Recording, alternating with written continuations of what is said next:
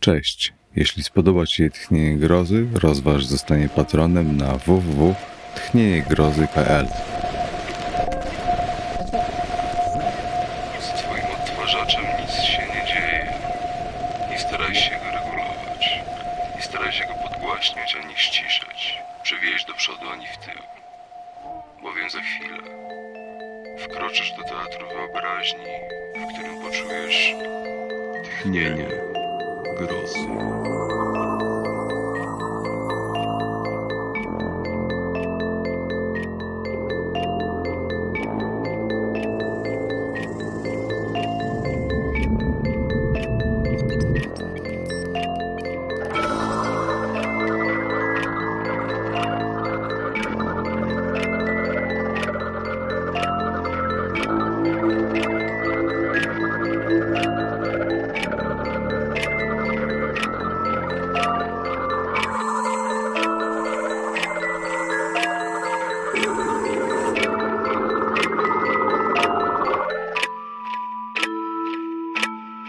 Jeremias Gotthelf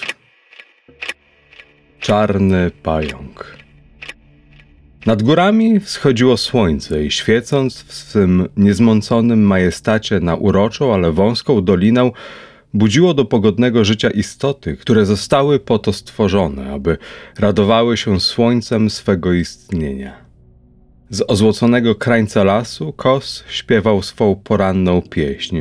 Wśród błyszczących kwiatów w trawie rozbrzmiewał jednostajny śpiew miłosny tęskniącej przepiórki. Na ciemnych jodłach rozkochane wrony wiodły swój weselny korowód lub krakały pieściwe kołysanki nad ciernistymi łyżeczkami swoich nieopierzonych piskląt. W środku słonecznego zbocza przyroda wytyczyła żyzny, osłonięty szmat ziemi. Na nim okazale i schludnie stał piękny dom, okolony wspaniale sadem, w którym kilka wysokopiennych jabłoni pyszniło się jeszcze późnym kwieciem. Bujna, nawodniona przez domową studnię trawa miejscami jeszcze rosła. Miejscami została już skoszona na paszę. Dom otaczał jakiś odświętny blask, jakiego nie wytworzy się paroma machnięciami miotły w sobotę wieczór na pograniczu dnia i nocy. Blask będący świadectwem cennego dziedzictwa, wrodzonej schludności, o którą trzeba dbać każdego dnia, podobnie jak o honor rodzinny, który jedna, jedyna, niestrzeżona chwila może przyprawić o plamy, jakie niczym plamy krwi pozostaną niezatarte z pokolenia na pokolenie, kpiąc z wszelakiego przemalunku. Nie na darmo ziemia stworzona ręką Boga i dom stworzony rękami ludzi błyszczały najczystszym blaskiem. Nad nimi rozbłysła dziś gwiazda na błękicie nieba. Nastało wielkie święto. Był to ów dzień, kiedy syn znowu wraca do ojca na świadectwo, że jeszcze stoi na niebie drabina, po której aniołowie schodzą i wchodzą, a także dusza człowieka, która rozstała się z ciałem i swoje zbawienie upatrywała w górze u ojca, a nie tu na ziemi. Był to dzień, kiedy świat roślinny pnie się pod niebiosa i kwitnie z całym przepychem stanowiąc dla człowieka rokrocznie odnawiający się symbol jego własnego przeznaczenia. Cudowne dźwięki rozlegały się nad wzgórzami. Nie wiadomo było, skąd bierze się owo dzwonienie. Dochodziło jakby ze wszystkich stron. Rozbrzmiewało z kościołów, w dalekich dolinach. Stamtąd obwieszczały dzwony, że świątynie Boga otwierają się dla wszystkich, których serca stoją otworem dla głosu Pana. Wokół pięknego domu panował ożywiony ruch. W pobliżu studni ze szczególną dbałością czesano konie, okazałe klacze otoczone rozbawionymi źrebiętami.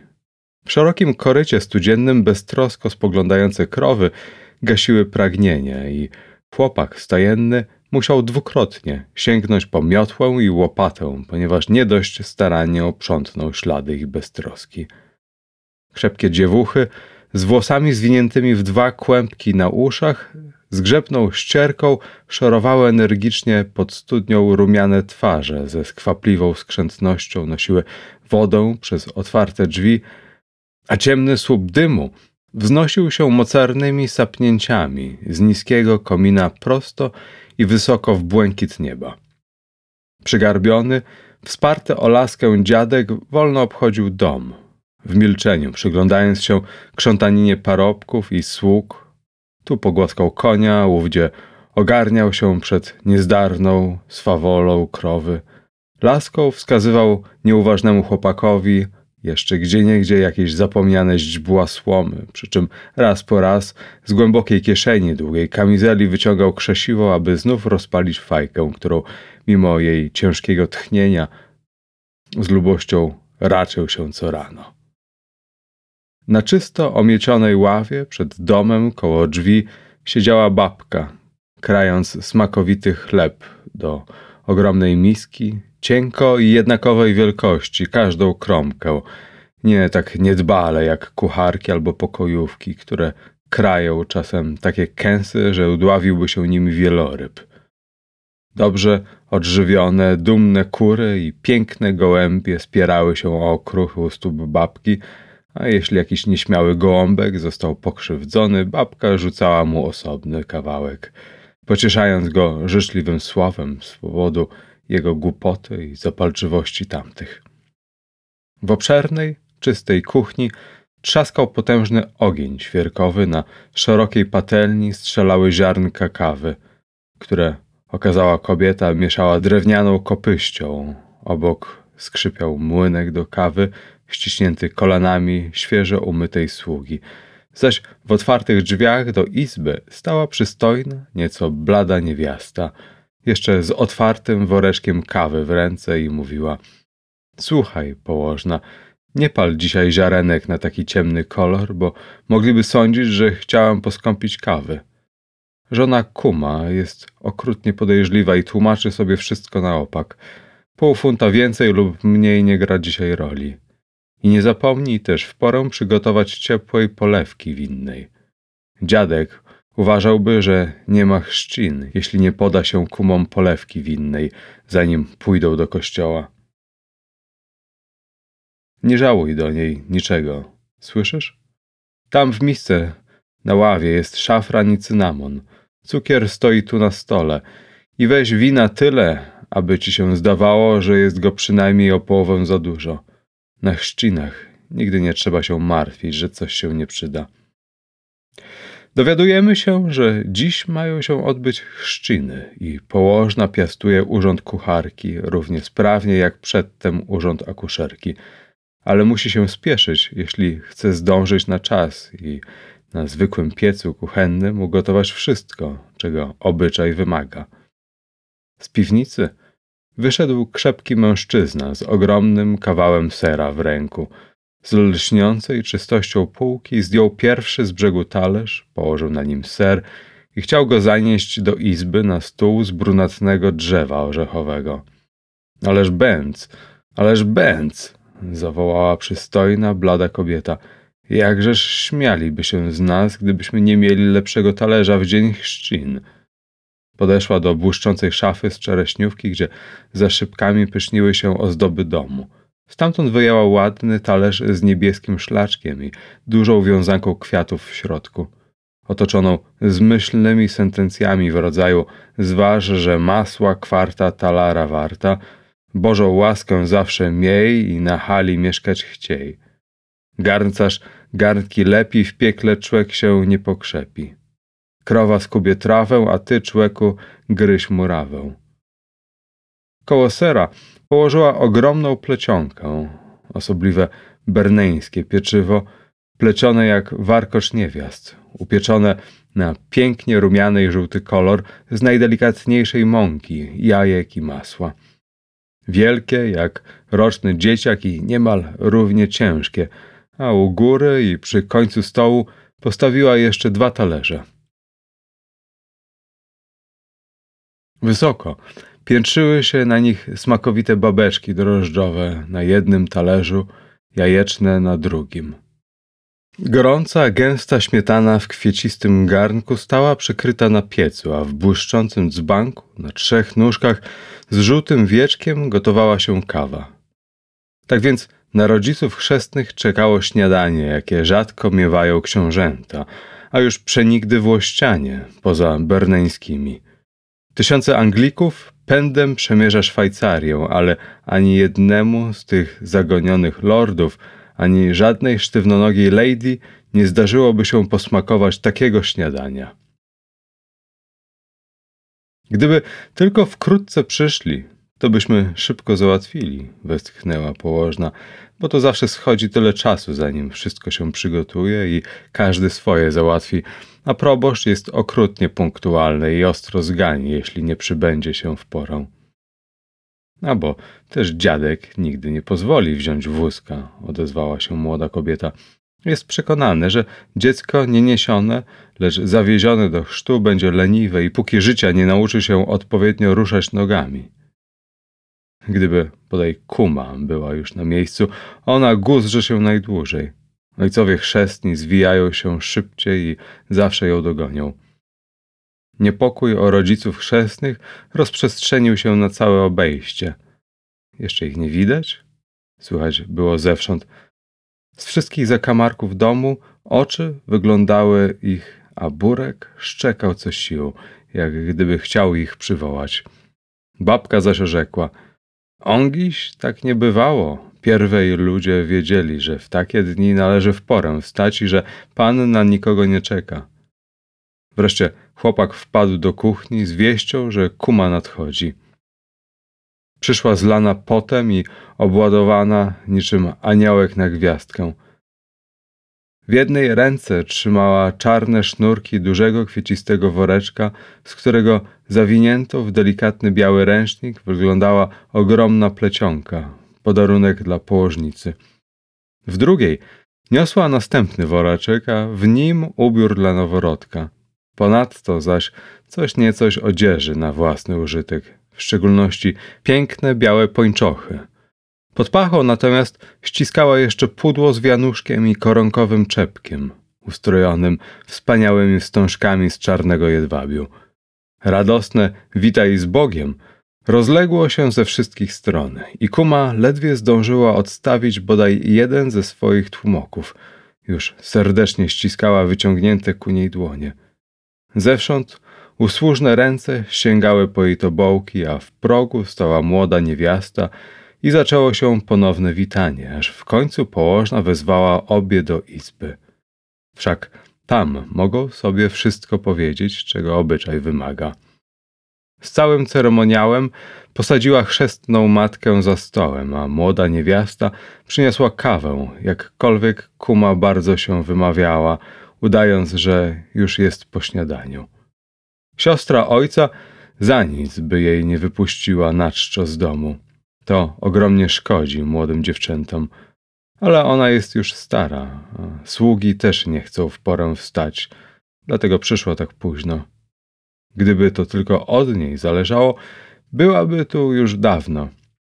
Do kawy wlano gęstą śmietanę i chociaż kuma ogromnie się broniła, mówiąc, że wcale tego nie lubi, młoda kobieta wrzuciła jej kostkę cukru do filiżanki.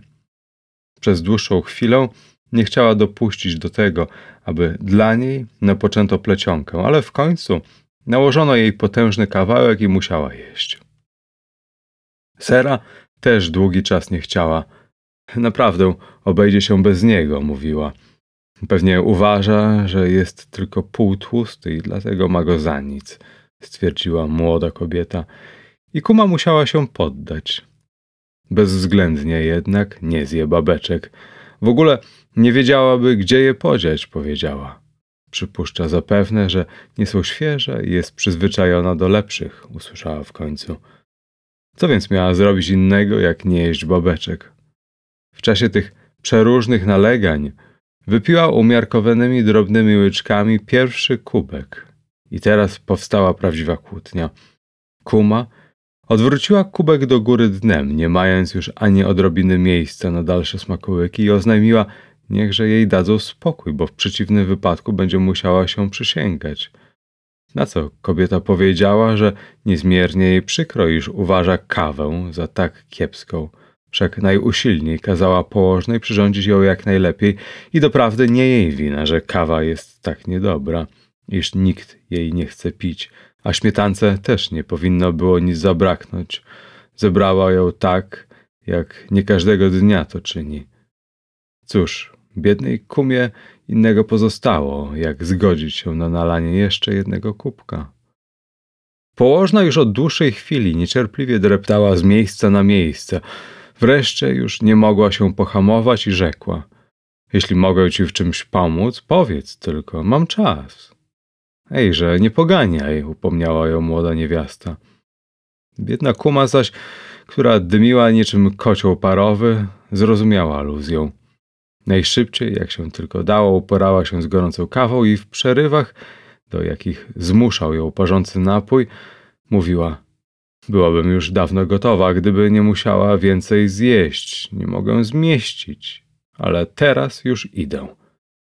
Wstała, opróżniła woreczek, wręczyła plecionkę, stroik, wiązarek, nowiuteńki talar, zawinięty w pięknie wymalowaną laurkę, usprawiedliwiając się przy tym gęsto, że to wszystko nie jest ładniejsze. Zaś gospodyni domu wtrącała się z niejednym sprzeciwem, że ktoś to widział, tak się wykosztować. Tego prawie nie można przyjąć i gdyby wiedziano o tym z góry, w ogóle nie śmielono by się jej poprosić. Teraz dziewczyna zabrała się do dzieła wspierana przez położną i gospodynię domu, starając się ze wszech miar być piękną kumą od trzewików i pończoch, aż po wianuszek na drogocennym korągowym czepku. Sprawa się przeciągała, mimo zniecierpliwienia położnej i kumie wciąż było źle. To to, nie na swoim miejscu, to tamto. Wtem nadeszła babka i rzekła – Muszę ją przecież też przyjść zobaczyć, jaką ładną mam kumę. Przy sposobności napomknęła, że już rozległ się drugi dzwonek i że obaj ojcowie chrzestni czekają w pierwszej izbie. Istotnie, obaj ojcowie chrzestni, stary i młody, siedzieli już przy dymiącej polewce winnej, gardząc nowoczesną kawą, którą mogli mieć każdego dnia. Przy tej starodawnej, ale dobrej berneńskiej polewce składającej się z wina, zrumienionego chleba, jajek, cukru, cynamonu i szafranu, owej równie starodawnej przyprawy, której przy uczcie następującej po chrzcinach nie może zabraknąć w zupie, przystawce i słodkiej herbacie. Zawijali smakowicie i stary kum, nazywany przez nich kuzynem, stroił sobie przeróżne żarty z ojca noworodka, mówiąc mu, że nie będą go dzisiaj oszczędzać i że znać po polewce, iż niczego im nie żałował. Widać, że ubiegłego wtorku dał posłańcowi do Berna worek na dwanaście miarek, aby mu przywiózł szafranu. Kiedy nie wiedzieli, co kuzyn chce przez to powiedzieć, wyjaśnił. Ostatnio jego sąsiad musiał wyprawić chrzciny – Dał tedy posłańcowi duży worek oraz sześć centów wraz z poleceniem, aby przyniósł mu w tym worku za sześć centów miarkę albo półtorej tego żółtego proszku, jaki podczas chrzcin we wszystkim musi być. Jego kobiety tego sobie życzą. Wtem weszła kuma, niczym młode słońce poranka i została przez ojców chrzestnych powitana i zaciągnięta do stołu, gdzie postawiono przed nią duży talerz winnej polewki. I kazano jej jeść. Ma jeszcze dość czasu, zanim przygotują dziecko do drogi.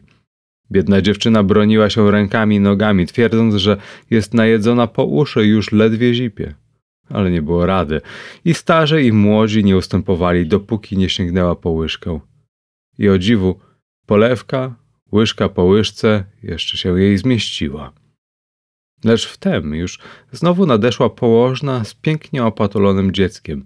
Włożyła mu haftowany czepeczek z różową jedwabną wstążką na główkę. Owinęła dziecko ślicznym powijakiem, wsadziła mu słodki cumelek do pyszczka i rzekła – nie zamierza nikogo popędzać. Myślała tylko, że przygotuje wszystko, a zawsze można pójść wtedy, kiedy będzie się chciało.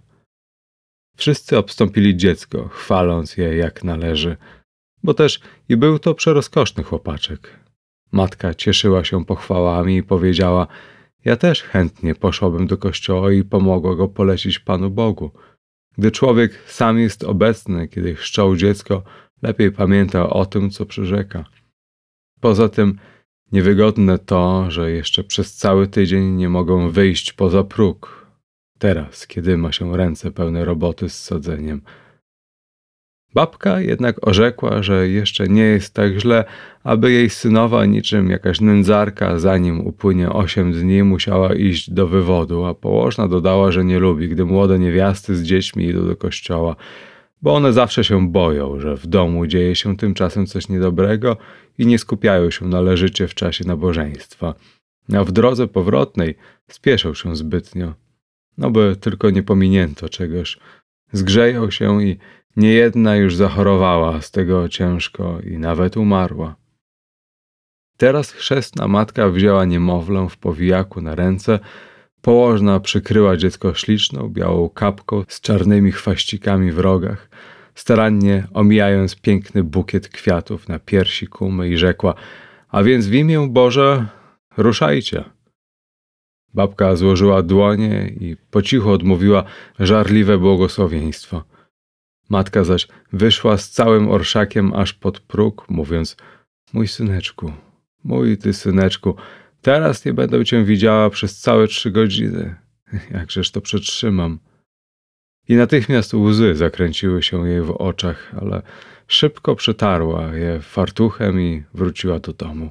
Szparkim krokiem Kuma ruszyła przez łąkę w dół na drogę wiodącą do kościoła, trzymając w silnych ramionach żwawe dziecko, za nią obaj kumoczy, ojciec oraz dziadek, i nikomu z nich nie przyszło na myśl uwolnić kumę od jej ciężaru. Jakkolwiek młodszy kum miał przy kapeluszu okazały bukiecik jako oznakę wolnego stanu, a oczy jego patrzyły jak gdyby z wielkim upodobaniem na kumę, oczywiście skrywanym pod maską całkowitej obojętności. Dziadek opowiadał, jaka panowała okropna pogoda, gdy jego niesiono do kościoła. Bił taki grat i pioruny, że uczestnicy uroczystości myśleli, iż nie ujdą z życiem.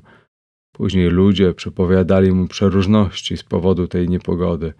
Jedni straszną śmierć, drudzy wielkie szczęście podczas wojny. Tymczasem wiodło mu się jak i wszystkim innym. A mając już 75 lat, ani nie umrze przedwcześnie, ani nie zrobi wielkiej fortuny na wojnie. Uszli więcej niż pół drogi, gdy dogoniła ich sługa, która miała dziecko zanieść do domu po chrzcie, podczas gdy rodzice i komotrowie starym chwalebnym obyczajem jeszcze zostawali na kazaniu. Służąca też starała się o to, by ładnie wyglądać.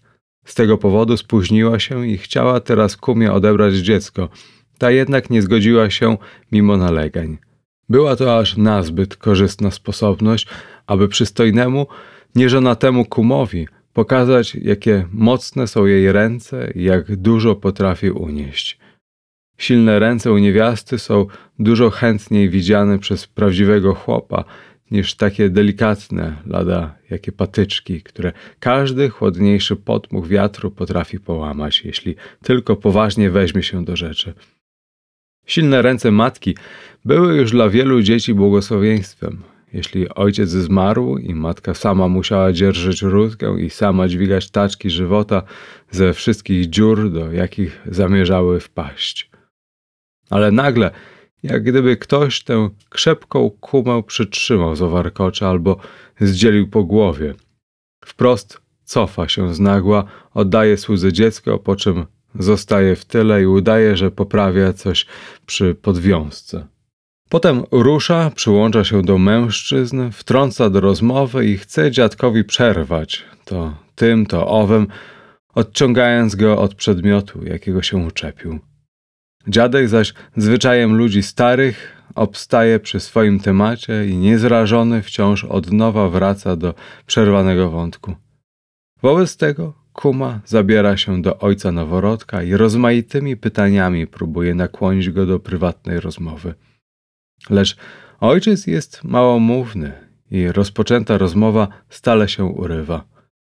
Może zajmują go własne myśli, jakie powinien mieć każdy ojciec, gdy niosą jego dziecko do chrztu i to w dodatku pierworodnego syna.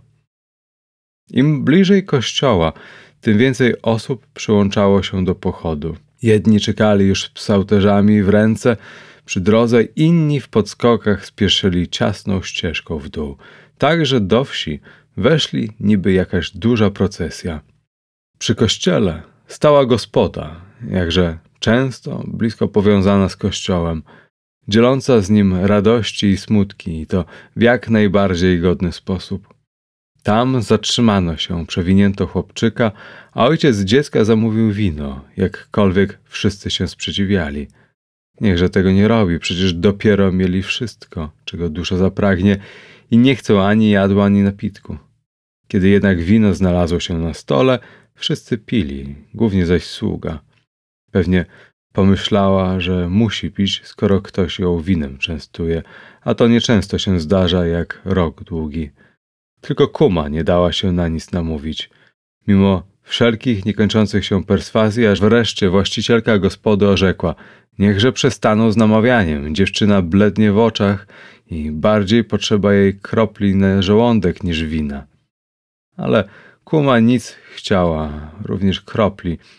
I ledwie zdobyła się na wypicie szklanki wody, w końcu musiała się zgodzić, żeby nasypano jej odrobinę soli trzeźwiących na chusteczkę, co w niezawiniony sposób ściągnęło na nią niejedno podejrzliwe spojrzenie, a nie mogła się usprawiedliwić ani wezwać pomocy.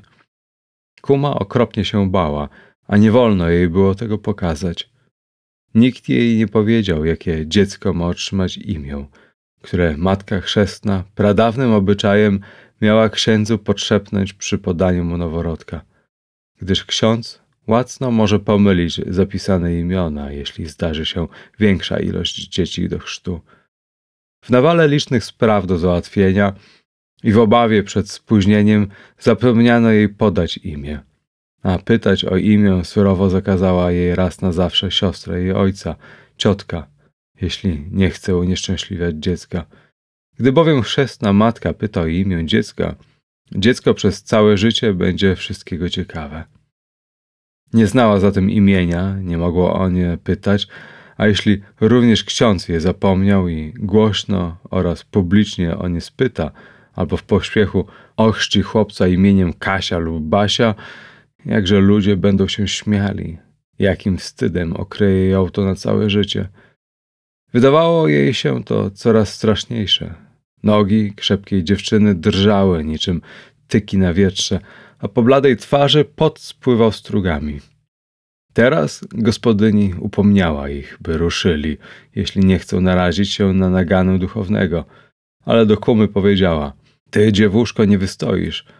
Jesteś przecież biała jak świeżo wyprana koszula. To zbiegania, odrzekła kuma. Polepszy się jej, gdy wyjdzie na świeże powietrze. Ale nie chciało się polepszyć Ludzie w kościele wydawali jej się całkiem czarni, a teraz jeszcze i dziecko zaczęło krzyczeć przeraźliwie. Coraz bardziej przeraźliwie. Biedna kuma zaczęła je huśtać na rękach szybko, coraz szybciej. Im głośniej krzyczało, aż płatki spadały z bukiecika na piersiach. W tych piersiach robiło się jej coraz ciaśniej i ciężej. Słychać było, jak głośno oddycha. Im wyżej pierś falowała, tym wyżej wzlatywało dziecko w objęciach kumy, a im wyżej zlatywało, tym głośniej wrzeszczało. A im głośniej wrzeszczało, tym bardziej gromko duchowny odczytywał modlitwy. Głosy dosłownie bębniły o ściany i kuma już nie wiedziała, gdzie się znajduje. Wokół niej szumiało i grzmiało niczym fale morza, a kościół wirował z nią w powietrzu. Wreszcie kapłan powiedział – Amen. I teraz nadeszła straszliwa chwila. Teraz miało się rozstrzygnąć, czy kuma stanie się pośmiewiskiem dla następnych pokoleń. Teraz musiała ściągnąć kapkę, podać dziecko duchownemu, szepcząc mu imię w prawe ucho. Uniosła kapkę, ale z drżeniem i lękiem podsunęła dziecko. Kapłan wziął je, nie patrząc na nią, nie pytając jej przenikliwym wzrokiem, tylko zanurzył ręką w wodzie, zwilżył czoło dziecka, które nagle zamilkło i nie ochrzcił żadnej Kasi ani Basi, lecz ochrzcił Hansa Uli. Zasnego, prawdziwego Hansa Uli. Wtedy zdawało się kumie, że nie tylko wszystkie góry Ementalu spadają jej z serca, lecz także słońce, księżyc oraz gwiazdy i że z ognistego pieca ktoś zanosi ją do chłodnej kąpieli, ale przez całe kazanie wszystko w niej drżało i nie chciało się uspokoić.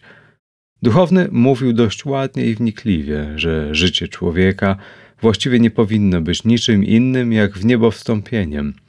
Ale Kuma nie umiała się zdobyć na prawdziwe skupienie, a kiedy wyszli z kazania, już zapomniała jego treści. Nie mogła doczekać się chwili, kiedy wyjawi swój sekretny strach i przyczynę bladości. Było z tego wiele śmiechu i musiała wysłuchać niejednego dowcipu ciekawości i o tym, jak baby się jej boją, a przecież przekazują ją wszystkim swoim córkom. Natomiast chłopców ona się nie czepia, mogła śmiało pytać. Niebawem jednak piękne zagony owsa, urocze poletka lnu, wspaniały urodzaj na łąkach i polach, ściągnął na siebie uwagę i zajął umysły. Nadarzała się niejedna przyczyna, aby zwolnić kroku, przystanąć, jednak czyste, wznoszące się coraz wyżej słońce majowe rozgrzało wszystkich, gdy wrócili do domu i szklaneczka chłodnego wina przydała się każdemu mimo ogromnych sprzeciwów.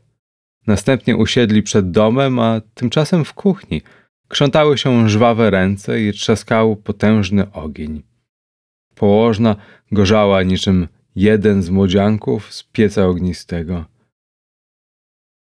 Już przed jedenastą wezwano na obiad, ale tylko czelać. Ją wpierw nakarmiono i to suto, ciesząc się jednak, że zejdzie z drogi, zwłaszcza parobcy. Rozmowa siedzących przed domem osób toczyła się wolno, lecz nie ustawała całkowicie. Przed posiłkiem myśli żołądka przeszkadzają myślom ducha, ale człowiek niechętnie ujawnia ten wewnętrzny stan, tylko maskuje go powolnymi słowami o obojętnych sprawach. Słońce stało już w zenicie, gdy w drzwiach zjawiła się położna z wypiekami na twarzy, lecz wciąż jeszcze w czystym fartuchu i oznajmiła przyjemną dla wszystkich nowinę, że można zasiąść do jedzenia, jeśli wszyscy są obecni. Ale brakowało jeszcze większości zaproszonych, a wcześniej już po nich wysłani gońcy przynosili niczym słudzy z Ewangelii rozmaite odpowiedzi, z tą jednak różnicą, że właściwie wszyscy chcieli przyjść, tylko jeszcze nie teraz. Jeden miał robotników u siebie, inny zamówił sobie jakichś ludzi, a trzeci musiał jeszcze gdzieś coś załatwić. Lecz nie należy czekać na nich, tylko zabrać się do posiłku. Wkrótce zdecydowano, że posłuchają owej rady, gdy bowiem chciano na wszystkich czekać, powiadano, mogłoby to potrwać aż do pojawienia się księżyca. Tylko położna pomrukiwała na boku, bo też nie ma nic bardziej głupiego niż takie odwlekanie. Tak naprawdę przecież każdy chciałby tu być i to im prędzej, tym lepiej, ale żeby nikt o tym nie wiedział. Przez to tylko kłopot z trzymaniem wszystkiego na ciepłej blasze. Nie wiadomo, czy starczy jadła i człowiek nigdy się nie obrobi. Choć szybko powzięto decyzję w sprawie nieobecnych, nie uporano się jeszcze z obecnymi i trzeba było dołożyć wszelkich starań, aby sprowadzić ich do pokoju, a następnie skłonić do siadania, gdyż nikt nie chciał być pierwszy ani w drzwiach, ani przy stole. Gdy wreszcie wszyscy już siedzieli, na stół wjechała zupa. Piękny rosół, przyprawiony szafranem i aż gęsto ślicznego białego chleba, wkrojonego przez babkę. Teraz Wszyscy zdjęli nakrycia głowy. Dłonie złożyły się do pacierza i każdy długo i uroczyście się modlił po cichu do ofiarodawcy tych dobrych darów. Dopiero potem sięgnięto wolno po blaszaną łyżkę, wycierając ją o ładny, cienki obrus i zabrano się do zupy. Przy czym niejedno życzenie oblekło się w słowa.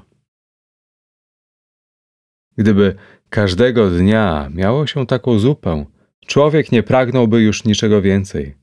Kiedy zupa została zjedzona, znów wytarto łyżki w obrus, a gdy podano plecionkę, każdy odkroił sobie kromkę i przyglądał się, jak obnoszono przystawki w sosie szafranowym.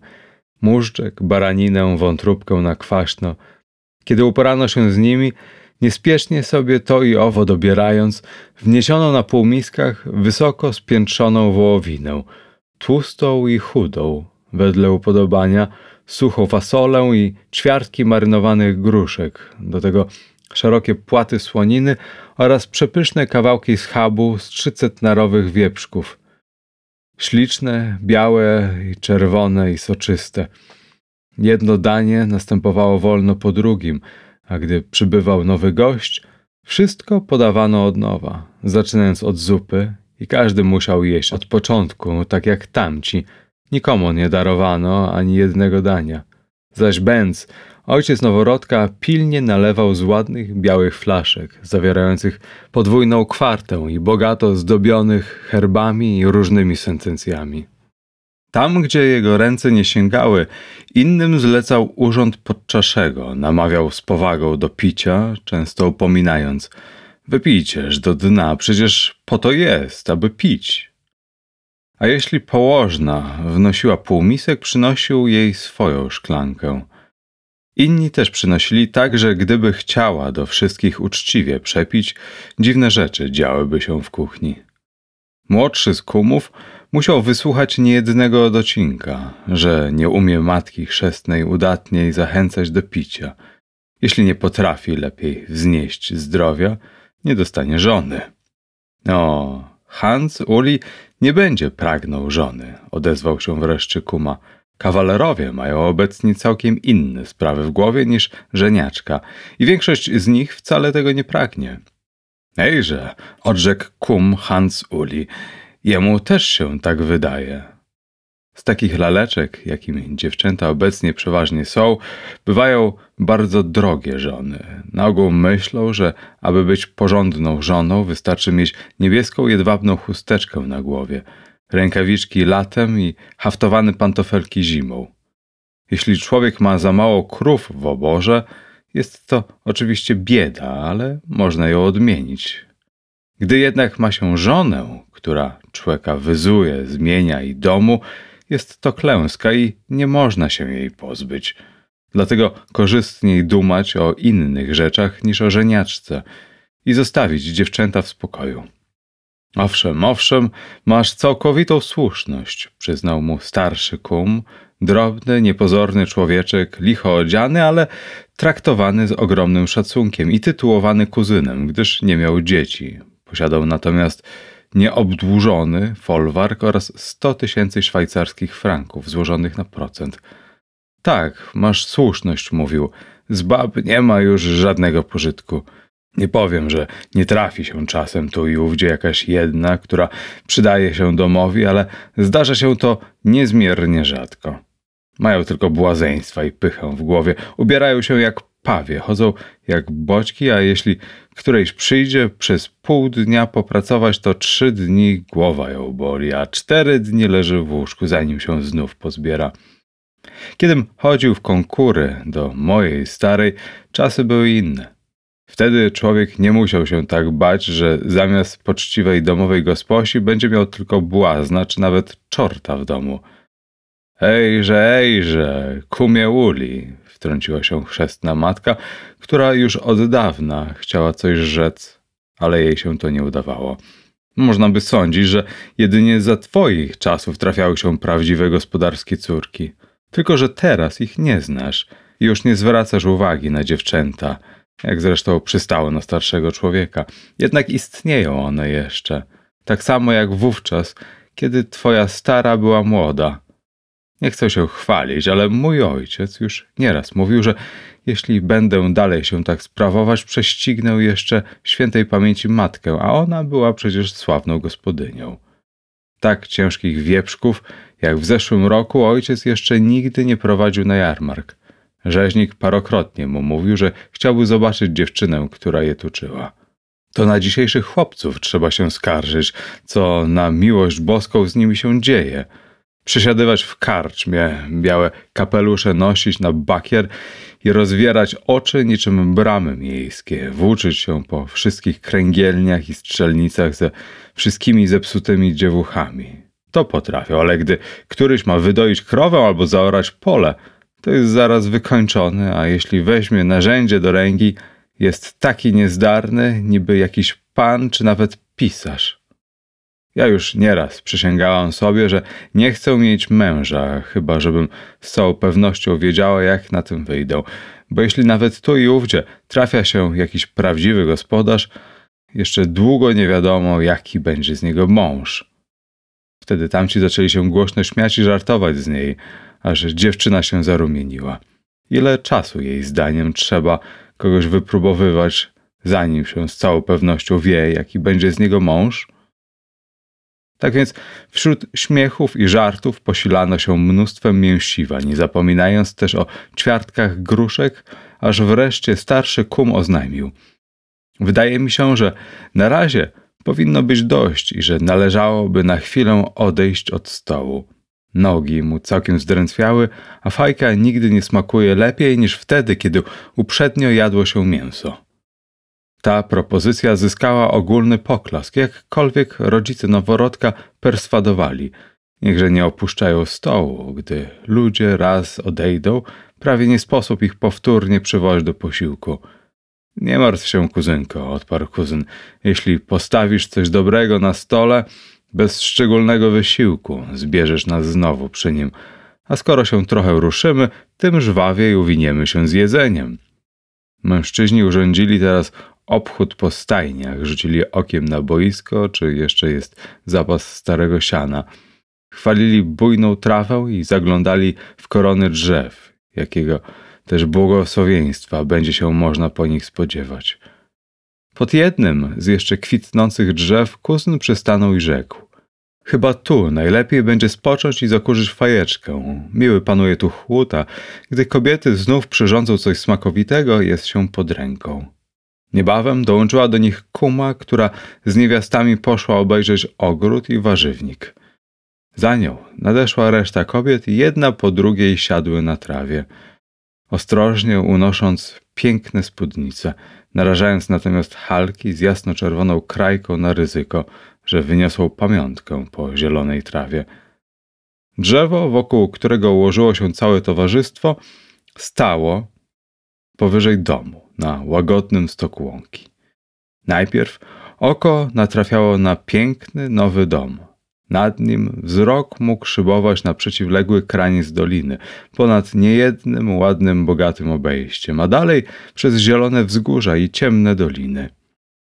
Masz tu okazały dom i wszystko w nim dobrze urządzone, stwierdził kuzyn. Teraz możecie w nim mieszkać i macie miejsce dla wszystkich. Nigdy nie mogłem zrozumieć, jak można było tyle czasu wytrzymać w tak zniszczonym domu, skoro ma się dość pieniędzy i drzewa na budowę, jak na przykład wy. Nie żartuj sobie, kuzynie, odparł dziadek. Nie ma się tu czym chwalić. Poza tym budowanie to okropna rzecz. Wprawdzie wiadomo, jak się zaczyna, ale nigdy jak się skończy. A ponadto człowiekowi raz to przeszkadza, raz tamto. W każdym miejscu co innego. Mnie się ten dom wręcz wyjątkowo podoba, oznajmiła jedna z kobiet. My też już od dawna powinniśmy mieć nowe, lecz zawsze boimy się kosztów. Gdy jednak nadejdzie mój mąż, musi wasz dom dokładnie obejrzeć. Wydaje mi się, że gdybyśmy mieli taki sam, czułabym się jak w niebie. Ale chciałbym spytać bez obrazy, czemu tak obok pierwszego okna stoi ten paskudny, czarny węgar? Szpeci on cały dom. Dziadek zasępił się. Jeszcze mocniej pociągnął fajeczkę i wreszcie rzekł. Zabrakło drzewa przy stawianiu. Nie było go od razu pod ręką, wobec czego w pośpiechu i potrzebie wzięto co nieco ze starego domu. Ale nie ustępowała kobieta. Ten czarny kawałek drewna był przecież jeszcze za krótki. Nadsztukowano go u góry i na dole, a każdy sąsiad byłby wam najchętniej w świecie dał całkiem nowy kawałek. Cóż, jakoś nie pomyśleliśmy i nie śmieliśmy naszych sąsiadów wciąż od nowa nachodzić. Już nam dość pomogli drzewem i z wózką, odparł stary. Słuchaj, dziadku, wtrącił się kuzyn. Nie wykręcaj się, tylko mów prawdę i gadaj, jak było. Słyszałem już niejedno, co sobie ludzie szepcą na ucho, ale nigdy nie udało mi się dowiedzieć prawdy. Teraz dobrze się składa, zabaw nas, dopóki kobiety nie przyrządzą pieczeni. Mów więc szczerze, co i jak było. Dziadek próbował jeszcze różnych wykrętów, zanim się zgodził, ale niewiasty i kuzyn nie ustąpili, dopóki nie przyrzekł spełnić prośby, lecz z wyraźnym zastrzeżeniem, że wolałby, aby to, co opowie, pozostało między nimi i nie rozeszło się dalej. Wiele ludzi boi się czegoś takiego w czyimś domu i on nie chciałby na stare lata psuć opinii swoim bliskim.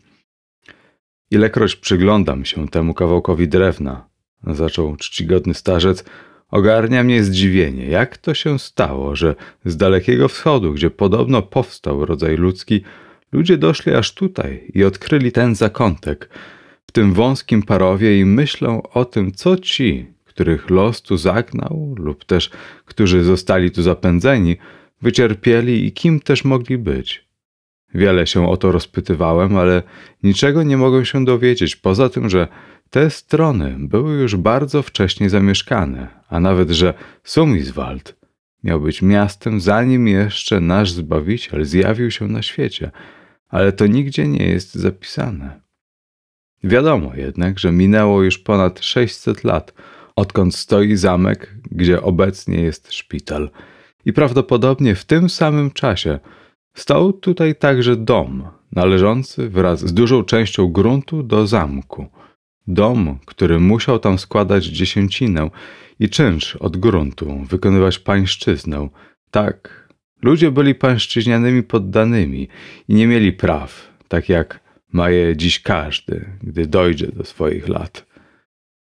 Niejednakowo się wtedy ludziom wiodło i tuż obok siebie mieszkali poddani, którzy byli dobrze traktowani. I tacy, których uciskano nie do wytrzymania i którzy nie byli pewni swego życia.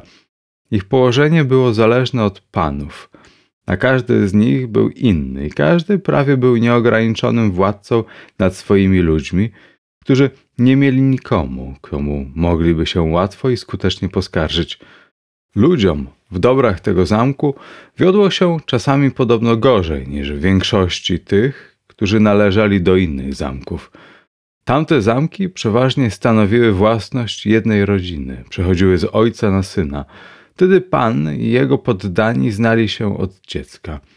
I nie jeden odnosił się do swoich ludzi niczym ojciec.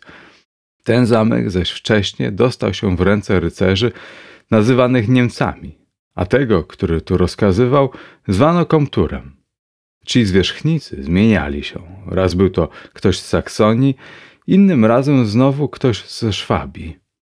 Wtedy nie mogło być mowy o żadnym przywiązaniu, a każdy przywoził ze sobą zwyczaje i obyczaje swojego kraju. Właściwie to oni byli od tego, aby się bić z poganami w Polsce i w Prusach, i tam, aczkolwiek w istocie byli duchownymi rycerzami, przywykli do niemal pogańskiego życia i obchodzili się z innymi ludźmi tak, jak gdyby nie było Boga na niebie, a gdy potem wracali w te strony, wciąż jeszcze zdawało im się, że są w kraju pogan i wiedli nadal takie samo życie. Bowiem ci, którzy wolali wesoło żyć w cieniu, niż krwawo wojować w dzikim kraju, albo też tacy, którzy musieli leczyć rany i nabierać sił, przybywali na majątki ziemskie, które zakon, jak podobno nazywano stowarzyszenie tych rycerzy, posiadał w Niemczech i w Szwajcarii, a każdy postępował na swoją modłę i robił, co mu się podobało.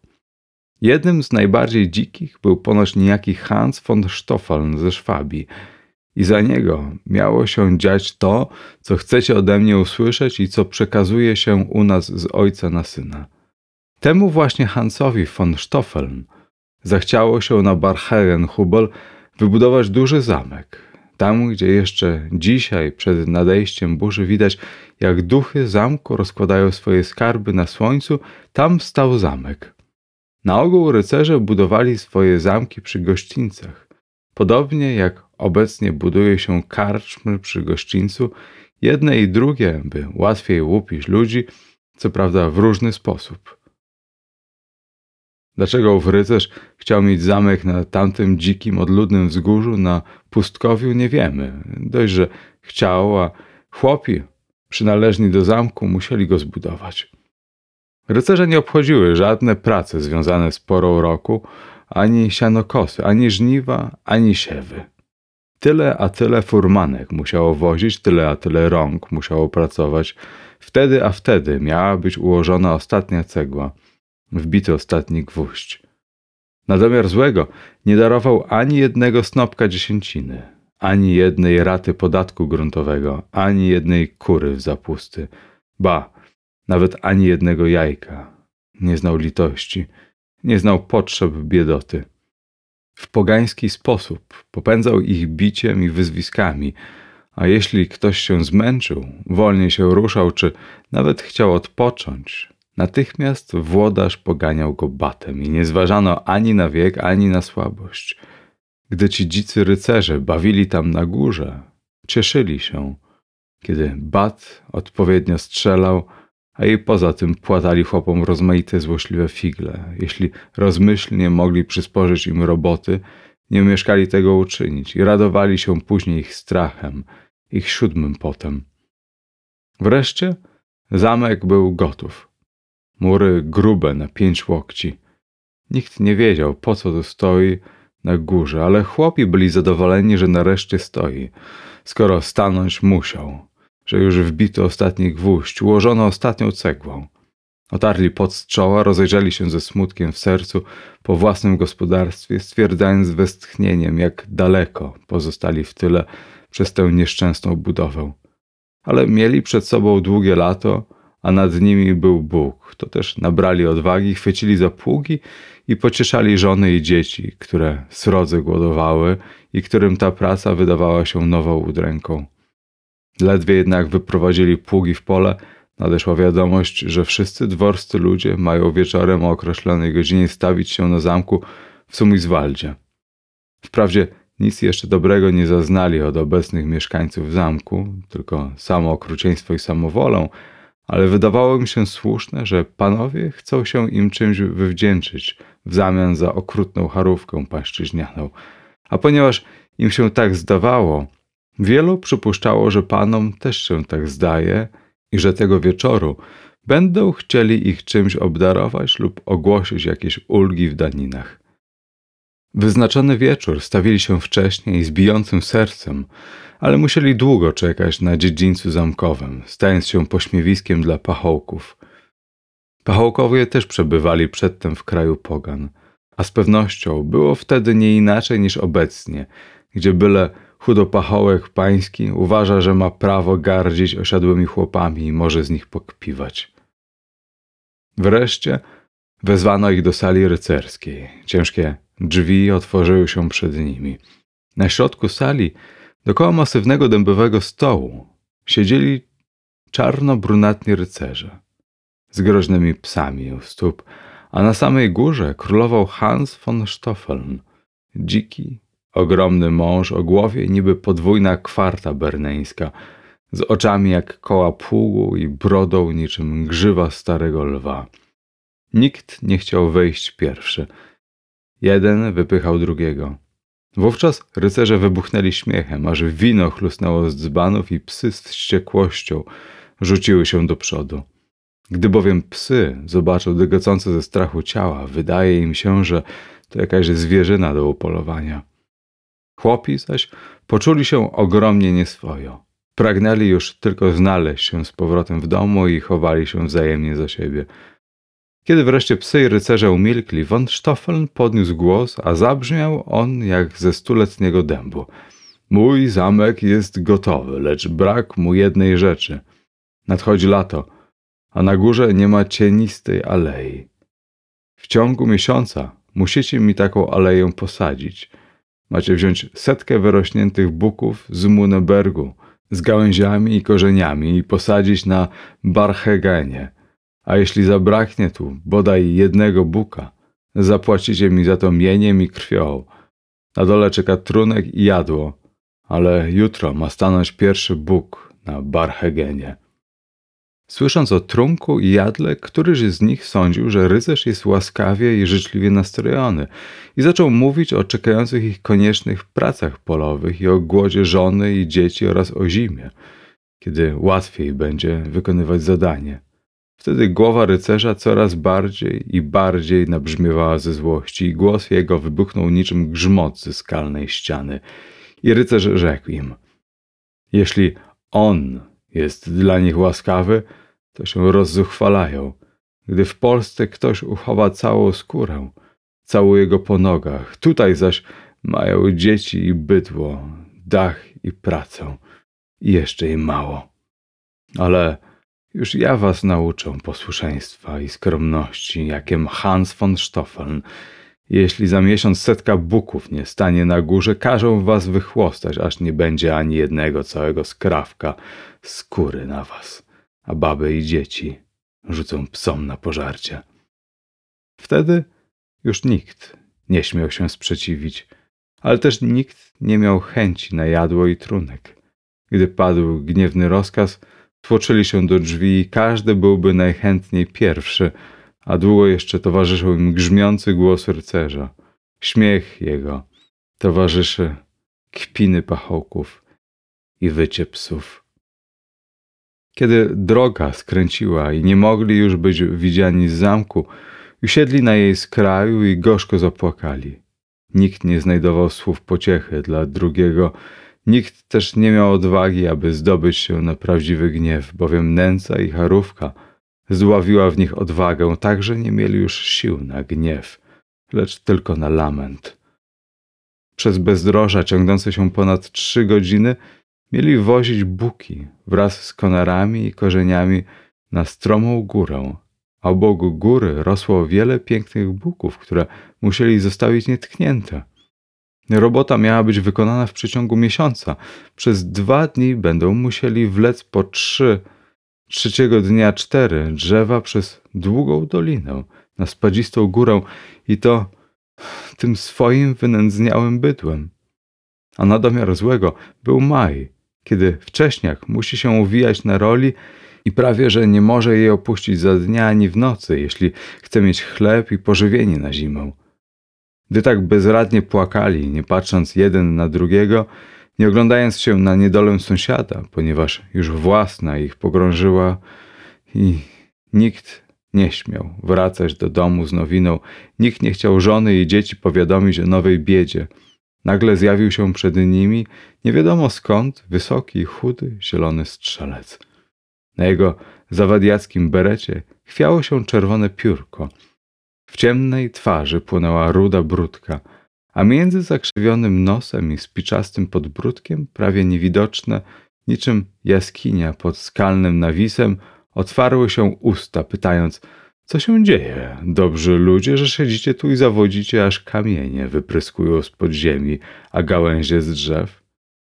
Dwukrotnie tak zapytał i dwukrotnie nie otrzymał odpowiedzi. Wtedy czarne oblicze strzelca jeszcze bardziej zczerniało, ruda brudka bardziej poczerwieniała. Zdawało się, że coś w niej trzaska i trzeszczy, niby ogień w sosnowych drwach. Usta utuliły się spiczasto niczym strzała, po czym rozwarły się i spytały przymilnie i łagodnie. Ależ ludzie kochani, co wam z tego, że siedzicie tu i płaczecie?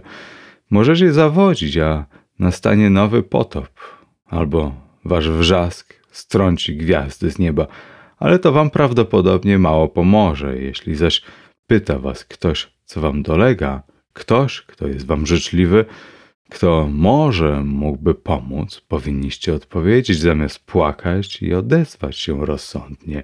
Więcej by wam z tego przyszło. Wówczas pewien stary chłop potrząsnął siwą głową i rzekł: Nie miejcie nam za złe, ale żaden myśliwy nie uwolni nas od tego, z powodu czego płaczemy, a jeśli serce raz wezbrało żałością, już nie wydobędzie słów. Strzelec pokręcił spiczastą głową i odparł. Nie głupio gadacie, dziadku, ale tak jednak nie jest.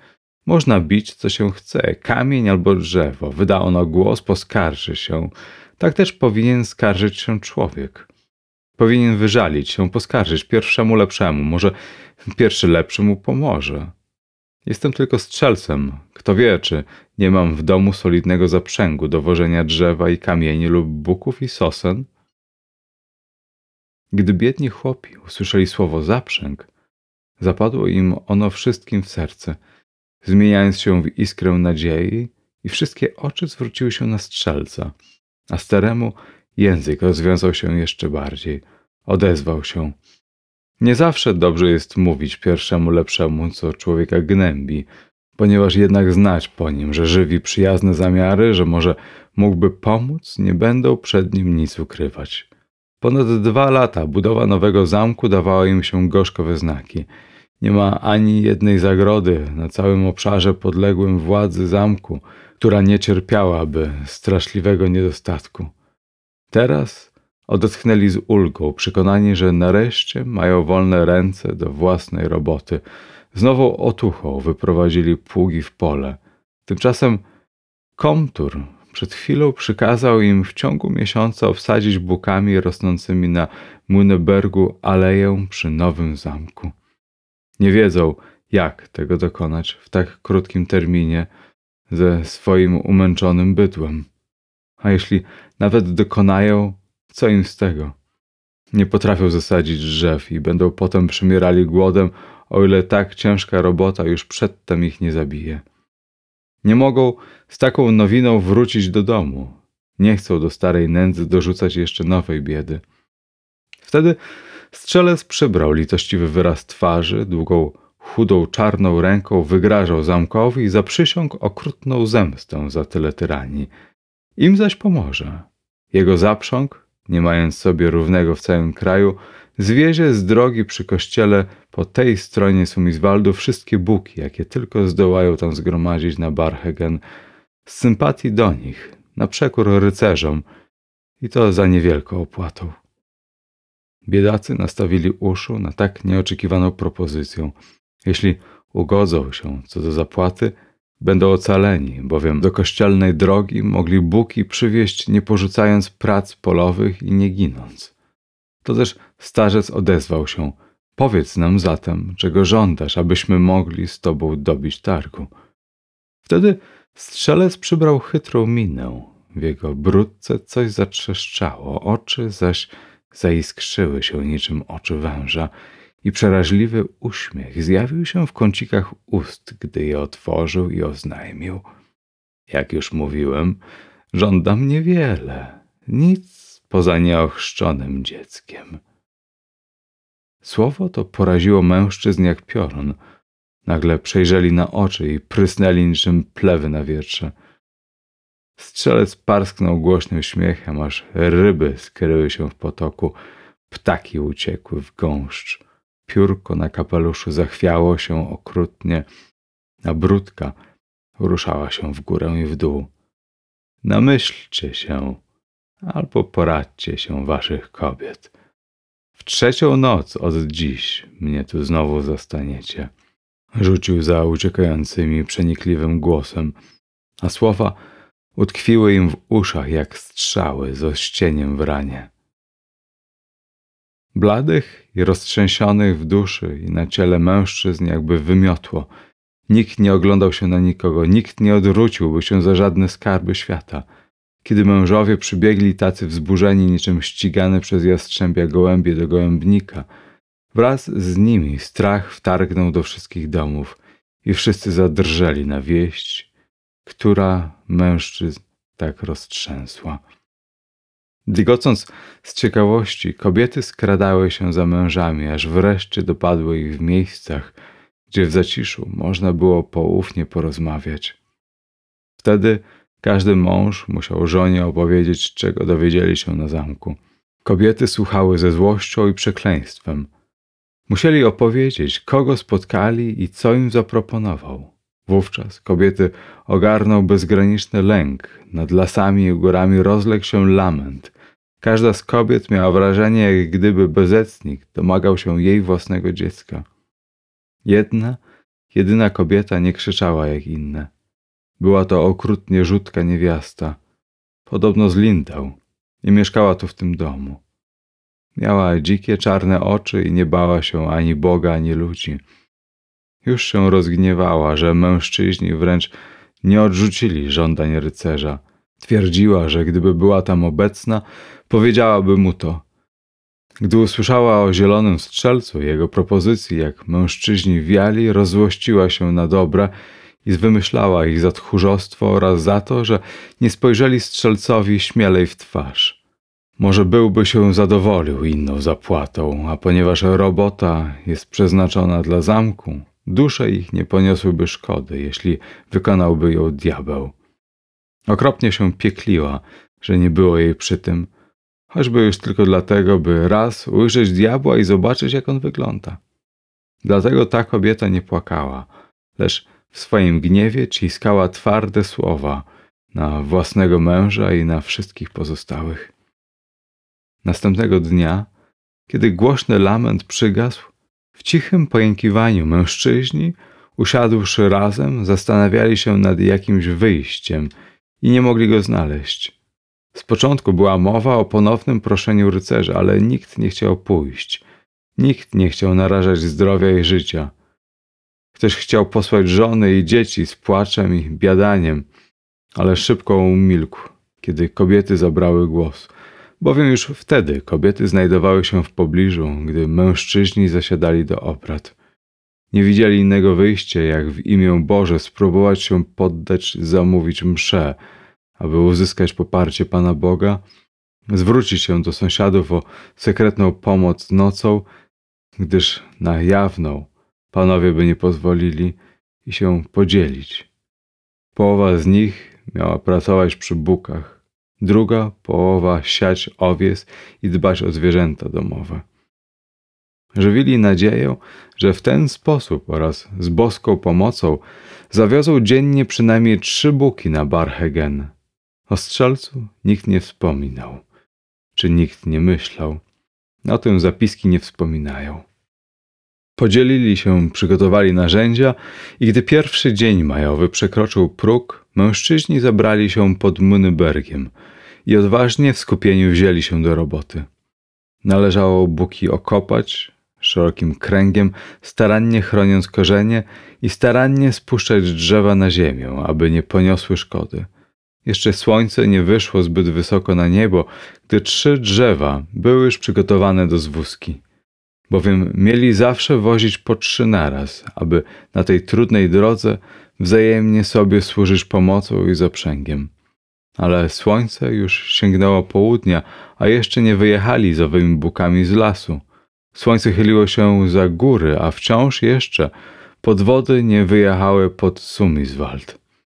Dopiero następny ranek zastał ich u podnóża góry, na której wznosił się zamek i miały być posadzone buki.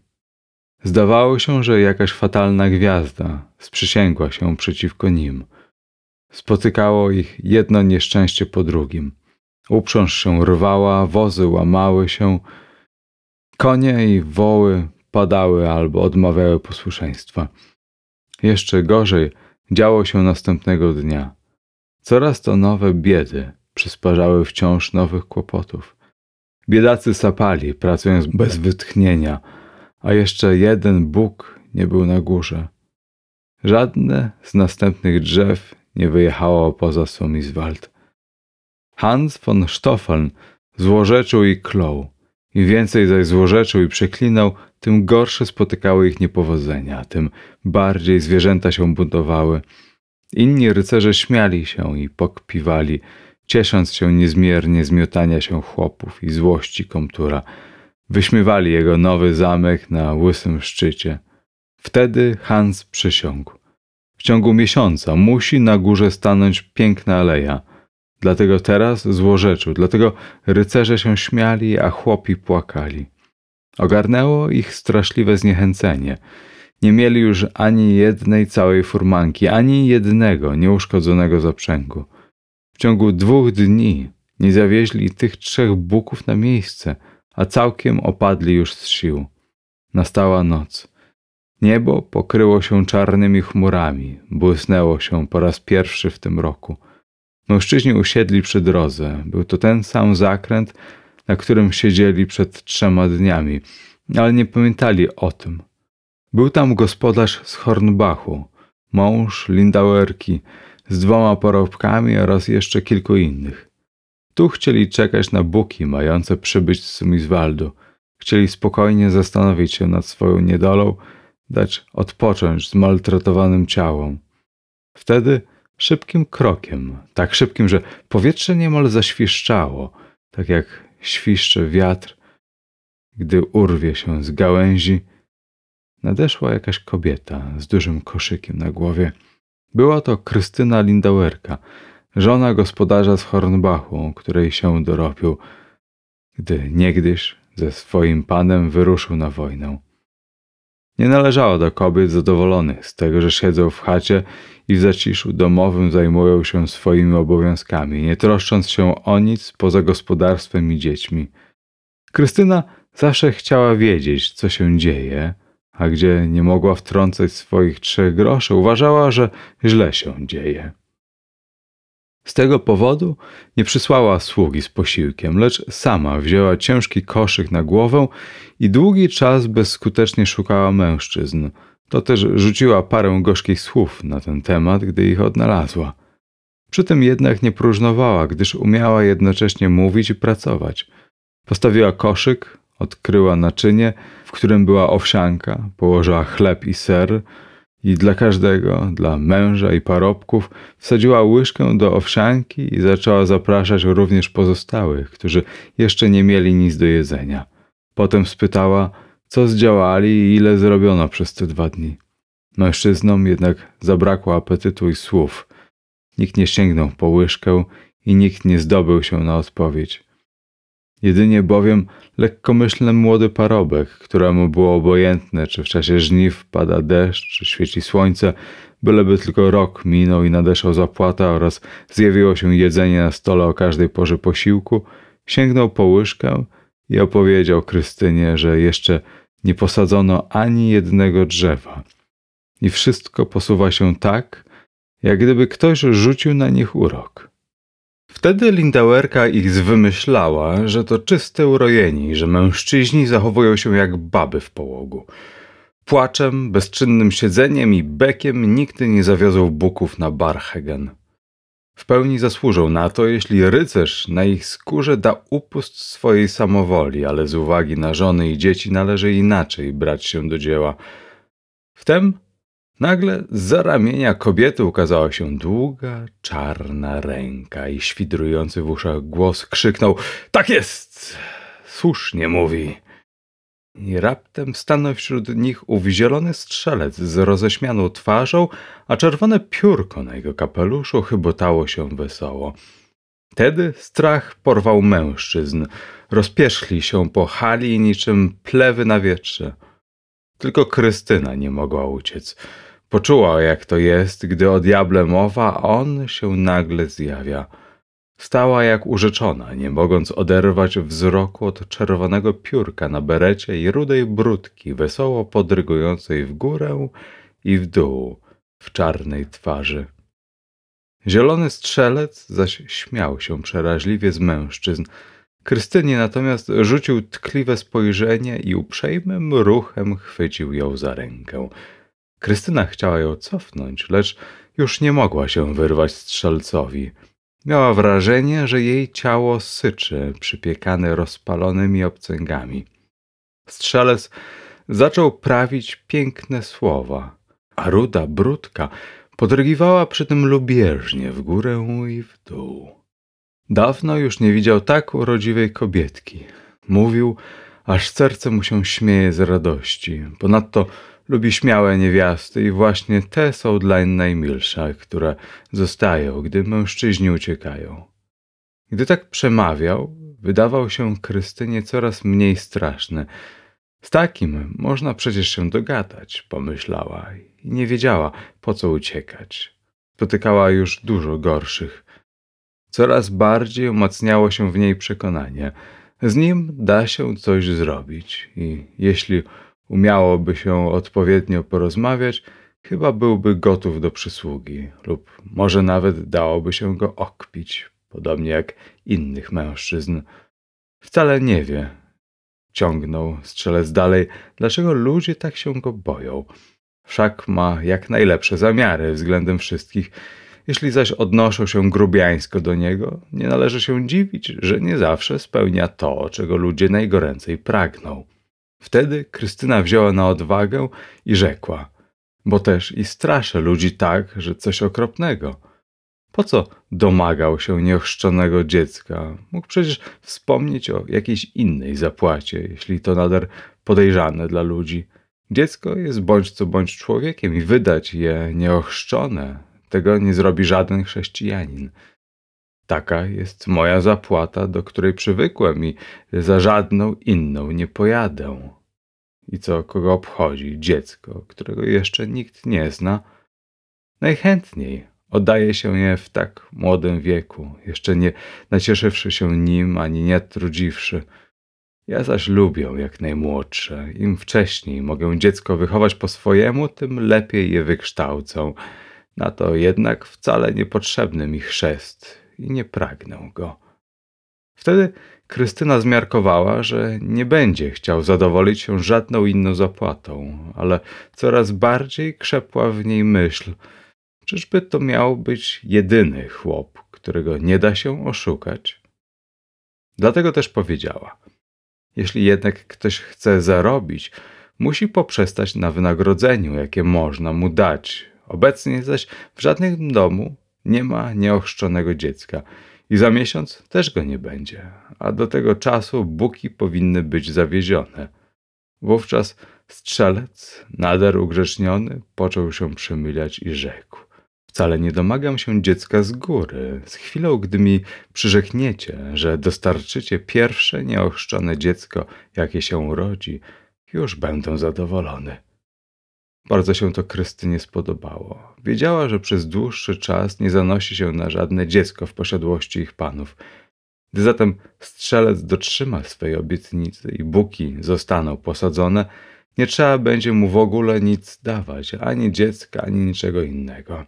Odprawi się mszę na intencję obrony i opieki i wyśmieje się strzelca, pomyślała Krystyna. Wobec tego nader serdecznie podziękowała za korzystną propozycję i rzekła: Należy się nad nią zastanowić i ona pomówi na ten temat z mężczyznami. Cóż, odparł strzelec, nie ma tu już nic do zastanawiania się ani do obgadania. Zamówiłem was na dzisiaj i teraz domagam się odpowiedzi.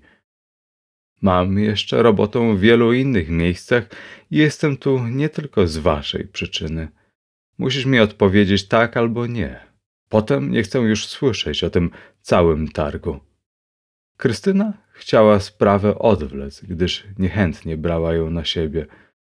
Chętnie posunęłaby się nawet do pieszczot, byle uzyskać zwłokę, ale strzelec nie miał ochoty i obstawiał przy swoim. Teraz albo nigdy, mówił. Gdy jednak dobiją targu raptem o jedno dziecko, gotów jest każdej nocy zawieść tyle buków na Barhegen, ilu mu dostarczą przed północą na drogę do kościoła. Tam będzie je odbierał. No, ślicznotko, nie zastanawiaj się, mówił łaskawie, klepiąc Krystynę po policzku. Wtedy jednak serce jej zakołotało. Byłaby wolała decyzją obarczyć mężczyzn, aby później zwalić winę na nich. Lecz czas naglił. Żadnego chłopa jako kozła ofiarnego nie było pod ręką. Zresztą była święcie przekonana, że jest sprytniejsza niż strzelec i chyba nasunie jej się jakiś pomysł, aby go okpić. Dlatego rzekła: Co do niej, to się zgadza. Gdyby jednak później mężczyźni się sprzeciwili, nie potrafi temu zaradzić i niech nie szuka odwetu na niej. Obietnica, że uczyni co w jej mocy, zadowala go w zupełności, powiedział strzelec. Wówczas Krystyna jednak się cała wzdrygnęła w duchu i na ciele. Teraz, sądziła, nadejdzie okropna chwila, gdy krwią ze swej krwi będzie musiała podpisać pakt. Tymczasem strzelec ułatwił jej sytuację, mówiąc: U dorodliwych kobiet nigdy nie domaga się podpisu. Wystarczy mu całus. Przybliżył stulone, spiczaste usta do twarzy Krystyny. Krystyna nie mogła uciec. Była znowu jakby urzeczona. sztywna i obezwładniona. Spiczaste usta dotknęły jej twarzy. Miała wrażenie, że ogień ze spiczastego żelaza poraził ją do szpiku kości. Żółta błyskawica mignęła między nimi, ukazując Krystynie szatańską twarz strzelca radośnie wykrzywioną i grzmot zadudnił nad ich głowami, jak gdyby niebo pękało. Strzelec zniknął, a Krystyna stała skamieniała. Zdawało jej się, że nogi jej wrosły głęboko w ziemię w owej strasznej chwili. Dopiero za jakiś czas odzyska w nich władzę, ale w głowie szumiało jej i huczało, jak gdyby potężne wody zwalały swoje fale zwierzatych turni do czarnej otchłani. Podobnie jak w łoskocie wód, człowiek nie słyszy własnego głosu. Tak Krystyna nie była świadoma własnych myśli w tym huku, jaki miała w głowie. Bezwiednie uciekła na górę i coraz gorętsze czuła pieczenie na policzku, tam, gdzie dotknęły go usta strzelca. Podobnie jak w łoskocie wód, człowiek nie słyszy własnego głosu. Tak Krystyna nie była świadoma własnych myśli, w tym huku, jaki miała w głowie. Bezwiednie uciekała na górę i coraz gorętsze czuła pieczenie na policzku, tam, gdzie dotknęły go usta strzelca. Tarła policzek, myła go, ale pieczenie nie ustępowało. Nastała obłędna noc. Nad górami i lasami szumiało i świstało, jak gdyby duchy nocy urządzały weselisko w czarnych chmurach. Wiatry przygrywały dziką muzyką do swych przeraźliwych pląsów. Błyskawice były pochodniami weselnymi, jak grzmot błogosławieństwem ślubu. Nigdy jeszcze nie zdarzyła się taka noc o tej porze roku. W ciemnej dolinie ruch panował wokół dużego domu i mnóstwo osób cisnęło się pod jego opiekuńczy dach. Zazwyczaj podczas burzy strach o swoje domostwo zaganiał rolnika pod własny dach, gdzie bacznie czuwając, dopóki burza trwa na niebie, pilnuje on i strzeże własnego dobytku. Tym razem jednak wspólna niedola była większa niż lęk przed burzą.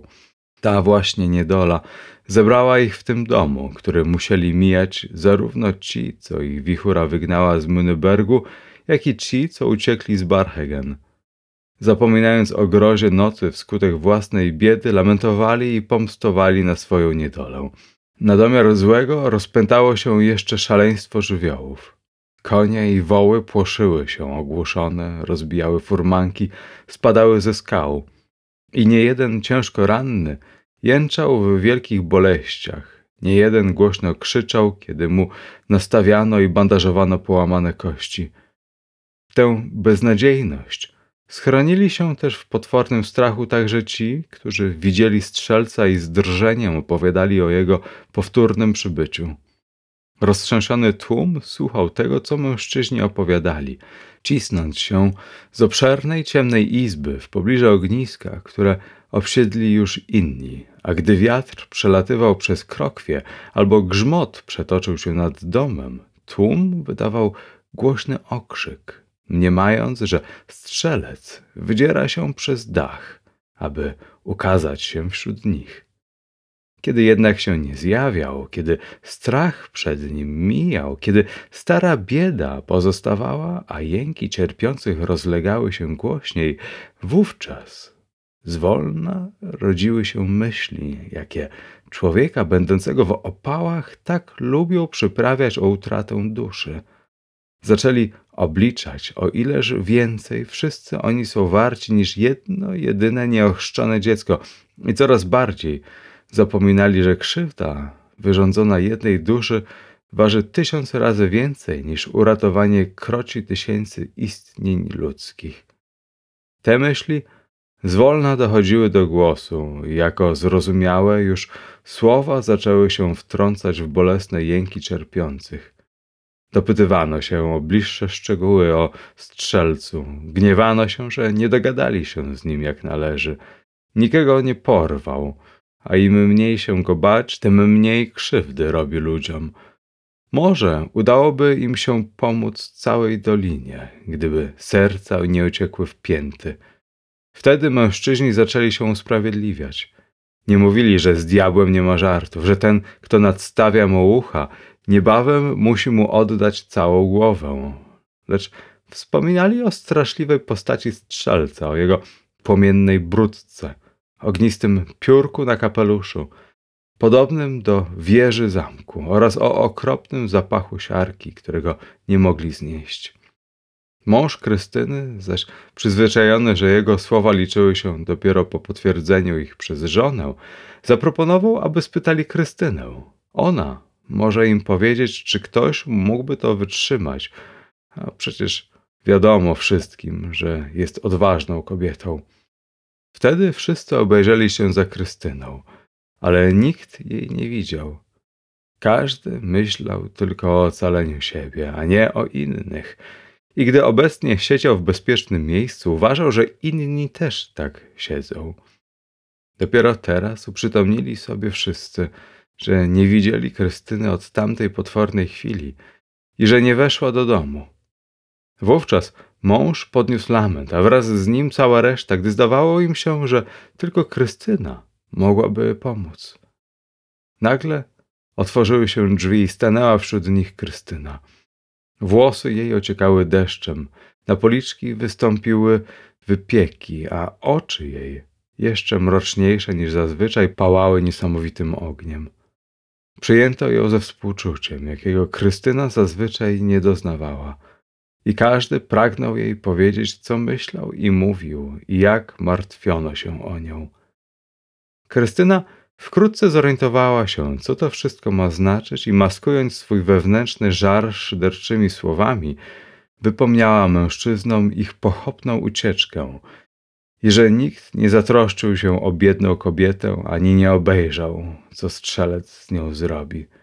Wtedy wybuchła istna burza ciekawości i każdy chciał pierwszy się dowiedzieć, co też strzelec z nią poczynał.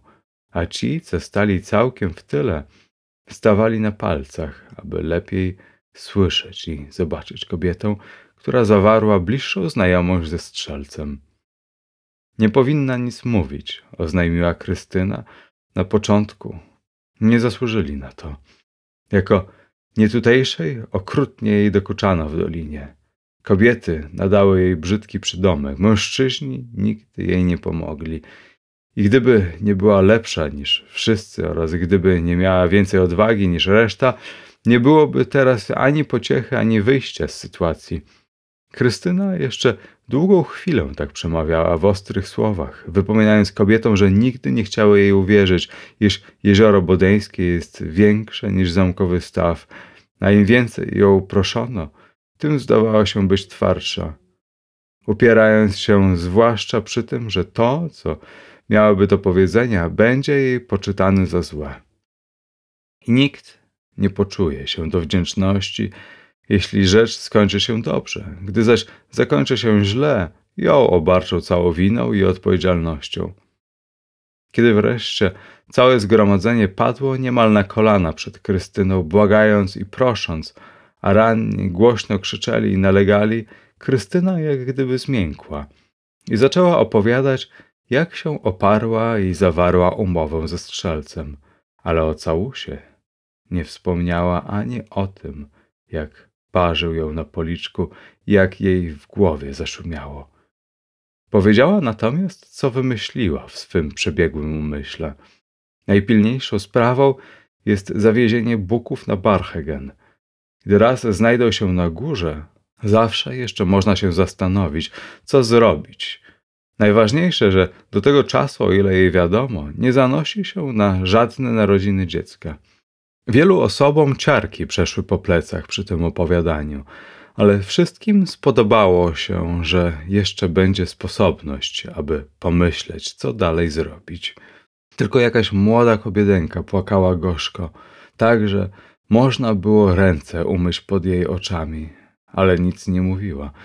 Natomiast pewna stara, czcigodna niewiasta, wysoka, o twarzy, przed którą należało albo się skłonić, albo uciekać, wystąpiła na środek izby i rzekła: Bezeceństwem byłoby rzecz pewną oprzeć na niepewnej i igrać z Żydem wiecznym. Kto zadaje się ze złym, nie odczepi się już od niego, a kto mu poda palec, tego zatrzyma on z ciałem i duszą. W tym nieszczęściu może pomóc tylko Bóg. Kto zaś porzuca go w niedoli, ten w niedoli zginie.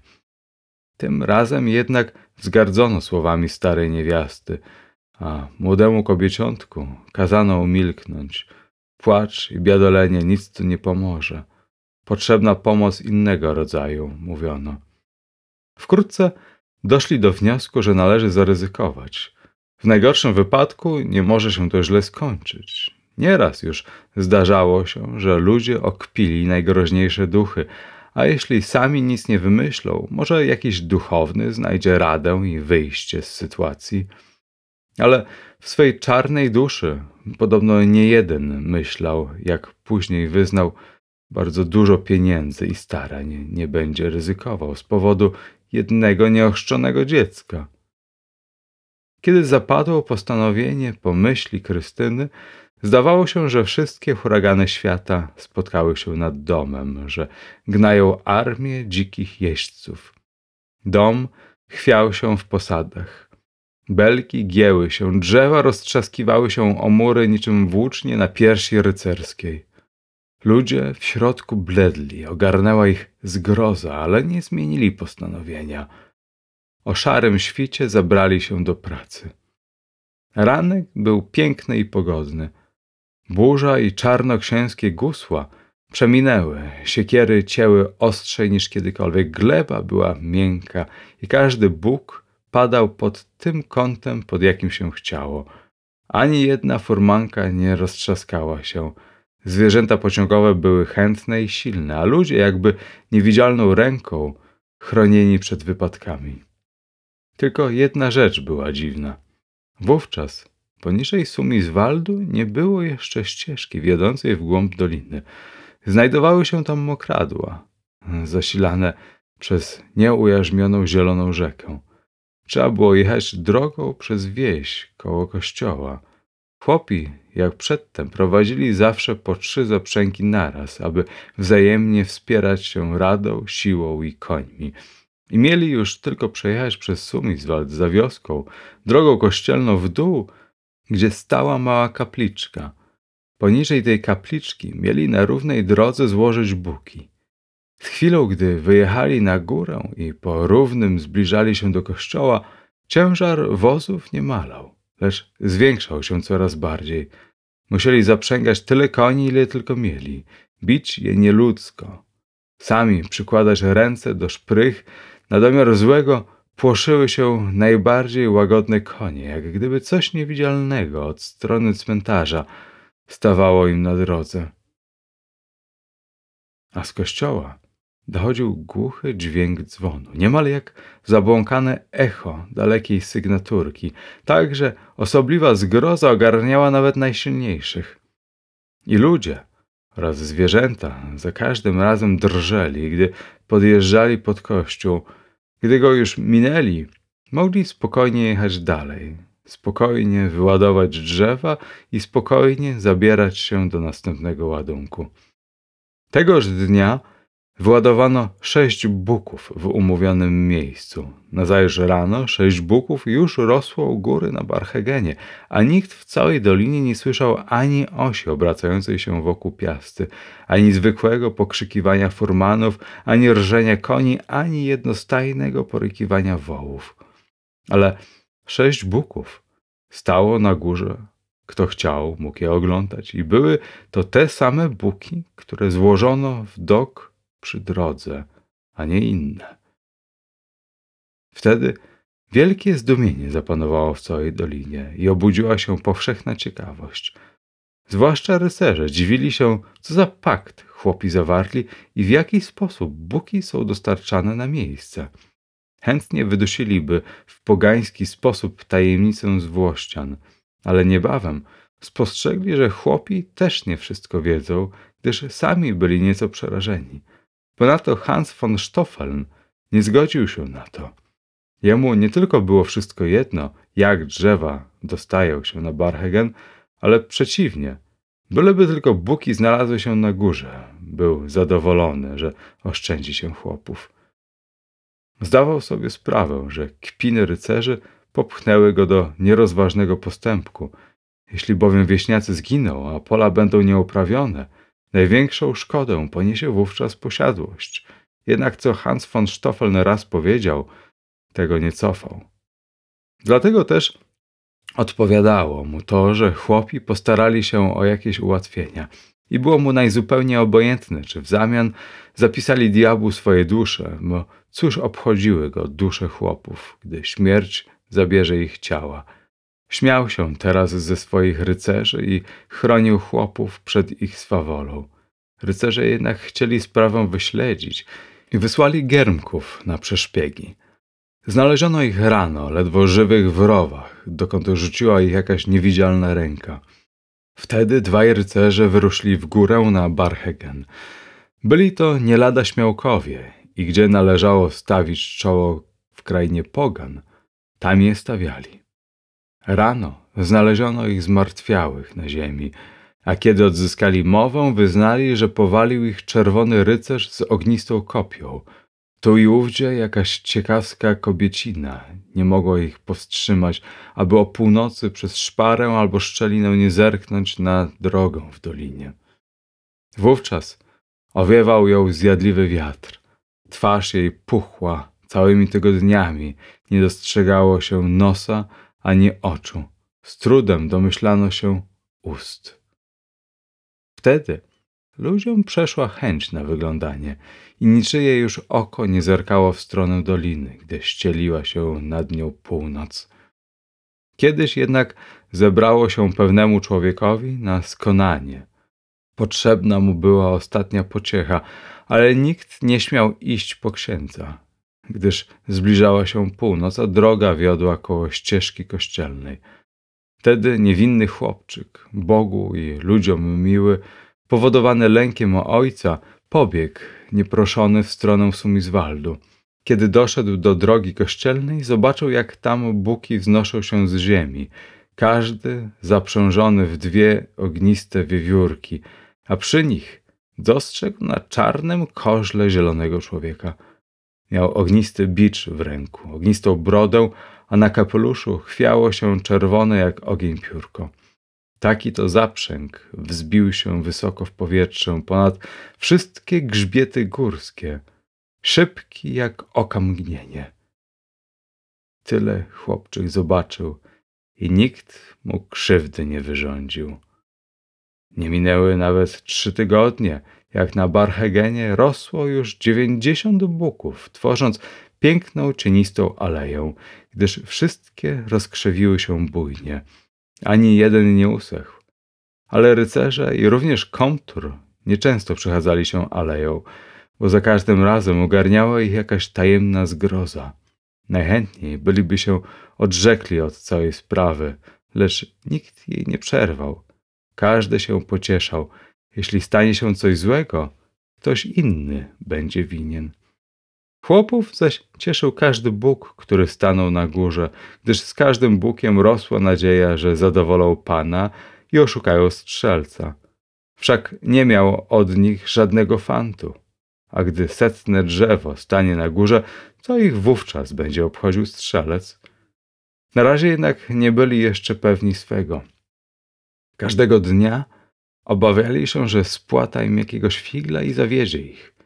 W dzień świętego Urbana zawieźli mu ostatnie buki na drogę kościelną i zarówno starzy, jak i młodzi mało spali tej nocy. Prawie nie mogli uwierzyć, że strzelec bez dalszych korowodów oraz bez dutecka lub fantów skończy robotę. Następnego ranka, na długo przed słońcem, starzy i młodzi byli już na nogach. Wszystkich nurtował ten sam pełen ciekawości strach. Nie wiadomo było, czy nie czeka tam jakaś niespodzianka na tych, którzy chcieli oszukać strzelca. W końcu pewien zuchwały pastuch, który sprowadził kozy z hali, nabrał odwagi. Podskoczył i nie zastał buków, ani też nie dojrzał żadnej zasadzki na placu. Jeszcze nie dowierzali. Pastuch musiał przed nimi wyjść na Barhegen. Tam wszystko było w porządku. Setka buków stała w rzędzie. Ani jeden nie usechł. Nikomu twarz nie spuchła, nikogo nic nie bolało. Wtedy serca wezbrały radością i zaczęły się liczne pokpiwania z zielonego strzelca i z rycerzy. Po trzeci wysłali zuchwałego pastucha, przykazując mu, aby powiedział komturowi, że na Barhegenie wszystko w porządku, niechaj przyjdzie i policzy drzewa. Rycerzowi jednak zrobiło się nieswojo i kazał im powiedzieć, aby się czym prędzej wynieśli z domu. Najchętniej byłby im polecił, aby znów usunęli całą aleję, lecz nie uczynił tego z uwagi na swoich druchów, aby nie mówili, że się boi. Zresztą nie znał paktu chłopów i nie wiedział, kto mógłby się wtrącić w całą sprawę. Kiedy pastuch wrócił z odpowiedzią, serca wezbrały jeszcze większą hardością. Szalona młodzież tańczyła w alei. Dzikie zawodzenia rozlegały się od przełęczy do przełęczy, od góry do góry, odbijając się echem o mury zamkowe Sumizwaldu. Rozważni starsi obywatele ostrzegali i prosili, ale harde serca nie zważają na przestrogi rozważnej starszyzny. A gdy potem dojdzie do nieszczęścia, powiadają, że starzy ściągnęli je swoją trwogą. Jeszcze nie nadszedł czas, kiedy młodzi przekonują się, że zuchwalstwo to wywoływanie wilka z lasu. Radosna wrzawa rozprzestrzeniała się nad górami i lasami, we wszystkich domach i gdzie w kominie wędził się jeszcze bodaj skrawek mięsiwa, gotowano go, a gdzie jeszcze uchwała się w rynience grudka masła, pieczono masło. Mięso zostało zjedzone, babeczki zniknęły, dzień minął i na niebie schodził inny dzień. Coraz bardziej zbliżał się czas, kiedy pewna niewiasta miała urodzić dziecko, a im był bliższy, tym natarczywiej wracał strach, że strzelec ponownie się zjawi, zażąda tego, co mu się należy, albo naważy im piwa. Któż zmierzy rozpacz owej młodej kobiety, która miała rodzić? W całym domu rozlegał się lament, ogarniając po kolei wszystkich członków rodziny, a nikt nie umiał nic poradzić. Natomiast wszyscy wiedzieli, że nie należy ufać temu, z kim się zadano – im bliższa była fatalna godzina, tym bardziej biedna kobiecinka garnęła się do Pana Boga, obejmując nie tylko ramiona, lecz również ciałem i duszą i całym sercem Matkę Przenajświętszą, prosząc o opiekę za sprawą błogosławionego Syna. I coraz jaśniej zdawała sobie sprawę, że w życiu i śmierci, w każdej potrzebie, największa pociecha jest w Bogu, bo tam, gdzie jest Bóg, nie może przebywać zły – i nie ma on żadnej władzy. Coraz silniej umacniała się w jej duszy wiara, że gdyby kapłan Pana z najświętszym sakramentem, świętym ciałem Zbawiciela był obecny przy porodzie, uzbrojony w skuteczne zaklęcia, żaden zły duch nie odważyłby się zbliżyć i wówczas kapłan mógłby noworodka opatrzyć sakramentem chrztu, na co ówczesny obyczaj pozwalał. Wówczas biedne dziecię na zawsze byłoby wyzwolone z niebezpieczeństwa, na jakie naraziło je zuchwalstwo ojca. To przekonanie zrodziło się również u innych i serca ich bolały nad rozpaczą młodej kobiety, ale lękali się wyznać duchownemu swój pakt z szatanem. Nikt od tamtej pory nie był u spowiedzi i nie wyznał mu prawdy. Duchowny był nader pobożnym mężem, nawet zamkowi rycerze nie pozwalali sobie na żarty z niego, bo on mówił im prawdę w oczy. Gdy zaś rzecz stanie się faktem dokonanym, ksiądz już nie będzie mu mógł przeszkodzić, myśleli chłopi. Teraz jednak nikt nie chciał być pierwszym, który go o tym powiadomi. Niechybnie sumienie mówiło im dlaczego. Wreszcie lament poruszył serce pewnej kobiety. Pobiegła do księdza i wyjawiła mu cały układ i pragnienie biednej niewiasty. Pobożny mąż ogromnie się przeraził, ale nie tracił czasu na puste słowa. Śmiało stanął do walki o biedną duszę z potężnym przeciwnikiem. Był on jednym z tych, którzy nie lękają się najbardziej nawet zaciętego boju. Ponieważ chcą zostać uwieńczeni koroną żywota wiecznego i ponieważ doskonale wiedzą, że nikt nie zostanie okoronowany, jeśli nie będzie prawdziwie walczył. Wokół domu, w którym niewiasta czekała swej godziny, zakreślił święconą wodą święty krąg, jakiego złym duchom nie wolno przekroczyć. Pobłogosławił próg, całą izbę i kobieta spokojnie porodziła. I duchowny bez przeszkód ochrzcił dziecko.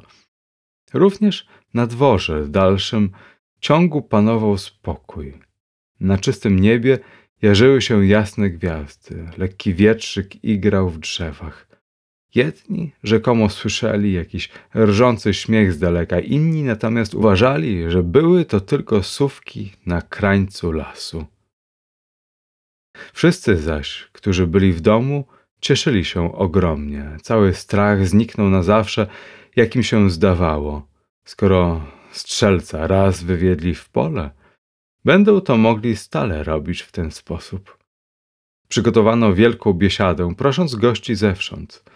Daremnie kapłan pana przestrzegał przed ucztowaniem i weseleniem się. Upominał, aby trwożyli się i modlili, bowiem nieprzyjaciel jeszcze nie został pokonany. Bóg nieprzebłagany.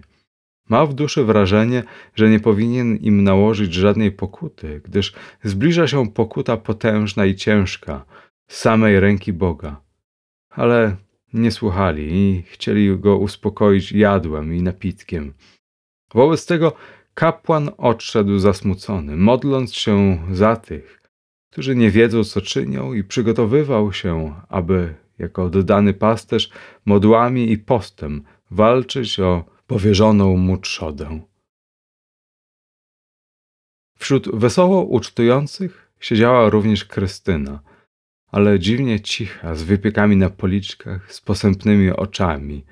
Jej twarz osobliwie drgała. Krystyna była obecna przy porodzie jako doświadczona położna, a zuchwałym sercem, bez lęku, posłużyła za kumę przy nagłych chrzcinach, ale kiedy ksiądz kropił dziecko wodą i chrzcił je w imię trzech najwyższych osób boskich, Krystyna miała wrażenie, że raptem ktoś przyciska jej rozpalone żelazo w miejscu, gdzie pocałował ją strzelec. W nagłym przerażeniu wzdrygnęła się, omal nie upuszczając dziecka, i o tej chwili ból nie zelżał, lecz stawał się z godziny na godzinę coraz bardziej palący. W początku siedziała cicho, tłumiąc ból i w skrytości biła się z ciężkimi myślami w swej rozbudzonej duszy, ale coraz częściej sięgała ręką ku piekącej plamie, na której zdawała się siedzieć jadowita osa, wbijając jej rozpalone żądło aż do szpiku kości. Kiedy nie było żadnej osy do przepędzenia, kłucia stawały się coraz dotkliwsze, myśli coraz straszniejsze, Krystyna zaczęła pokazywać swój policzek, pytając, co na nim widać, i dopytywała się wciąż od nowa, ale nikt nic nie widział. I wkrótce nikt nie miał ochoty zawracać sobie głowę oglądaniem jej policzka. W końcu uprosiła jeszcze jakąś starą babę. Właśnie zapiął kur i świtał ranek, gdy starucha dostrzegła na policzku Krystyny prawie niewidoczną plamę. To nic takiego, rzekła. Na pewno przejdzie i poszła dalej.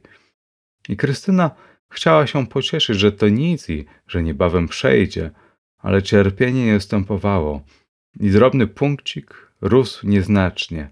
Wszyscy go dostrzegli i pytali, co to takiego czarnego na jej twarzy.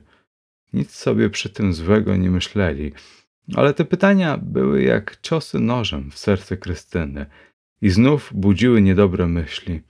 Wciąż i wciąż musiała myśleć o tym, że w to samo miejsce strzelec ją pocałował i że ten sam żar, który wtedy jak piorun poraził jej ciało, szaleje w nim obecnie, goreje i je trafi. Odszedł ją sen. Jedzenie miało smak ognia. Niespokojnie biegało to tu, to tam, szukając pociechy i nie znajdując jej, gdyż ból wciąż się nasilał i czarny punkcik stawał się większy i czarniejszy. Wybiegały z niego pojedyncze czarne pasemka, a bliżej ust zdawała się tworzyć jakaś wypukłość. Tak cierpiała i biegała Krystyna nie jeden długi dzień i nie jedną długą noc i nikomu nie wyjawiła lęku swojego serca i tego, co uczynił swoim pocałunkiem strzelec. Gdyby jednak wiedziała, w jaki sposób może się pozbyć tej udręki, oddałaby wszystko w niebie i na ziemi. Z natury była kobietą zuchwałą, ale teraz oszalała z wściekłego bólu. I znów się zdarzyło, że pewna kobieta spodziewała się dziecka. Tym razem nie lękano się szczególnie. Ludzie byli dobrej myśli. Skoro w porę postarają się o księdza, uważali, że mogą sobie kpić ze strzelca. Tylko Krystynie tak się nie zdawało. Im bliższy był dzień porodu, tym straszliwszy stawał się pożar na jej policzku, tym potężniej rozprzestrzeniał się czarny punkt.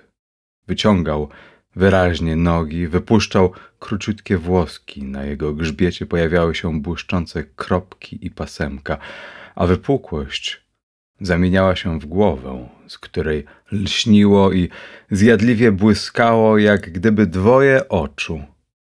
Głośno zakrzyknęli wszyscy, gdy ujrzeli jadowitego pająka krzyżaka na twarzy Krystyny i uciekali pełni przerażenia i zgrozy, przekonawszy się, jak mocno siedzi na jej twarzy i że z niej wyrósł.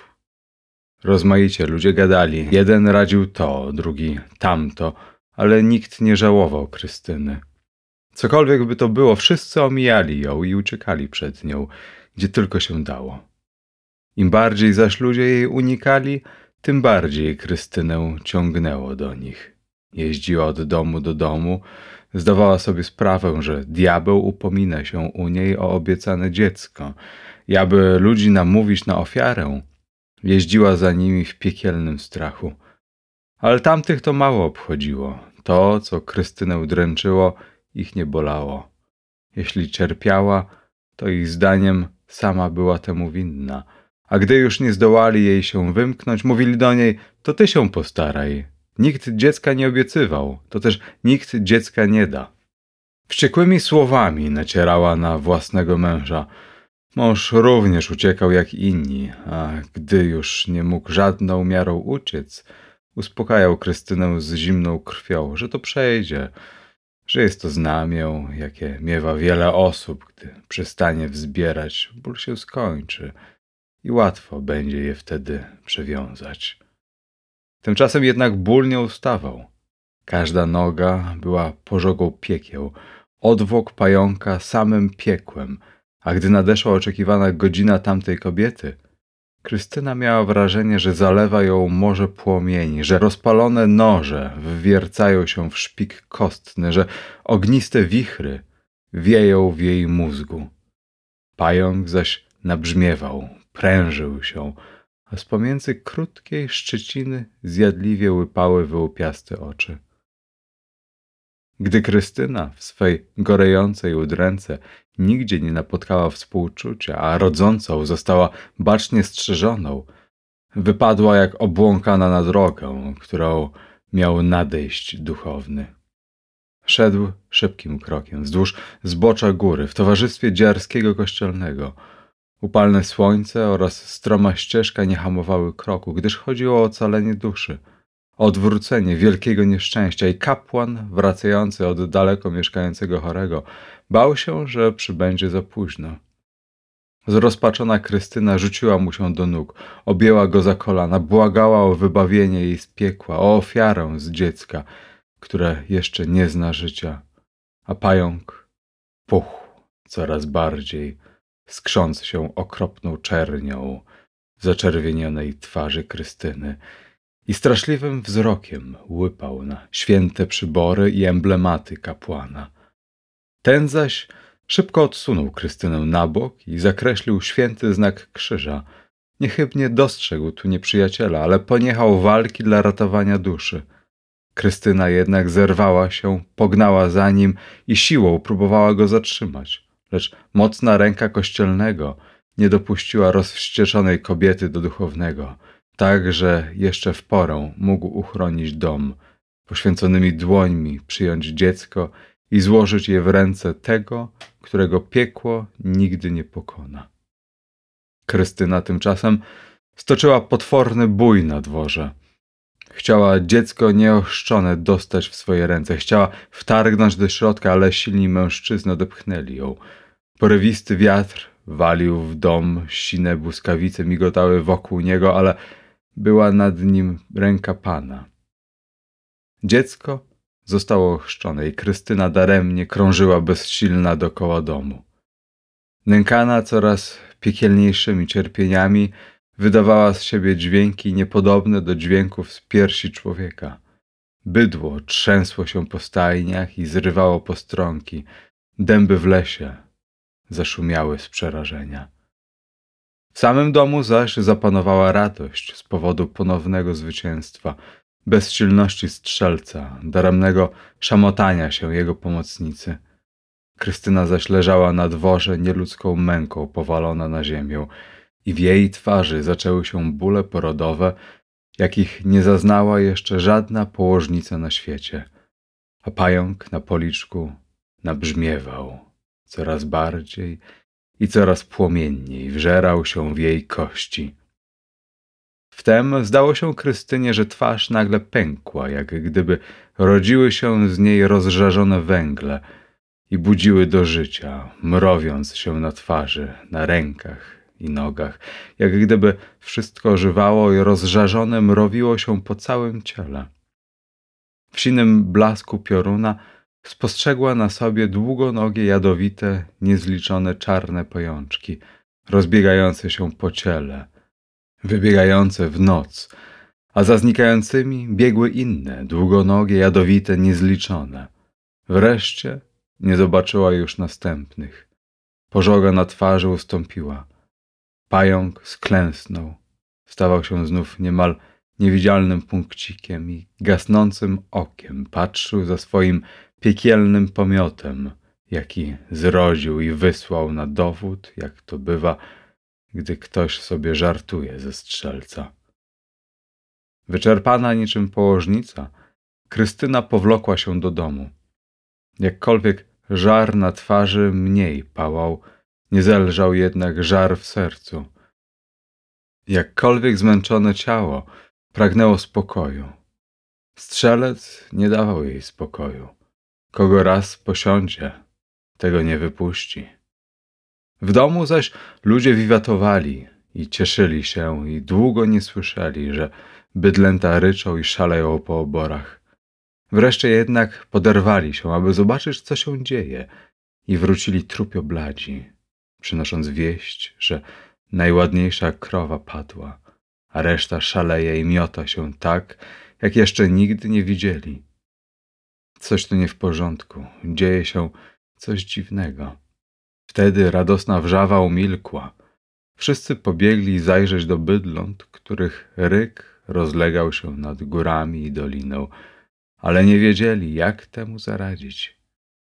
Próbowano świeckich i kościelnych praktyk celem zażegnania uroku, ale wszystko było daremne.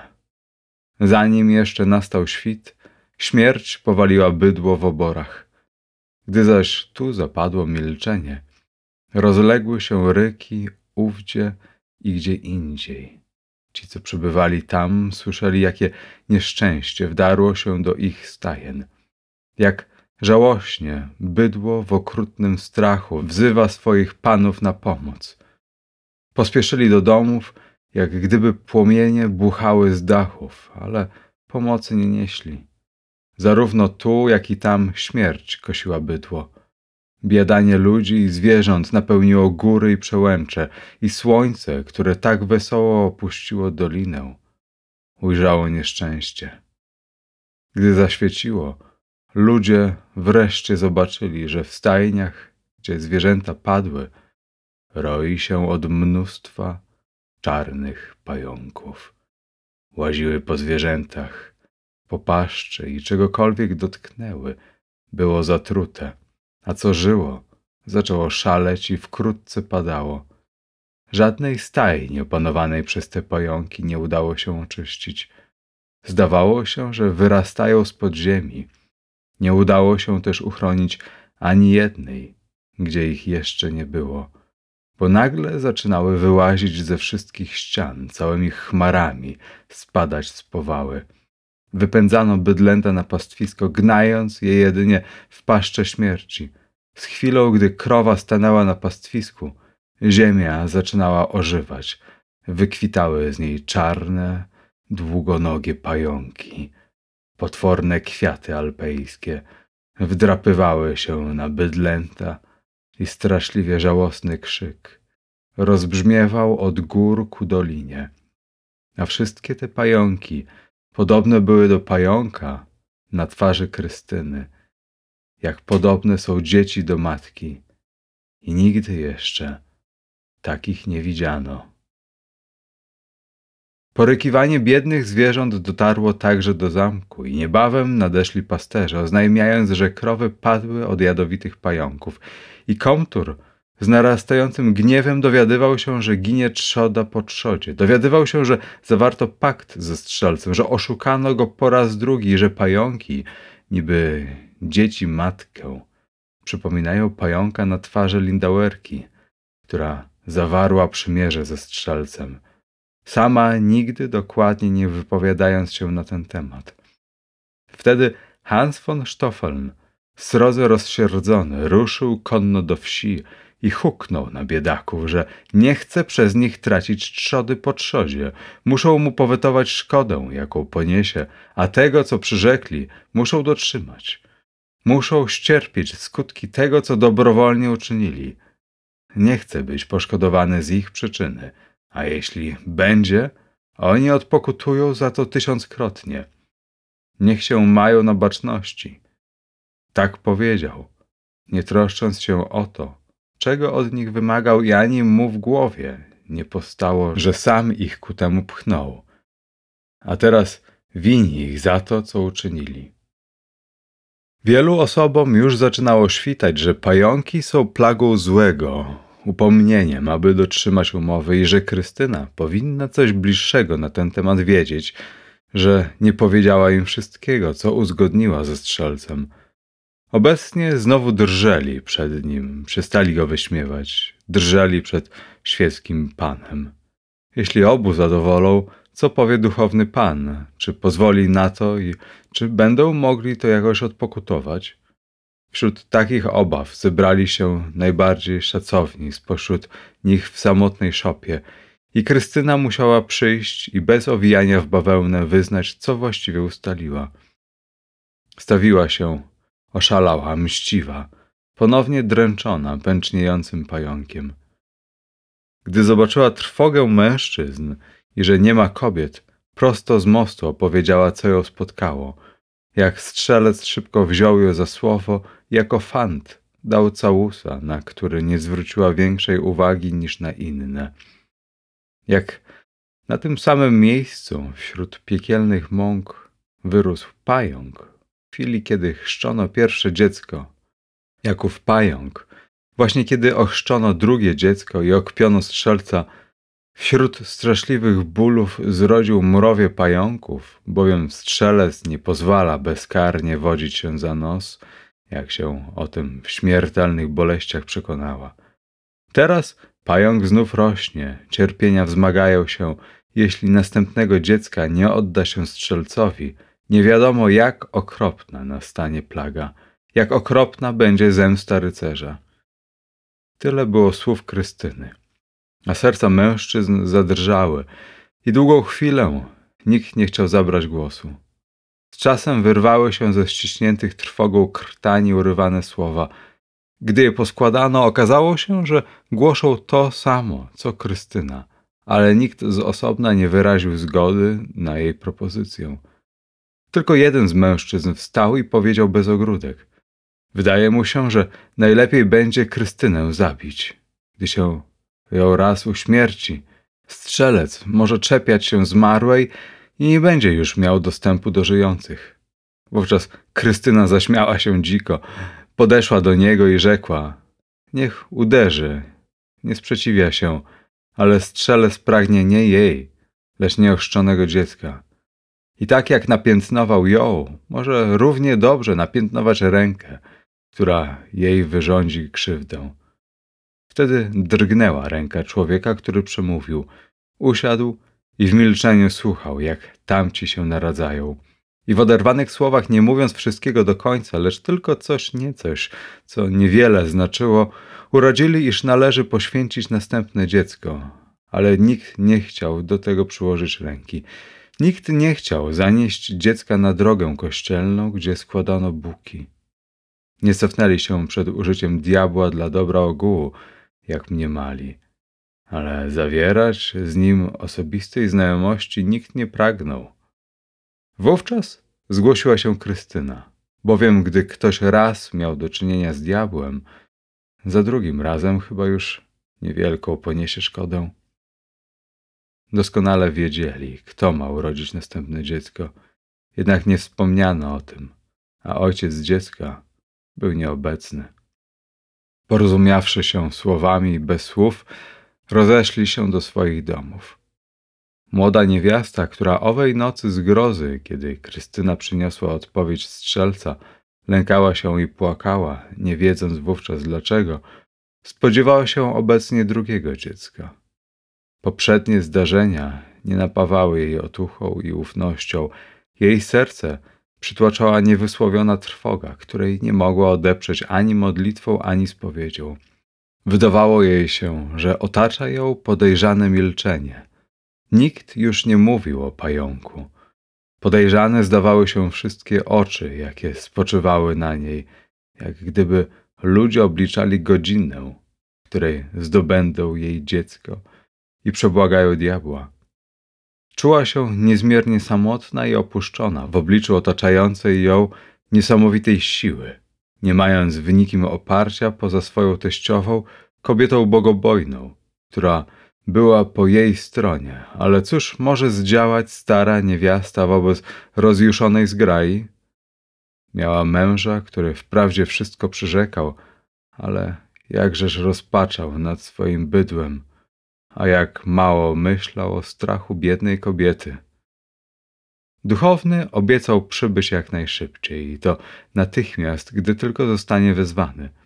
Ale co mogło się zdarzyć od chwili, kiedy pośle się po niego do momentu jego nadejścia, a biedna kobiecina nie miała żadnego zaufanego posłańca prócz własnego męża, który miał być jej opieką i strażą, a jeszcze na domiar złego mieszkała w jednym domu z Krystyną. Ich mężowie byli braćmi, żadnych własnych krewnych nie miała. Przybyła do tego domu jako sierota.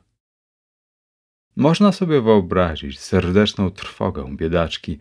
Jedynie w modlitwie z pobożną teściową odzyskiwała odrobinę ufności, która natychmiast znów znikała, gdy napotykała złe oczy.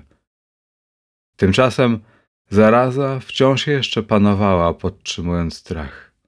Co prawda tylko tu i ówdzie padała jakaś sztuka bydła, tu i ówdzie pokazywały się pająki, ale w chwili, gdy u kogoś trwoga ustępowała, gdy ktoś pomyślał albo głośno powiedział, nieszczęście samo mija i należy się dobrze zastanowić, zanim zgrzeszy się wobec dziecka. Piekielne męki Krystyny wracały. Pająk wzdymał się, a śmierć z ponowną wściekłością nawiedzała trzodę tego człowieka, który tak myślał lub mówił. Nie dość na tym. Im bardziej zbliżała się spodziewana godzina, tym bardziej chłopi czuli się nieszczęśliwi, ponieważ zdawali sobie sprawę z tego, że muszą dokładnie omówić, w jaki sposób zdobyć z całą pewnością i bez ryzyka dziecko. Najbardziej obawiali się męża, wzdragali się przed użyciem siły wobec niego. Wtedy Krystyna podjęła się uzyskać jego zgodę. I rzeczywiście ją uzyskała. Nie chciał nic o całej sprawie wiedzieć. Pragnął spełnić wolę swej żony i pójść po księdza, ale nie spiesząc się. A o to, co stanie się podczas jego nieobecności, nie będzie pytał. W taki oto sposób pogodził się ze swoim sumieniem, z Bogiem, pojedna się przez złożenie ofiary na mszę. Dla duszy biednego dziecka może też jeszcze da się coś zrobić, pomyślał. Może bogobojny duchowny znowu wyrwie je diabłu. Wówczas wydobędą się z tego kłopotu, zrobią, co do nich należy, a jednak wywiodą złego w pole. Tak sobie myślał, a w każdym razie niech się dzieje, co ma być. On sam nic nie zawini w całej tej sprawie, skoro nie przyczyni się do niej własnoręcznie. Tak więc biedna kobiecina była sprzedana i nic nie wiedziała o tym. Z niepokojem czekała na ratunek. Rada ludzi postanowiła zadać jej cios w serce, a co postanowiono w górze, to jeszcze kryły chmury zasłaniające przyszłość. Był to rok burzowy i nadeszła pora żniw. Zmobilizowano wszystkie siły, aby w godzinach pogody zwieść ziarna pod bezpieczny dach. Nastało upalne popołudnie. Chmury wysunęły z zaciemnych gór mroczne głowy. Jaskółki trwożnie fruwały koło dachu i biednej kobiecinie zrobiło się ciasno i straszno samej w domu, gdyż nawet babka była w polu, aby pomagać nie tyle czynem, ile chęciami. Wtem obosieczny ból przeszył kobietę do szpiku kości. W oczach jej się zaćmiło, bo nadeszła właśnie jej godzina, a była całkiem sama. Strach wygnał ją z domu. Ociężale ruszyła w stronę zagonu, lecz niebawem musiała usiąść. Chciała krzyknąć, ale głos nie mógł wydobyć się ze ściśniętej piersi. Był przy niej maleńki chłopczyk, który dopiero uczył się chodzić. Jeszcze nigdy na własne oczy nie był w polu, lecz wyłącznie na rękach matki. Owego to chłopczyka biedna niewiasta musiała użyć jako swego gońca, nie wiedząc, czy znajdzie zagon, czy nóżki zaniosą go tak daleko. Chłopczyk jednak wiedział, w jakim matka jest strachu i biegł więc i padał i znów wstawał, a kot gonił jego. Króliki, gołębie i kury zabiegały mu drogę. Rozbawiony baranek skakał za nim, ale chłopczyk nic z tego wszystkiego nie widział, tylko nie ociągając się, wiernie przekazał wiadomość. Babka zjawiła się bez tchu, ale mąż zwlekał, mówiąc, że wyładuje tylko jeszcze furę. Minęły wieki, zanim w końcu nadszedł, i znowuż minęły wieki, zanim wreszcie wolno ruszył w daleką drogę, a biedna kobieta w śmiertelnym lęku czuła, że jej godzina zbliża się coraz szybciej i szybciej. Krystyna, która była na polu, przyglądała się temu wszystkiemu uradowana. Słońce wprawdzie mocno przypiekało podczas znojnej pracy, ale pająk niemal przestał doskwierać i robota wydawała się lekka w ciągu następnych godzin. Wesoło pracowała i nie spieszyła się z powrotem do domu, wiedząc, jaki powolny jest koniec. Dopiero kiedy załadowano ostatni snop i porywy wiatru zapowiedziały nadciągającą burzę, Krystyna pośpieszyła po swą zdobycz, pewną, jak mniemała. Wracając, machała znacząco spotykanym znajomym, ci zaś odpowiadali skinieniem głowy i szybko szli z nowiną do domu, gdzie niejedne nogi się ugięły i niejedna dusza zapragnęła pomodlić się w mimowolnej trwodze, ale nie umiała. W izdebce biedna niewiasta pojękiwała. Minuty wydłużały się w wieczność, a babka ani modłami, ani pocieszeniem nie umiała ośmierzyć jej biadań. Dokładnie zamknęła izdebkę i ciężkimi sprzętami zastawiła drzwi. Dopóki były same w domu, czuły się jeszcze jako tako bezpieczne, ale kiedy zobaczyły wracającą Krystynę, kiedy posłyszały jej skradający się krok pod drzwiami i z zewnątrz doszedł jeszcze nie jeden inny krok i sekretny szept, kiedy nie zjawił się kapłan ani żaden inny oddany człowiek, a chwila na ogół tak upragniona zbliżała się coraz bardziej, można sobie wyobrazić, w jakim strachu pogrążone były biedne kobiety, niczym we wrzącym oleju, bez pomocy i bez żadnej nadziei. Słyszały, że Krystyna nie odchodzi od progu. Biedna kobieta czuła ogniste oczy swojej dzikiej szwagierki przez drzwi, paliły ją one do szpiku kości. Wtem w izdebce rozległo się pierwsze kwilenie niemowlęcia. Ciszone tak szybko, jak tylko to było możliwe, ale za późno. Drzwi rozwarły się od wściekłego zawczasu przygotowanego pchnięcia i niczym tygrys na swą zdobycz Krystyna rzuca się na biedną położnicę. Staruszka, odpierająca szturm, pada na ziemię. Położnica w świętej trwodze matczynej chce się zerwać, ale słabe ciało osuwa się. Dziecko jest w rękach Krystyny. Straszliwy krzyk wydobywa się z serca matki, po czym omdlenie spowija ją swoim czarnym cieniem. Gdy Krystyna wyszła z porwanym dzieckiem, mężczyzn ogarnęła zgroza i przerażenie. Zaświtało im przeczucie jakiejś okrutnej przyszłości, ale nikt nie miał odwagi przeszkodzić temu uczynkowi i strach przed plagami diabła był silniejszy niż bojaźń Boga. Tylko Krystyna nie czuła strachu. Twarz jej jaśniała, jak jaśnieje twarz zwycięzcy po przybytej walce. Miała wrażenie, że pająk pieści ją łagodnym muskaniem. Błyskawice migające w drodze do ścieżki kościelnej zdawały się jej wesołymi światłami. Grzmot tkliwym pomrukiem. Pomstą dyszący wicher urokliwym zefirkiem. Hans Mąż biednej kobiety aż nadto dobrze dotrzymywał swej obietnicy. Wolno szedł swoją drogą, niespiesznie obejrzał każdy zagon. Oglądał się za każdym ptakiem.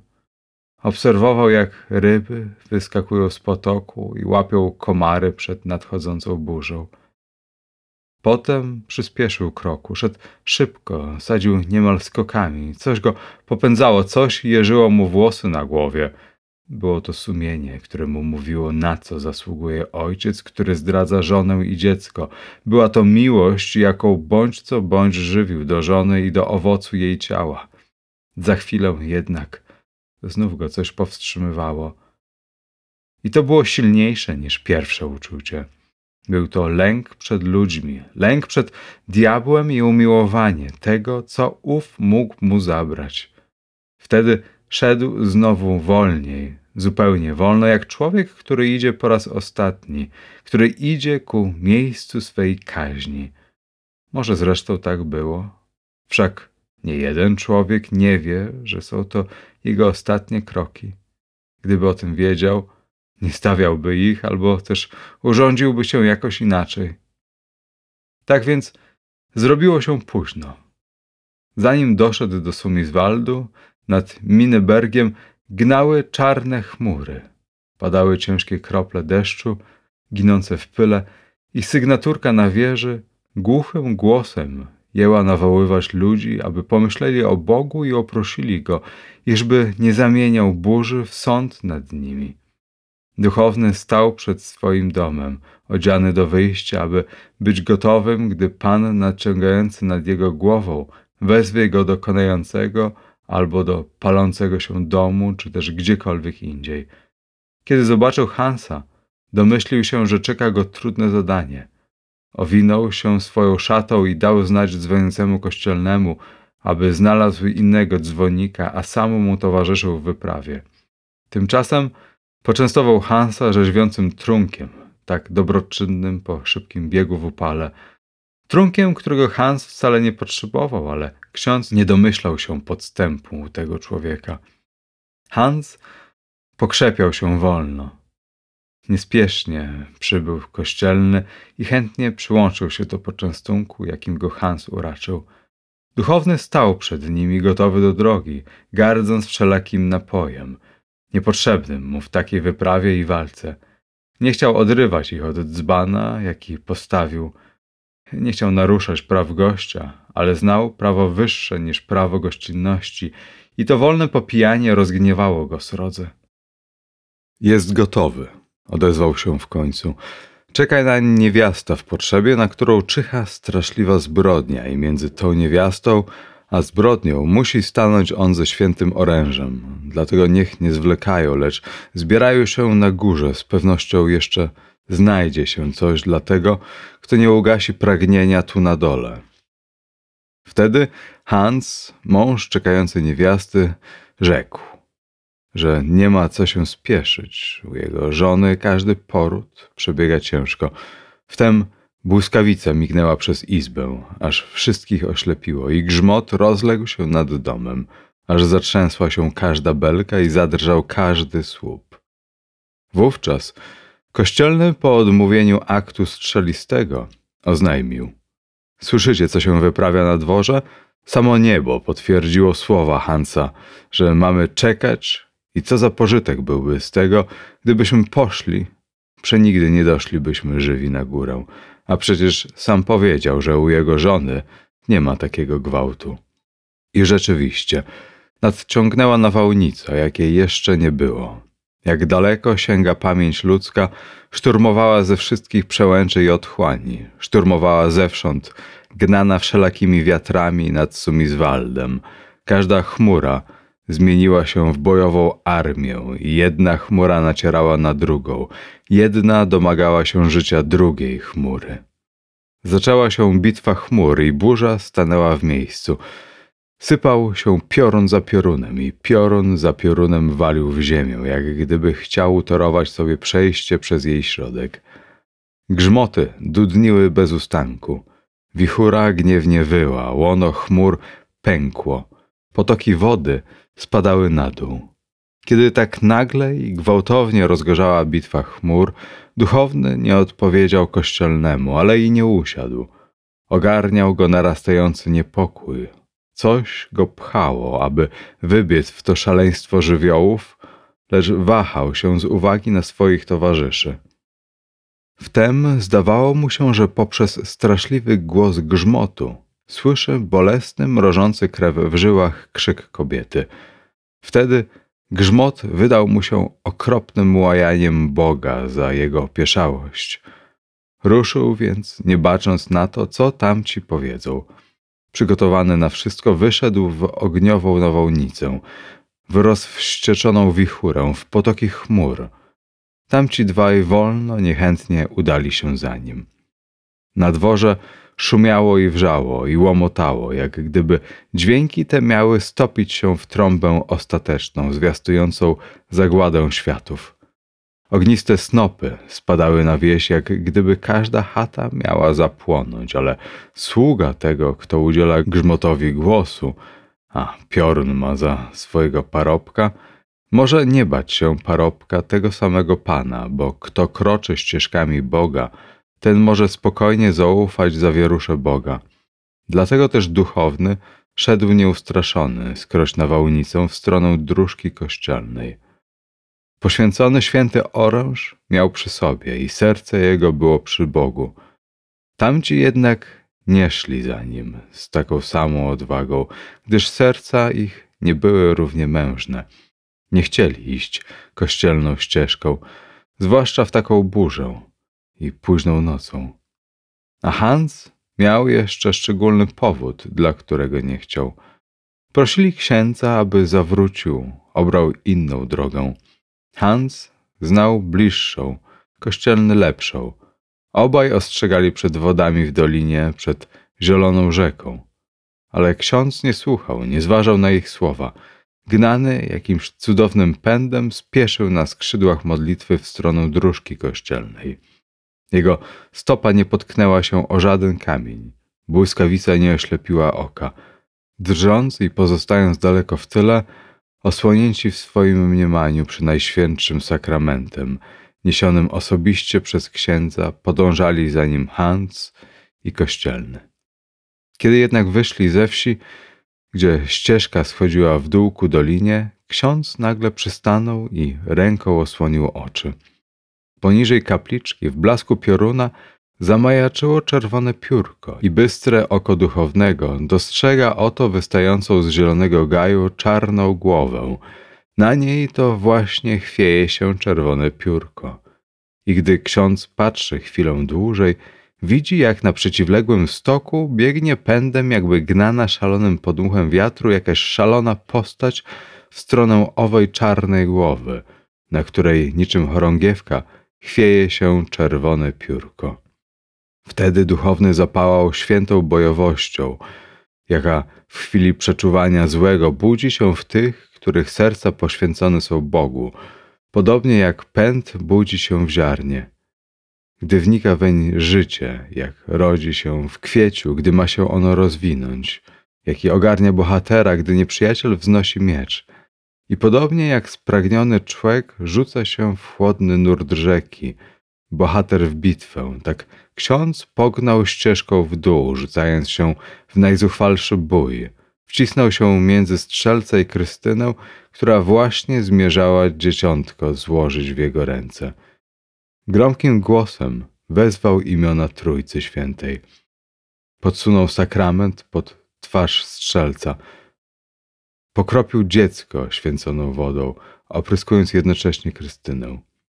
Wówczas strzelec umknął ze straszliwym wyciem, migocąc niby ogniste pasmo, dopóki ziemia go nie pochłonęła. Krystyna zaś, pokropiona święconą wodą, kurczy się z przeraźliwym sykiem, niczym wapno w wodzie, sycząc i pryskając skrami, kurczy się do rozmiarów czarnego, opuchłego, okropnego pająka na jej twarzy. Kurczy się razem z nim, wtapia się w niego z sykiem i teraz pająk obrzmiały jadem siedzi już czupurnie na dziecku i ciska swymi ślepiami rozwścieczone błyskawice na duchownego. Ksiądz kropi pająka święconą wodą, która syczy jak zwykła woda na rozpalonym kamieniu. Pająk rośnie coraz bardziej, coraz dalej rozpościera swoje czarne nogi nad dzieckiem. Patrzy na księdza coraz zjadliwiej. Wówczas ksiądz z odwagą szarliwej wiary śmiałą ręką sięga po niego.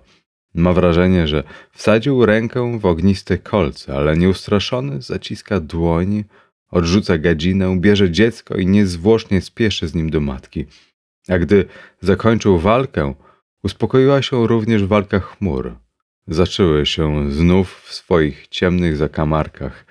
Niebawem dolina rozjarzyła się cichym światłem gwiazd. Ta sama dolina, gdzie jeszcze przed chwilą szalała bitwa i ksiądz niemal bez tchu dobiegł do domu, gdzie popełniono zbrodnię na matce i dziecku.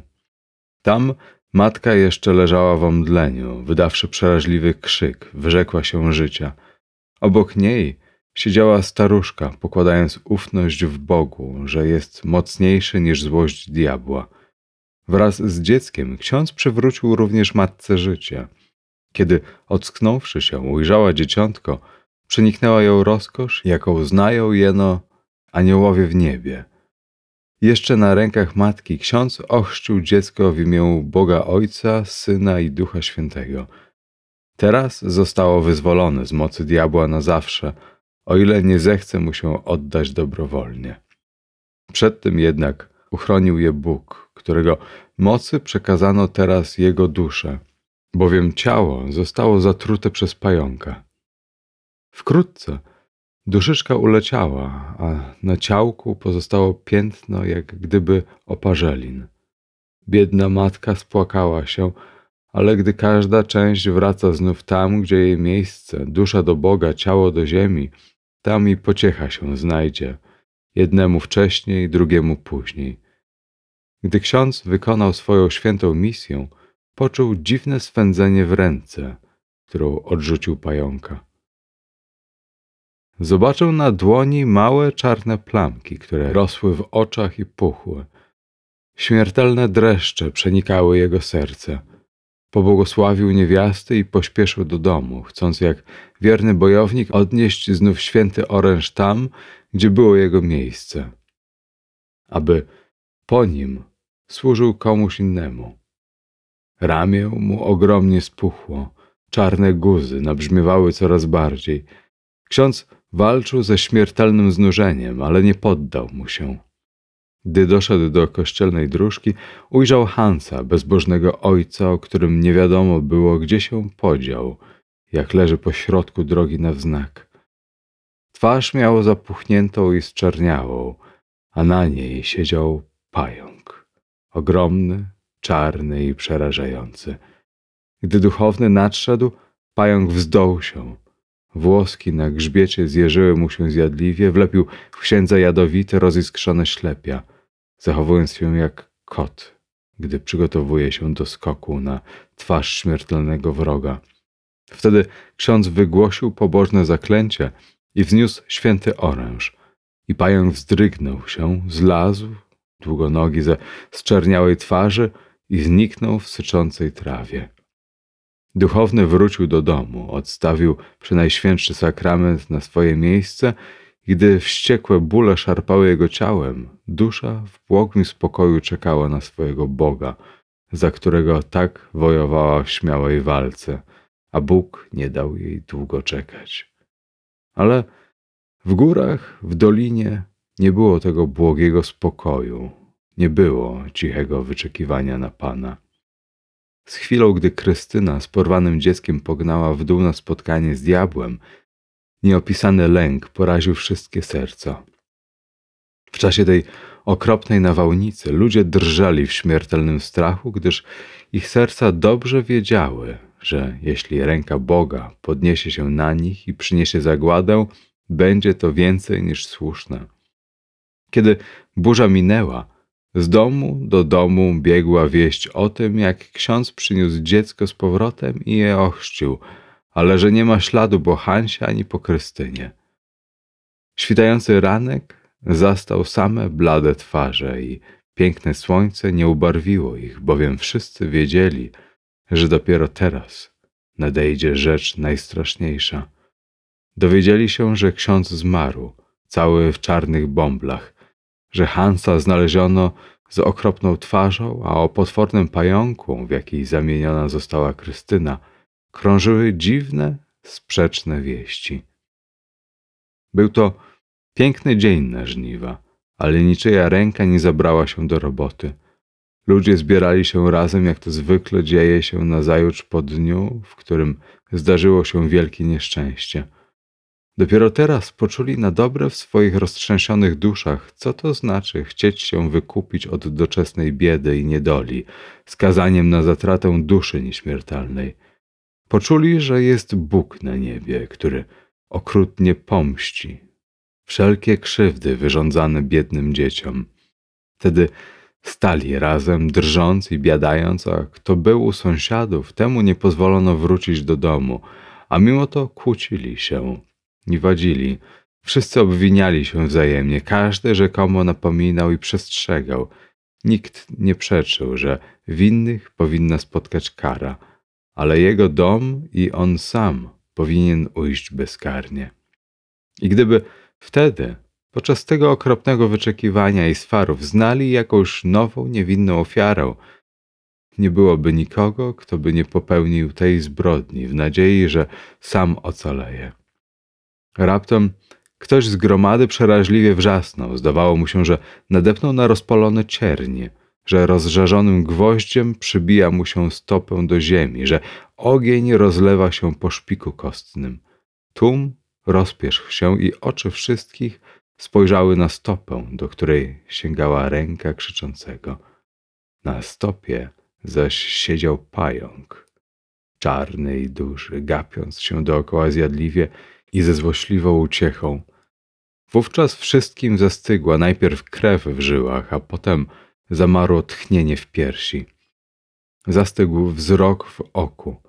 Pająk zaś spokojnie rozglądał się ze złośliwą satysfakcją, a noga czerniała i w ciele ofiary jak gdyby ogień, sycząc i szalejąc, wojował z wodą. Strach rozerwał pęta przerażenia i tłum prysnął, z niebywałą szybkością, jednak pająk opuścił swe pierwsze siedzisko i lazł temu po stopie, owemu popięcie, i żar rozlewał się po ciele. A straszliwy wrzask popędzał uciekających jeszcze prędzej. Z szybkością wiatru, w śmiertelnym przestrachu, niczym widmowa zwierzyna przed pogonią upiorów, gnali ludzie do swoich chat, każdy mniemając, że ma za sobą pająka, tarasowali drzwi i mimo to nie przestawali dygotać w niewymownym lęku. Aż tu pewnego dnia pająk znikł. Nie słychać było żadnych przedśmiertnych krzyków.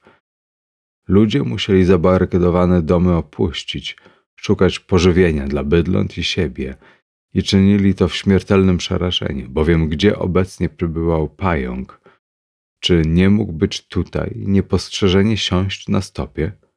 A kto najbardziej ostrożnie stąpał i najbystrzej się rozglądał, ten nagle spostrzegał pająka siedzącego na ręce lub nodze, albo pająk przebiegał mu przez twarz, duży i czarny, Siadał na nosie i gapił mu się w oczy.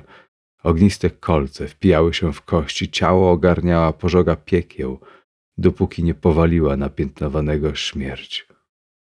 Tak to pająka, albo nie było nigdzie, albo znów był raz tu, raz tam, to na dole w dolinie, to w górach. Syczał w trawie, spadał z pułapu, wypełzał z podziemi.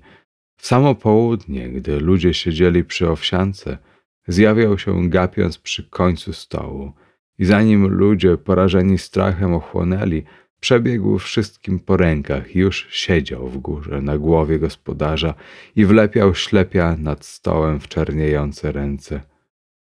Nocą spadał ludziom na twarze, spotykał ich w lesie, nawiedzał w stajni. Ludzie nie potrafili go ominąć. Pająk był wszędzie i nigdzie. Na jawie nie potrafili się przed nim obronić, śpiąc nie byli bezpieczni. Gdy w swoim mniemaniu byli najmniej narażeni pod gołym niebem, na wierzchołku drzewa niebawem ogień pełzał im po plecach. Czuli ogniste nogi pająka na karku. Pająk zaglądał im przez ramię. Nie oszczędzał ani dziecka w kolebce, ani starca na łożu śmierci. Była to zaraza, o jakiej nikt jeszcze nie słyszał, a umieranie na nią było okropniejsze niż jakiekolwiek inne. A jeszcze gorszy od umierania był ten bezgraniczny strach przed pająkiem, który był wszędzie i nigdzie. I w chwili, gdy człowiek czuł się najpewniej, nagle zaglądał mu w oczy, zwiastując śmierć.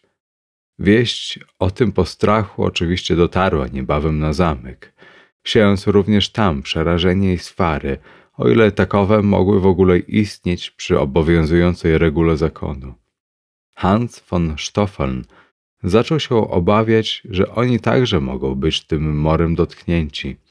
Jak przedtem ich bydlęta zmarły, kapłan głosił takie rzeczy, że teraz wywołało to niepokój w duszy rycerza. Ksiądz mówił mu nieraz, że wszelka krzywda, jaką wyrządza chłopom, wróci do niego, ale Komtur nie wierzył w to, gdyż sądził, że Bóg będzie umiał odróżnić rycerza od chłopa. W przeciwnym wypadku nie stworzyłby ich tak odmiennych. Teraz jednak zaczął się bać, że sprawdzą się przepowiednie duchownego. Twardymi słowami łajał swoją drużynę, twierdząc, że obecnie nadchodzi sroga kara za ich lekkomyślne gadanie. Rycerze zaś też nie chcieli ponosić winy. Jeden zwalał ją na drugiego i choć nikt tego głośno nie mówił, wszyscy uważali, że sprawa dotyczy tylko komptura – bo jeśli dobrze zważyć, on wszystkiemu winien.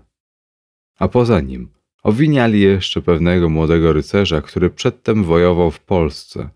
On to właśnie rzucał najwięcej lekkomyślnych słów o zamku i on najbardziej prowokował Komtura do podjęcia budowy zamku i tej zuchwałej alei.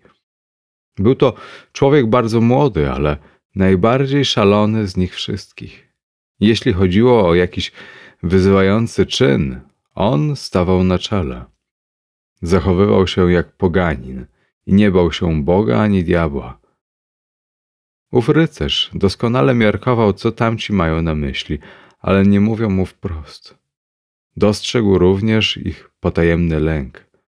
Dlatego szydził z nich i pytał, jak zamierzają wojować ze smokami, skoro boją się pająka. Następnie uzbroił się znakomicie i wyruszył konno w dolinę, zaklinając się zuchwale, iż nie wróci, dopóki jego rumak nie rozdepcze pająka lub jego własna pięść go nie zgniecie. Złe psy skakały dookoła niego, na ręce siedział mu soku, przy siodle wisiała kopia. Koń wesoło wierzgał. Załoga zamku przyglądała się jego wyruszeniu z na wpół złośliwą uciechą, na wpół z lękiem, mając w pamięci nocną straż na Barhegenie, gdzie moc świeckiego oręża tak haniebnie zawiodła w spotkaniu z takim przeciwnikiem. Rycerz jechał brzegiem jodłowego lasu w stronę najbliższej zagrody, bystrym okiem rozglądając się poza i ponad siebie. Gdy ujrzał dom oraz kręcących się przy nim ludzi, zawołał psy, odsłonił głowę sokoła – Sztylet luźno tkwiący w pochwie zabrzęczał. Kiedy Sokół zwrócił oślepione oczy na rycerza, gotowy na jego skinienie, zerwał się z jego pięści i poszybował w górę. Psy, które przybiegły, zawyły i ze schowanymi pod siebie ogonami uciekły. Bezskutecznie rycerz gonił je i nawoływał. Nie zobaczył już ich więcej. Wtedy zawrócił w stronę ludzi, chcąc zasięgnąć języka. A oni przystanęli i czekali, dopóki nie zbliżył się do nich. Wówczas straszliwie krzyknęli i uciekli w głąb lasu i przełęczy, gdyż na hełmie rycerza siedział czarny pająk nadnaturalnej wielkości i zjadliwymi ślepami rozglądał się złośliwie dookoła. Rycerz, nie wiedząc o tym, nosił na sobie to, czego szukał. Pałając gniewem, wołał ich, jechał za ludźmi, krzycząc coraz wścieklejszym głosem, jadąc coraz bardziej szaleńczo, wrzeszcząc coraz okropniej, dopóki wraz z koniem nie runął ze skalnej ściany na dół w dolinę. Tam znaleziono jego hełm i jego ciało.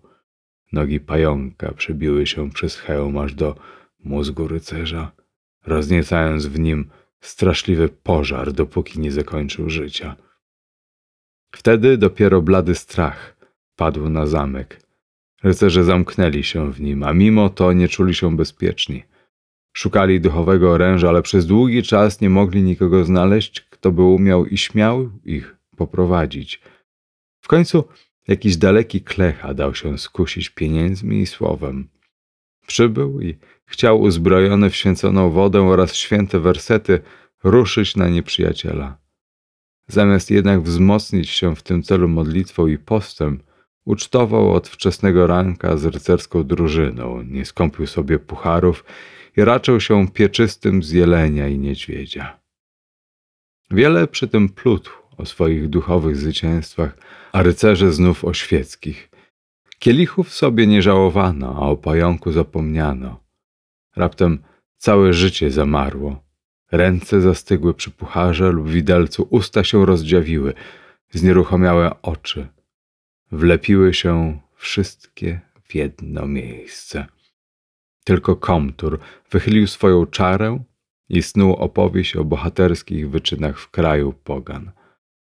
Na jego głowie zaś siedział ogromny pająk i gapił się na rycerski stół, ale komtur go nie czuł. Wtem żar począł mu się rozlewać po mózgu i krwi. Komtur krzyknął przeraźliwie. Ręką sięgnął ku głowie, ale pająka już tam nie było. W niesamowitym pośpiechu przebiegł wszystkim rycerzom po twarzach. Nikt nie mógł się przed nim obronić. Jeden po drugim wrzeszczeli, trawieni żarem, a pająk gapił się z łysiny klechy na ogólną zgrozą. Pucharem, który nie chciał wysunąć się z ręki klechy, chciał ten ugasić pożogę, która z głowy przenikała mu do szpiku kości. Ale pająk oparł się tej broni i tylko gapił się ze swego tronu na chaos, dopóki ostatni rycerz nie wydał ostatniego jęku oraz ostatniego tchnienia.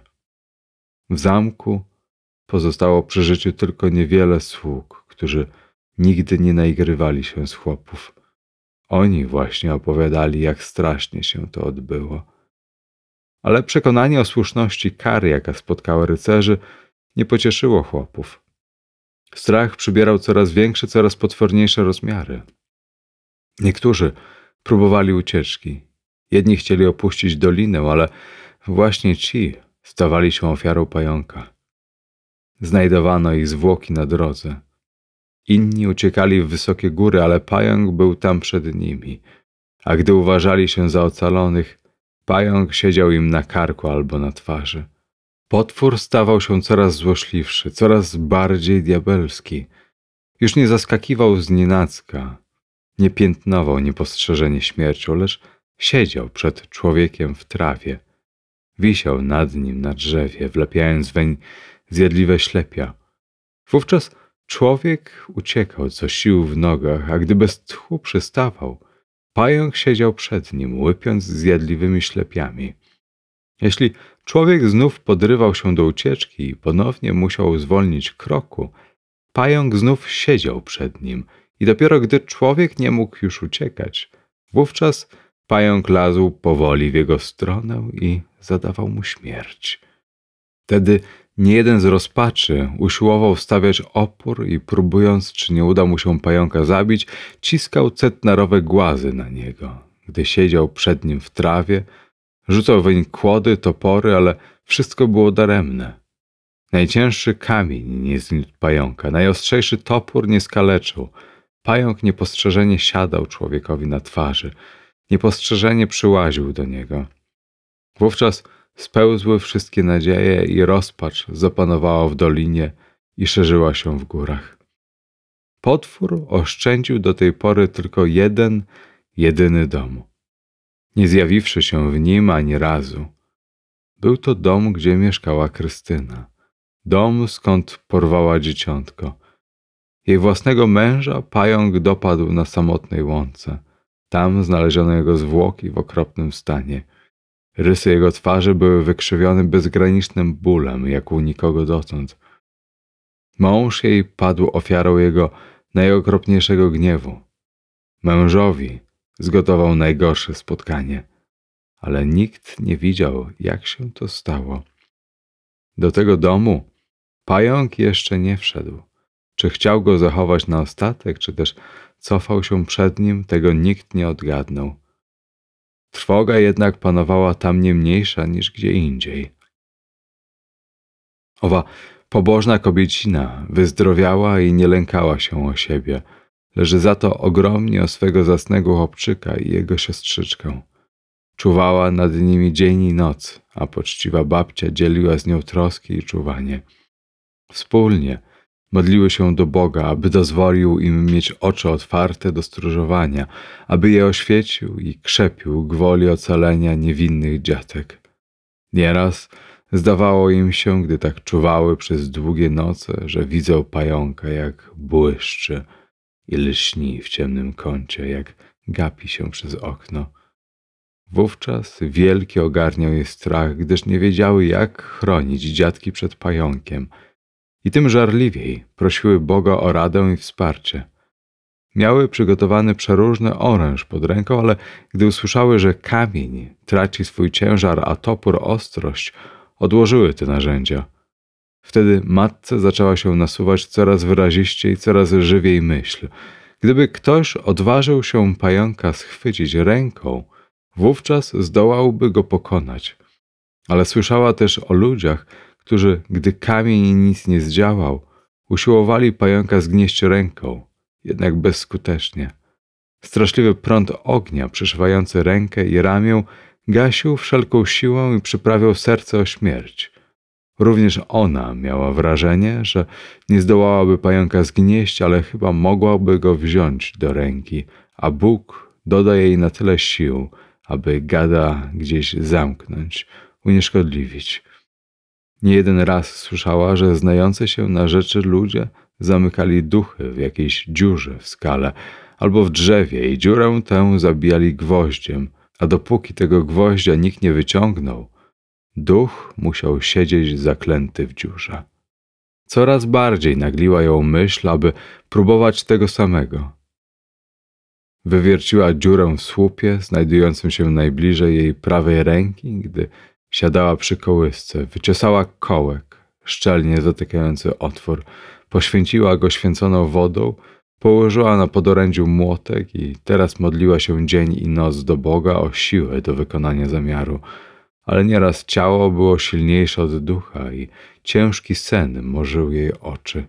Wówczas widywała we śnie pająka, łypiącego na złote kędziorki jej syneczka – Zrywała się wtedy ze snu i ręką dotykała kędziorków, ale nie było tam pająka. Na twarzyczce synka widniał uśmiech, jakim uśmiechają się dzieciątka, gdy we śnie widzą swego anioła. Matce zaś skrzyły się we wszystkich kątach zjadliwe ślepia pająka i sen omijał ją na długi czas. Tak też kiedyś po wytrwałym czuwaniu zmógł ją sen i otoczył gęstą nocą. Zdawało jej się wtedy, że bogobojny kapłan, zmarły przy ratowaniu jej dzieciątka, spieszy z jakiejś nieskończonej dali woła do niej. Niewiasto, zbudź się, nieprzyjaciel się zjawił. Po trzykroć tak zawołał i dopiero za trzecim razem wyrwała się z ciasnych węzłów snu. Ale gdy z trudem uniosła ciężkie powieki, ujrzała jak pająk nabrzmiały jadem wolno kroczy po łóżeczku ku twarzy syneczka. Wówczas pomyślała o Bogu i szybką ręką sięgnęła po pająka. Ognisty prąd popłynął z pająka zacnej matce poprzez rękę i ramię, aż w głąb serca, ale matczyna wierność i macierzyńska miłość zacisnęły jej dłonia. Do wytrwania Bóg dodał sił. Wśród tysiąckrotnych, straszliwych cierpień wepchnęła pająka jedną ręką do przygotowanej dziury, drugą wsadziła kołek i mocno przybiła go młotkiem. W dziurze zaszumiało i zakotłowało się, jak gdyby wichura wadziła się z morzem. Dom zatrząsł się w posadach, ale kołek mocno trzymał. Pająk był uwięziony. Zacna matka zaś cieszyła się, że ocaliła swoje dzieciątko. Podziękowała Bogu za jego łaskę, po czym skonała tą samą śmiercią co wszyscy, ale jej matczyna wierność uśmierzyła jej boleść i aniołowie zaprowadzili jej duszę przed tron Boga, gdzie przebywają wszyscy bohaterowie, którzy narażali życie dla innych, którzy dla Boga i swoich najbliższych ryzykowali wszystko. Teraz Czarna śmierć się skończyła. Spokój i życie wróciły w dolinę. Od tej pory nie widziano już czarnego pająka, gdyż siedział uwięziony w owej dziurze, gdzie jeszcze teraz przebywa. Co, tam, w tym czarnym słupie? krzyknęła kuma i zerwała się jednym susem, jak gdyby siedziała na mrowisku. W izbie miała właśnie miejsce pod słupem. I teraz piekły ją plecy. Kręciła się, oglądała za siebie, otrzepując się ręką tu i tam i nie mogła pozbyć się strachu, że czarny pająk siedzi jej na karku. Również pozostałym ścisnęło się serce, gdy dziadek umilkł. Nastało wielkie milczenie. Nikt nie śmiał pokpiwać, a przytakiwać też nikt nie miał ochoty. Każdy wolał poczekać na pierwsze słowa kogoś innego aby do nich dostosować własne zdanie. W ten sposób nie wyrwie się z czymś niepotrzebnym. Wtem przybiegła położna, która wołała ich już parokrotnie, ale nie otrzymała odpowiedzi. Twarz jej pałała wypiekami, jak gdyby pająk po niej łaził. Zaczęła gderać, że nikt nie chce przyjść, choćby wołała bardzo głośno. Toś to przedziwna sprawa, gdy się ugotowało jadło, nikt nie przychodzi do stołu, a gdy wszystko już nie będzie takie smaczne, wówczas będzie to jej wina. Ona dobrze wie, jak to bywa. Tak tłustego mięsa, jakie jest w kuchni, nie da się jeść, gdy wystygnie. Jest to wielce niezdrowe. Teraz ludzie się ruszyli, ale bardzo się ociągając. I nikt nie chciał pierwszy stanąć w drzwiach. Dziadek musiał zrobić początek. Nie był to tym razem ów zwykły obyczaj, który nie pozwalał okazywać, że nie można się doczekać posiłku. Było to wahanie, jakie ogarnia wszystkich, gdy stanął przy wejściu do jakiegoś strasznego miejsca. A przecież w izbie nie było nic strasznego. Jasnym blaskiem świeciły na stole ponownie napełnione piękne butle wina.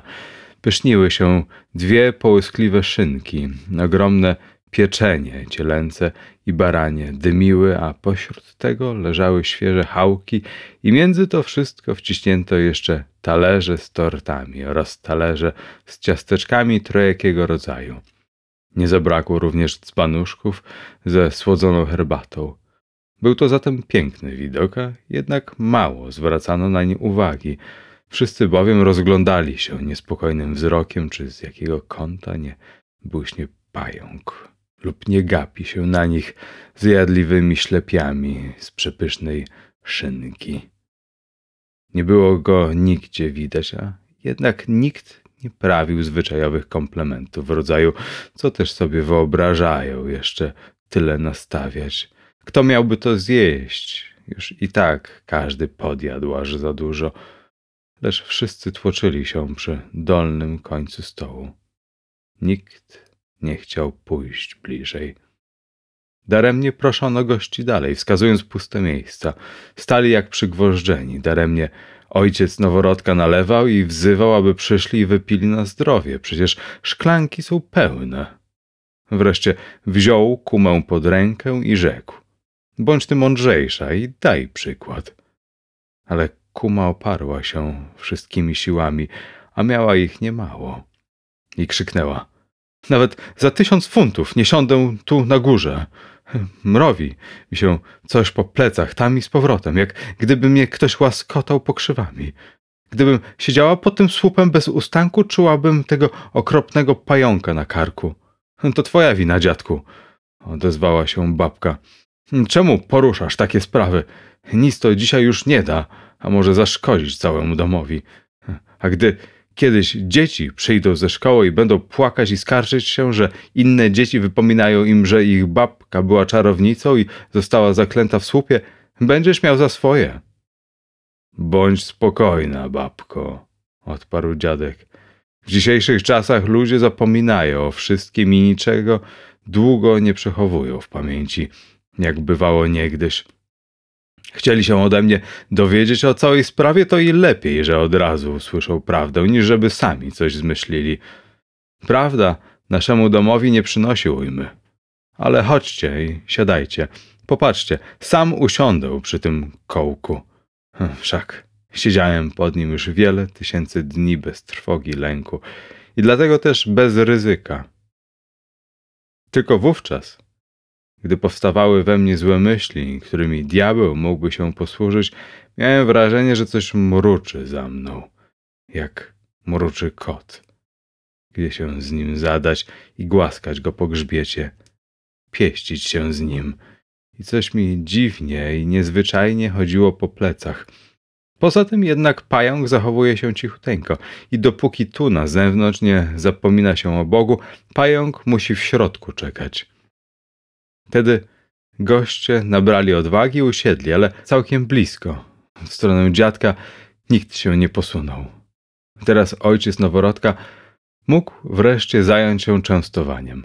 Nałożył sąsiadce ogromny kawał pieczeni na talerz. Sąsiadka odkroiła kawalątko i na talerzu sąsiada złożyła resztę, zsuwając ją kciukiem z widelca. Tak więc ów kawał pieczystego krążył dookoła, aż wreszcie ktoś orzekł, że chyba go zatrzyma, gdyż jest tego jeszcze więcej tam, gdzie był pierwszy kawałek i teraz nowy płat mięsiwa rozpoczął wędrówkę. W czasie, gdy ojciec noworodka nalewał i nakładał pieczeń, a goście mówili mu, że ma on dzisiaj ciężki dzień, Położna krążyła ze słodką herbatą, suto przyprawioną szafranem i cynamonem, częstując wszystkich i pytając, kto lubi herbatę, niech się tylko odezwie, starczy jej dla każdego. A kto zgłosił, że ma ochotę, temu wlewała herbatę do wina, mówiąc, ona też lubi herbatę, dużo lepiej znosi się wówczas wino, nie powoduje ono bólu głowy. Wszyscy Jedli i pili, ale ledwie minął gwar, jaki zawsze powstaje, gdy ludzie zbierają się do nowych dań, znów zapadła cisza i twarze poważniały. Znać było, że myśli wszystkich zajęte są pająkiem. Nieśmiało i ukradkiem oczy zerkały na kołek za plecami dziadka, a jednak każdy cofał się przed potwornym nawiązaniem rozmowy na ten temat. Wtem Kuma głośno krzyknęła i nieomal spadła z krzesła. Mucha przebiegła przez kołek. Kuma myślała, że czarne nogi pająka grzebią się z dziury i ze strachu zatrzęsła się na całym ciele. Nawet nie wyśmiewano się z niej. Jej przerażenie stanowiło wystarczający pretekst, aby od nowa wszcząć rozmowę o pająku. Kiedy bowiem jakaś sprawa nas poruszy, nie otrząśniemy się z tego tak prędko. Ale posłuchaj, że kuzynie, odezwał się starszy kum, czy pająk od tamtej pory nigdy nie wyszedł z dziury, tylko cały czas w niej siedzi od tylu setek lat? Ech, rzekła babka, lepiej byłoby milczeć o tej historii, wszak gadaliście o niej całe popołudnie. Ejże, matko, podjął kuzyn, dajże swojemu staremu mówić. Zabawił nas, a nikt wam tej sprawy nie wypomina. Przecież nie pochodzicie od Krystyny. I nie odwiedziesz naszych myśli od tamtej sprawy, jeśli nie pozwolisz nam o niej mówić. Nie będziemy też mówili o niczym innym i wówczas nie będzie żadnej rozrywki. No, dziadku, gadaj. Niech nam twoja stara nie żałuje opowieści. Ha.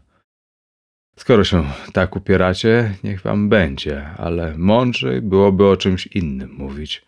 Zwłaszcza teraz, przed nocą, uznała babka. Wtedy dziadek zaczął, a na wszystkich twarzach pojawiło się napięcie. Niewiele już tego, co wiem, ale co wiem, to powiem. Może będzie to w obecnych czasach przykładem dla kogoś. Nie zaszkodziłoby to zaiste wielu ludziom. Kiedy ludzie dowiedzieli się, że pająk siedzi zamknięty, a oni znów są pewni swego życia, poczuli się podobno tak, jakby byli w niebie i Pan Bóg ze swoim zbawieniem wśród nich. I długi czas było dobrze. Trzymali się Boga i unikali diabła, i również rycerze, którzy od niedawna sprowadzili się do zamku, mieli respekt przed ręką Boga i łagodnie traktowali lud, pomagając im się dźwignąć. Na ten dom zaś patrzyli z czcią, niemal jak na kościół. Z początku, co prawda, wstrząsł nimi dreszcz, gdy mu się przyglądali, gdy widzieli więzienie okropnego pająka i pomyśleli, jak łatwo mógłby się wydostać. I dzięki sile szatana całe nieszczęście zaczęłoby się na nowo. Ale wkrótce spostrzegli, że moc Boga jest silniejsza niż moc diabła i z wdzięczności dla matki, która umarła za wszystkich, pomogli dzieciom i darmo osprzątali im gospodarstwo do czasu, kiedy same mogły pracować. Rycerze chcieli im zezwolić na budowę nowego domu, aby nie musiały się bać pająka, albo żeby ów przez przypadek nie wydostał się w zamieszkanym domu. Pomóc chciało również wielu sąsiadów, którzy nie mogli pozbyć się lęku przed potworem, przed którym tak okropnie drżeli. Ale stara babka nie chciała się zgodzić. Prawiła swoim wnukom: Tu pająk jest zaklęty przez Boga, Ojca i Syna i Ducha Świętego, póki te trzy święte imiona obowiązują w tym domu, póki w ich święte imię jada się i pije przy tym stole, poty są bezpieczni przed pająkiem i pająk mocno zamknięty w dziurze i żaden przypadek nic tu nie zmieni. Tu, przy tym stole z pająkiem za plecami, nigdy nie zapomną, jak potrzebny im jest Bóg, jaki jest możny. W taki sposób pająk przypomina im o Bogu i musi diabłu na przekór przynosić im pożytek. Gdyby zaś odeszli od Boga, choćby to było ze sto godzin stąd, pająk mógłby ich znaleźć, albo nawet sam diabeł. Dzieci zrozumiały to, pozostały w domu, wyrosły w bojaźni Bożej, a na dom spłynęło błogosławieństwo Pana. Chłopczyk, co był taki oddany matce, a matka jemu, wyrósł na okazałego mężczyznę, który był miły Bogu i ludziom i znalazł łaskę u rycerzy. Dlatego też był błogosławiony dobrami doczesnymi i nigdy nie zapomniał, że wyższy nad nie jest Bóg. Nigdy też ich nikomu nie skąpił, pomagał innym w biedzie, tak jak pragnął, aby jemu pomagano. W ostatniej biedzie, a gdzie jego pomoc była za słaba, tam był tym żarliwszym orędownikiem przed Bogiem i ludźmi. Miał mądrą żonę i panowała między nimi niezmącona zgoda, stąd dzieci ich rozkwitały pobożnie i oboje zasnęli łagodną śmiercią w późnym wieku. Jego rodzina kwitła dalej w bojaźni Bożej i prawości. Tak nad całą rodziną ścieliło się błogosławieństwo Boże i szczęście gościło na polu i w stajni, a pokój wśród ludzi. Owa straszliwa nauka wstrząsnęła ludźmi. Wiernie stali przy Bogu i cokolwiek czynili, czynili w Jego imię, a gdzie kto mógł pomóc drugiemu, nie zwlekał. Od strony zamku nie działa im się żadna krzywda, doznawali natomiast wiele dobrego. Mieszkało w nim coraz mniej rycerzy, gdyż coraz sroższe boje staczano w krainie pogan i coraz bardziej potrzebna była każda ręka umiejąca szermować.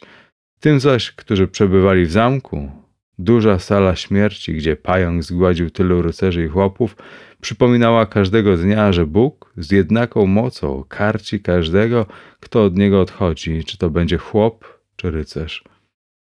Minęło wiele lat w szczęściu i błogosławieństwie i dolina rozsławiła się nad wszystkimi innymi.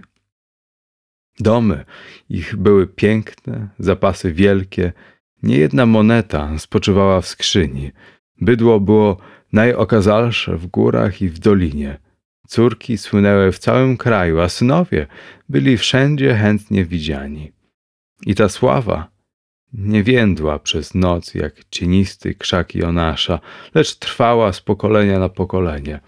Bowiem w tej samej bojaźni Bożej, co ojcowie, żyli również synowie z pokolenia na pokolenie. Ale właśnie tak jak w gruszy, suto podlewanej, najbujniejszej, rozrośniętej, leże się robak. Toczy ją, zżera i uśmierca, tak i tam, gdzie błogosławieństwo Boże najobficiej spływa na ludzi, robak dostaje się do błogosławieństwa, czyniąc z ludzi pyszałków i ślepców.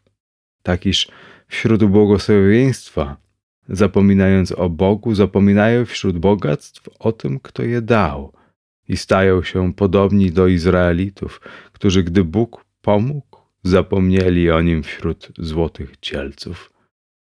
Tak więc po przeminięciu wielu pokoleń w dolinie zadomowiła się pycha i buta.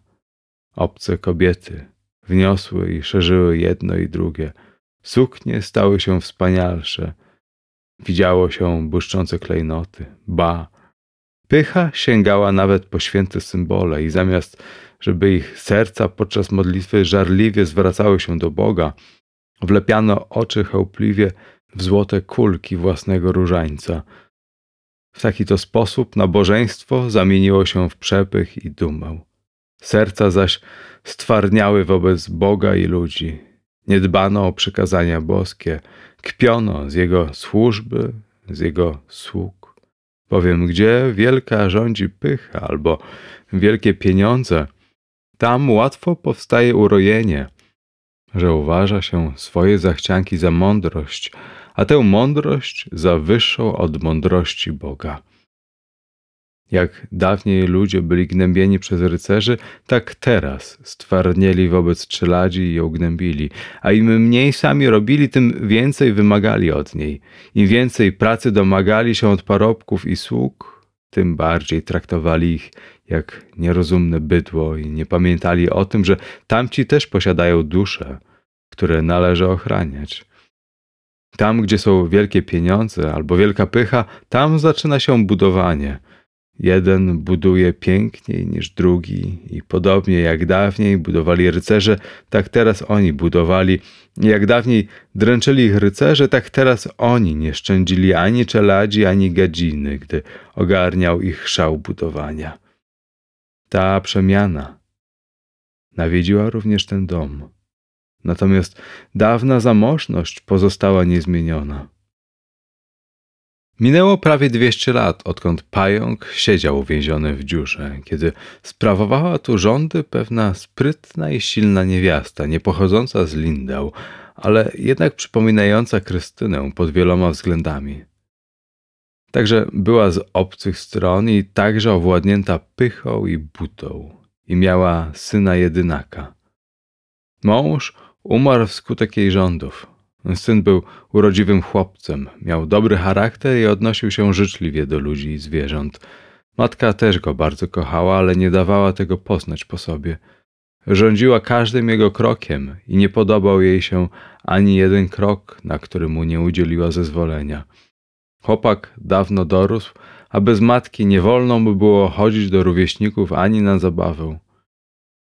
Kiedy matka wreszcie uznała, że chłopak doszedł do swoich lat, dała mu krewniaczkę za żonę, niewiastę po swojej myśli. Teraz miał dwie władczynie nad sobą zamiast jednej. Obie cechowała jednaka pycha i buta, a ponieważ one takie były, również Krystian powinien być taki sam. A gdy bywał życzliwy i pokorny, jak nań przystało, pokazywano mu, kto tu rządzi Od dawna już nie cierpiały starego domu i wstydziły się go, ponieważ sąsiedzi mieli nowe domy, chociaż nie byli tacy bogaci jak one. Legenda o pająku i słowa babki żyły wtedy jeszcze w pamięci ludzkiej. W przeciwnym razie, bowiem, by dawno zburzono stary dom, ale wszyscy odmawiali ich od tego. Kobiety zaś uważały owo odmawianie coraz bardziej za dowód zawiści, która żałuje im nowego domu. Ponadto czuły się coraz bardziej nieswojo w starym domu.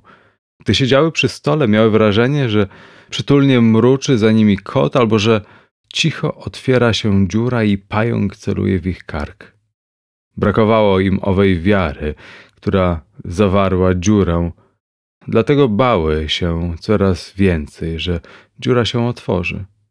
To też znalazły dobry pretekst do budowania nowego domu, w którym nie musiałyby obawiać się pająka, jak mnie małe. Uradziły, że stary dom pozostawiał czeladzi, która częstokroć zawadzała ich pysze.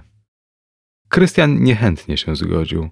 Pamiętał, co mówiła stara babka i wierzył w to, że błogosławieństwo dla rodziny związane jest z rodzinnym domem. Nie lękał się pająka, a gdy siedział w górze stołu, miał wrażenie, że tu potrafi się modlić z największym nabożeństwem. Powiedział, co o tym sądzi, ale kobiety kazały mu zamilknąć, a ponieważ był ich parobkiem, rzeczywiście umilkł, ale często gorzko popłakiwał, gdy go nie widziały. Tam powyżej drzewa, pod którym jedliśmy, miał być zbudowany dom, jakiego nikt nie miał w całej okolicy. W butnej niecierpliwości, jako że nie miały pojęcia o budowaniu i nie mogły się doczekać, kiedy będą mogły chełpić się nowym domem, okrutnie dręczyły podczas budowy czelać i zwierzęta, żałując im nawet świąt i nocnego odpoczynku. I nie było takiego sąsiada, który pomógłby im ku ich zadowoleniu i któremu by nie złożyczyły, gdy po bezpłatnej pomocy, jaką sobie już wtedy wzajemnie świadczono, wracał do domu, aby również swoich spraw dopilnować. Kiedy stawiano mury i wbito pierwszy kołek w próg, z otworu wzbił się dym niczym z mokrej słomy, gdy chce się ją zapalić. Wtedy robotnicy z namysłem pokręcili głowami i po cichu oraz głośno orzekli, że nowy budynek się nie zestarzeje, ale kobiety śmiały się z tego i zlekceważyły znak. A gdy dom wreszcie był gotowy, przeprowadziły się, urządziły się z niebywałym przepychem i na poświęcenie domu wyprawiły ucztę, która trwała trzy dni i o której jeszcze dzieci i wnuki opowiadały w całym ementalu. Ale podczas wszystkich trzech dni usłyszano podobno w całym domu dziwne mruczenie, jakby mruczenie kota, zadowolonego, że mu się głaszcze sierść. Mimo wszelkich poszukiwań, jednak nie znaleziono tego mruczącego kota. Wtedy nie jeden poczuł się nieswojo i mimo całej świetności wynosił się z uczty. Tylko kobiety nic nie słyszały, czy też nie zwracały na to uwagi przekonane, że wraz z nowym domem wszystko wygrały. Tak, kto ślepy, ten nie widzi również słońca, a kto głuchy nie słyszy także grzmotu. To też niewiasty cieszyły się nową siedzibą i z każdym dniem stawały się butniejsze. Nie myślały o pająku, lecz wiodły w nowym domu zbytkowe, bezczynne życie, strojąc się i ucztując. Nikt nie mógł sprostać ich wymaganiom, a o Bogu nie pamiętały. W starym domu czelać została sama, żyjąc jak jej się podobało, a gdy Krystian chciał ją wziąć pod swój nadzór, kobiety nie zgodziły się i wymyślały mu. Matka głównie z pychy, żona z zazdrości. To też nie było na dole żadnego ładu ani składu i niebawem także żadnej bojaźni Bożej, bo gdzie nie ma Pana, na ogół tak bywa. Gdy brak pana, który siedziałby w górze stołu i który miałby w domu uszy otwarte i dzierżył wodze w nim i poza nim, wówczas za największego ze wszystkich zaczyna się uważać niebawem ten, kto sobie najbezwstydniej poczyna, a za najlepszego ten, kto głosi najbardziej bezbożne słowa. Tak działo się w tym domu na dole i cała czelać niebawem przypominała stado rozdokazywanych kotów. Już nie pamiętano o pacierzu. To też nie żywiono szacunku dla Bożej woli ani dla jego darów. Podobnie jak pycha kobiet Krystiana nie miała już granic, taki zwierzęca swawola czeladzi nie znała żadnych hamulców. Bez lęku bezczeszczono chleb, łyżkami rzucano sobie owsiankę ponad stołem na głowę, nie dość na tym, po bydlęcemu zabaskudzano potrawy, aby innym złośliwie obrzydzić jedzenie.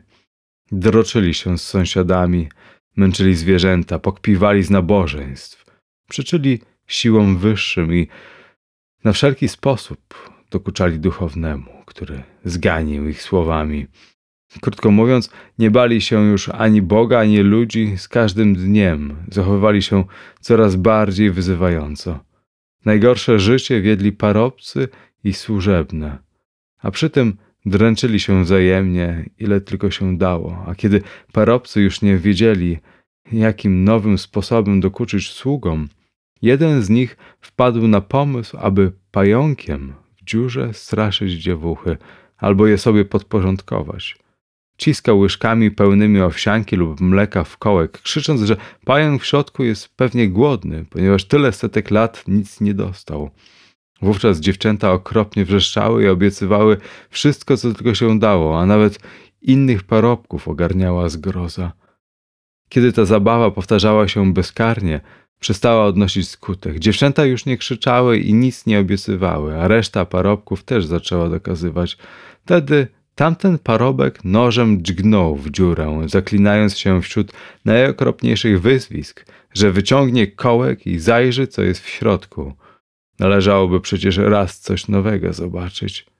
Wzbudziło to ponowne przerażenie i chłopak, który się tak odgrażał, zaczął panoszyć się nad wszystkimi i wymuszać wszystko, co tylko chciał, zwłaszcza u dziewcząt. Bo też i był to jakiś dziwny człowiek. Nikt nie wiedział, skąd się wziął. Umiał być łagodny jak baranek i drapieżny jak wilk. Gdy bawił sam u jakiejś dziewczyny, był łagodnym jagnięciem. W większym gronie natomiast był drapieżnym wilkiem i sprawował się tak, jak gdyby wszystkich nienawidził i chciał przewyższyć szaleńczymi postępkami i słowami ale kobiety takich podobno najbardziej lubią. To też dziewczęta jawnie gorszyły się nim, gdy jednak któraś była z nim sam na sam. Lubiła go najwięcej ze wszystkich. Miał oczy niejednakowe, lecz nie wiadomo było jakiego koloru i nienawidziły się one wzajemnie. Nigdy nie patrzyły w tę samą stronę, ale on umiał to ukryć długą grzywką, i pokornym spuszczeniem powiek. Włosy miał pięknie sfalowane, jednak nikt nie wiedział, czy są rude, czy płowe. W cieniu wyglądały jak najładniejszy len, gdy zaś padało na nie słońce, nie było wiewiórki o bardziej rudej sierści. Dręczył zwierzęta jak nikt. To też szczerze go nienawidziły. Każdy parobek uważał się za jego przyjaciela, a on podjudzał wszystkich na wszystkich. Niewiastom z nowego domu jedynie on dogadzał i często sam tam bawił. Wówczas sługi piekliły się na dole. Gdy to spostrzegał, przytykał nóż do kołka i zaczynał znowu się odgrażać, dopóki dziewczęta nie uderzyły w pokorę. Lecz i ta zabawa przestała odnosić skutek. Dziewczęta przywykły do niej i w końcu mówiły: Zrób to wreszcie, jeśli możesz, ale nie możesz. Zbliżało się Boże Narodzenie, święta noc. Nie pamiętając o tym, co ją nam uświęca, wymyślili sobie podczas niej urządzić wesołą zabawę. W zamku mieszkał tylko pewien stary rycerz, który niewiele już troszczył się o sprawy doczesne. Łotrowski włodarz zarządzał wszystkim na swoją korzyść. Za psi grosz wytargowali od niego szlachetne wino z Węgier, o który to kraj rycerze toczyli ciężki bój. Nie znali mocy i ognia szlachetnego trunku. Nadciągnęła potworna burza z piorunami i wichurą, jaka nieczęsto się zdarza o tej porze roku, że psa nie wygnałby spod pieca nie powstrzymała ich od pójścia do kościoła, gdyż nie poszliby również i przy pięknej pogodzie i puściliby swego Pana samego, ale powstrzymała ona innych od odwiedzin. Tak więc zostali sami w starym domu przy szlachetnym winie. Rozpoczęli wilię przekleństwami i tańcem oraz jeszcze bardziej wyuzdanymi i gorszącymi rzeczami, po czym zasiedli do uczty, na którą sługi ugotowały mięso, białą polewkę i co tam jeszcze udało im się smacznego ukraść. Wyuzdanie panoszyło się coraz gorsze. Zapaskudzili wszystkie potrawy, bluźnili wszystkiemu, co święte. Wspominany już parobek kpił z duchownego, rozdzielał chleb i pił wino, jak gdyby odprawiał mszę. Ochrzcił psa pod piecem i tak dokazywał, że aż tamtych strach obleciał, chociaż sami byli na ogół tacy bezecni. Wówczas dźgnął dziurę nożem, zaklinając się, że pokaże mi jeszcze całkiem inne rzeczy. Kiedy nie okazali mu przerażenia, jako że już nie jeden raz odgrażał się w ten sposób i nożem niewiele mógł zdziałać przy kołku, parobek na wpół oszalały złapał świder i okrutnie pomstując, że dowiedzą się, co potrafi oraz odpokutują za swój śmiech, aż im włosy dęba staną na głowie, dzikim pchnięciem wyraził świder w kołek. Rzucili się na niego z wrzaskiem, ale zanim ktoś zdołał mu przeszkodzić, parobek zaśmiał się jak sam diabeł i mocno szarpnął świdrem. Wówczas cały dom zatrząsł się od strasznego grzmotu, Złoczyńca runął na wznak, z dziury wypłynął strumień czerwonego żaru, a w samym środku siedział ogromny i czarny, napęczniały jadem stuleci pająk i gapił się ze zjadliwą uciechą na bluźnierców, którzy skamienieli w śmiertelnym przerażeniu i nie potrafili ruszyć ani ręką, ani nogą, aby uciec przed okropnym potworem który wolno i złośliwie właził im uradowany na twarze, wszczepiając ognistą śmierć. I oto dom zadrżał od okropnego wycia, jakiego setka wilków nie wydobędzie z siebie, gdy je głód dręczy. Niebawem Podobny lament rozległ się też z nowego domu i Krystian, który właśnie wracał z pasterki, był przekonany, że zbójcy się włamali i ufny w swe silne ramię rzucił się bliskim na pomoc. Nie zastał zbójców, lecz śmierć. Z nią walczyły jego żona i matka, nie mające już głosów w swych opuchłych, zczerniałych twarzach. Dzieci zaś spały spokojnie – a pogodne ich twarzyczki były zdrowe i rumiane. Wtedy w Krystianie zbudziło się okropne przeczucie tego, co zaszło. Wpadł do domu na dole, tam ujrzał całą służbę pomarłą, izbę przemienioną w kostnicę, otwartą straszną dziurę w słupie, w ręce ohydnie zniekształconego parobka świder, a na końcu świdra kołek. Teraz wiedział, co się stało. Załamał ręce i gdyby pochłonęła go ziemia, nie sprzeciwiłby się temu. Wtem coś wychynęło spod pieca, tuląc się do niego. Przerażony wzdrygnął się, ale nie był to pająk, lecz biedny chłopczyk, którego w imię Boże wziął do domu i pozostawił pośród rozpustnej czeladzi, podobnie jak i teraz często się zdarza, że bierze się dzieci w imię Boże i rzuca diabłu na pastwę. Chłopczyk nie brał udziału w bezeceństwach służby. Przerażony uciekł za piec. Jego jedynego pająk oszczędził i chłopczyk mógł teraz całe zajście opowiedzieć. Ale jeszcze w trakcie opowiadania Malca poprzez burzę i wicher rozległ się lament z innych domów. Jak gdyby spęczniały od wielowiekowej oskomy, pająk leciał przez dolinę, wybierając sobie najpierw co bogatsze domy, gdzie najmniej myślano o Bogu, natomiast najwięcej o świecie i wskutek tego nie chciano pamiętać o śmierci. Jeszcze dzień nie nastał, a już wieść dotarła do każdego domu. Stary pająk się wydostał, znowu krąży po wsi, niosąc śmierć. Wiele już osób pomarło i w głębi doliny pod niebo wzbija się krzyk za krzykiem napiętnowanych, którzy będą musieli umrzeć, Można sobie zatem wyobrazić, jaki płacz nastał na ziemi, jaki strach we wszystkich sercach. Co to było za Boże Narodzenie w Sumizwaldzie? Żadna dusza nie mogła myśleć o radości, jaką święta na ogół niosą ze sobą. A cała ta niedola zrodziła się z bluźnierstwa ludzi. Niedola zaś zwiększała się z każdym dniem, bowiem pająk był teraz szybszy, bardziej jadowity niż za pierwszym razem. To zjawiał się na początku, to na końcu wsi. O jednym i tym samym czasie był w górach i w dolinie. Gdy przedtem zazwyczaj naznaczał kogoś tu, kogoś innego ówdzie, tym razem rzadko kiedy opuszczał dom, dopóki wszystkich nie otruł. Dopiero gdy wszyscy skręcali się w przedśmiertnych drgawkach, siadał na progu i gapił się ze złośliwą uciechą na dzieło zniszczenia, jak gdyby chciał powiedzieć, że to on i że znów przybył, chociaż go tak długo więziono. Zdawało się, że wie, iż ma mało czasu, albo też, że chce sobie oszczędzić fatygi, bo gdzie tylko mógł, uśmiercał za jednym zamachem wiele ludzi. Dlatego najchętniej czaił się na orszaki, które miały zmarłych odprowadzić do kościoła. To tu, to tam, najchętniej na dole przy dróżce kościelnej zjawiał się pośrodku ciżby, albo nagle gapił się strumny na żałobników. Wówczas z orszaków wzbijał się pod niebo okropny lament.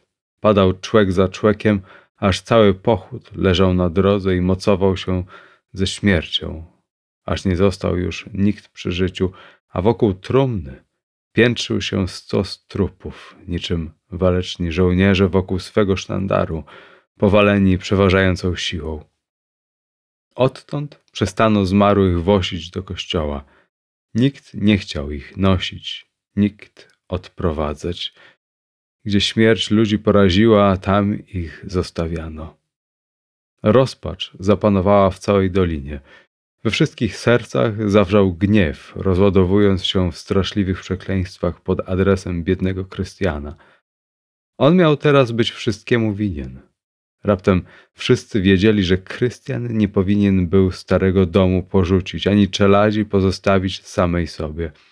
Raptem wszyscy wiedzieli, że Pan w większym lub mniejszym stopniu jest odpowiedzialny za swoją czeladź, że powinien czuwać nad modlitwą i jadłem, nie dopuszczać do bezbożnego życia, bezbożnych słów i bezbożnego hańbienia darów bożych. Teraz nagle pycha i buta wszystkich odeszła. Zepchnęli te grzechy na samo dno piekła i nie uwierzyliby nawet Bogu, że jeszcze przed niewielu dniami tak haniebnie je piastowali w sobie. Wszyscy znów spobożnieli, nosili najgorsze szaty, w rękach trzymali stare, wzgardzone różańce i sami siebie przekonywali, że byli zawsze jednako bogobojni i najchętniej byliby również Pana Boga o tym przekonali. Spośród nich wszystkich jedynie tylko Krystian miał być bezbożny i zewsząd niby głazy sypały się na niego przekleństwa. A może właśnie on był ze wszystkich najlepszy, ale wola jego była skrępowana wolą jego niewiast i takie skrępowanie jest rzeczywiście wielką winą każdego męża. I nie uniknie on ciężkiej odpowiedzialności, ponieważ jest inny, niż chce go mieć Pan Bóg. Krystian zdawał sobie z tego sprawę, to też nie był hardy, nie wierzgał, lecz czuł się bardziej winny niż był w istocie. Ale ludzi tym nie przebłagał. Teraz dopiero podnieśli wrzask, jak wielka musi być jego wina, skoro bierze tyle na siebie i nawet sam przyznaje, że nie jest nic wart. On zaś modlił się dzień i noc do Boga, aby odwrócił zło, lecz ono potęgowało się coraz okropniej z dnia na dzień. Uświadomił sobie, że musi naprawić błąd, jaki popełnił, że musi siebie złożyć w ofierze, że do niego należy spełnienie tego samego uczynku, jakiego dokonała niegdyś jego antenatka. Tak długo modlił się do Boga, aż zrodziła się w jego sercu decyzja uratowania mieszkańców doliny, odkupienia zła, a do decyzji tej dołączyła się niezłomna odwaga, która niezachwiana zawsze jest gotowa do czynu, tak samo rano, jak i wieczorem. Wówczas przeprowadził się wraz z dziećmi z nowego domu do starego. Przyciął nowy kołek do zatkania dziury, dał go poświęcić święconą wodą i świętymi wersetami położył młot obok kołka. Usiadł przy łóżkach dzieci i czekał na pająka. Siedział tedy, modlił się, czuwał i dzielnie walczył z ciężkim snem, nie poddając się, ale pająk nie przychodził. Jakkolwiek pokazywał się wszędzie, bowiem zaraza szerzyła się coraz więcej i coraz bardziej niekiełznana stawała się wściekłość tych, co pozostali przy życiu. Wśród tego całego strachu pewna kobieta o niesfornym usposobieniu miała urodzić dziecko. Wtedy ludzi ogarnęła dawna trwoga, że pająk porwie dzieciątko, fant starego paktu. Kobieta zachowywała się jak szalona, pozbawiona ufności w Bogu. Miała za to tym więcej nienawiści i mściwości w sercu. Pamiętano, jak ojcowie swego czasu bronili się przed strzelcem, gdy miało narodzić się dziecko, jak ksiądz był tarczą, którą ustawiali między sobą a odwiecznym wrogiem. Chcieli również tym razem posłać po duchownego, ale kto miał być gońcem? Niepochowane trupy, które pająk poraził podczas pogrzebów, tarasowały drogi. I czy posłaniec, chcący sprowadzić księdza przez dzikie wertepy, będzie umiał wymknąć się pająkowi, który zdawał się być wszechwiedzący? Wszyscy stchórzyli. Wreszcie mąż tej kobiety pomyślał, że jeśli pająk chce go mieć, może go dopaść zarówno w domu, jak i w drodze. Jeśli przeznaczona mu śmierć, nie uniknie jej ani tu, ani tam. Ruszył w drogę, ale mijała godzina za godziną, a posłaniec nie wracał. Gniew i strach stawały się coraz okropniejsze. Poród był coraz bliższy. Wtedy niewiasta w przypływie rozpaczy zerwała się z posłania, pognała do domu Krystiana, tysiąckrotnie przeklinanego, który modląc się siedział przy dzieciach, gotowy na bój z pająkiem. Już z daleka rozlegał się krzyk kobiety. Jej przekleństwa łomotały o drzwi Krystiana na długo przedtem, zanim je pchnęła i wniosła łomot do izby. Gdy wpadła z tak straszną twarzą, Krystian zerwał się. W pierwszej chwili nie wiedział, czy to Krystyna w swej pierwotnej postaci. W progu jednak bóle zatrzymały kobietę. Skręcała się przy drzwiach, wylewając potok przekleństw na biednego Krystiana. On miał być gońcem, jeśli nie chce być przeklęty wraz z dziećmi i wnukami na wieki wieków. Wtem ból zdławił jej wyzwiska i szalona kobieta urodziła synka na progu Krystiana, a ci wszyscy, którzy przyszli za nią, czmychnęli w oczekiwaniu czegoś najgorszego. Krystian trzymał na rękach niewinne dziecię. Ze zniekształconej cierpieniem twarzy kobiety dźgały go dziko i jadowicie jej oczy, i coraz bardziej zdawało mu się, że jawił się z nich pająk, że ona sama jest pająkiem. Wtem wstąpiła w niego jakaś moc od Boga i okrzepła w nim nadludzka wola. Ciepłym spojrzeniem ogarnął swoje dzieci, otulił nowonarodzone dziecko ciepłym kubrakiem i minąwszy zagapioną w siebie kobietę, pobiegł doliną w dół w stronę Sumizwaldu. Sam chciał zanieść dzieciątko do świętego obrządku dla odkupienia winy ciążącej na nim, głowie domu, resztę pozostawiając Panu Bogu. Trupy tamowały mu drogę, Ostrożnie musiał stawiać kroki. Wtem dogoniły go lekkie kroki. Był to ów biedny chłopczyk, bojący się tamtej wściekłej kobiety. Dziecięcy instynkt popchnął go za panem. Niby ciernie przeszyła serce Krystiana świadomość, że jego dzieci są same z tą szalejącą kobietą, lecz nogi nie zatrzymały się, tylko zdążały do świętego celu.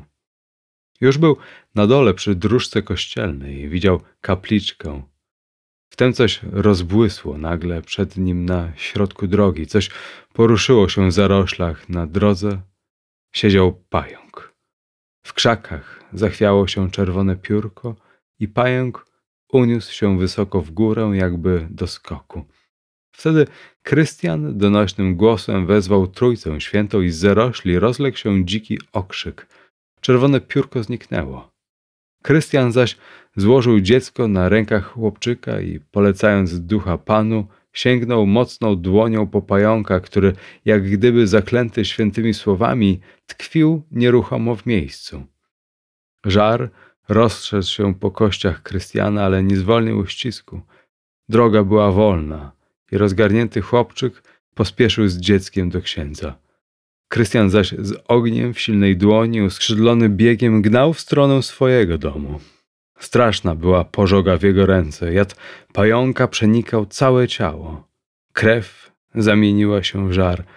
Siły chciały Krystiana opuścić, dech mu zamierał, ale on modlił się bez ustanku i mając Boga przed oczami, wytrzymał żar piekieł.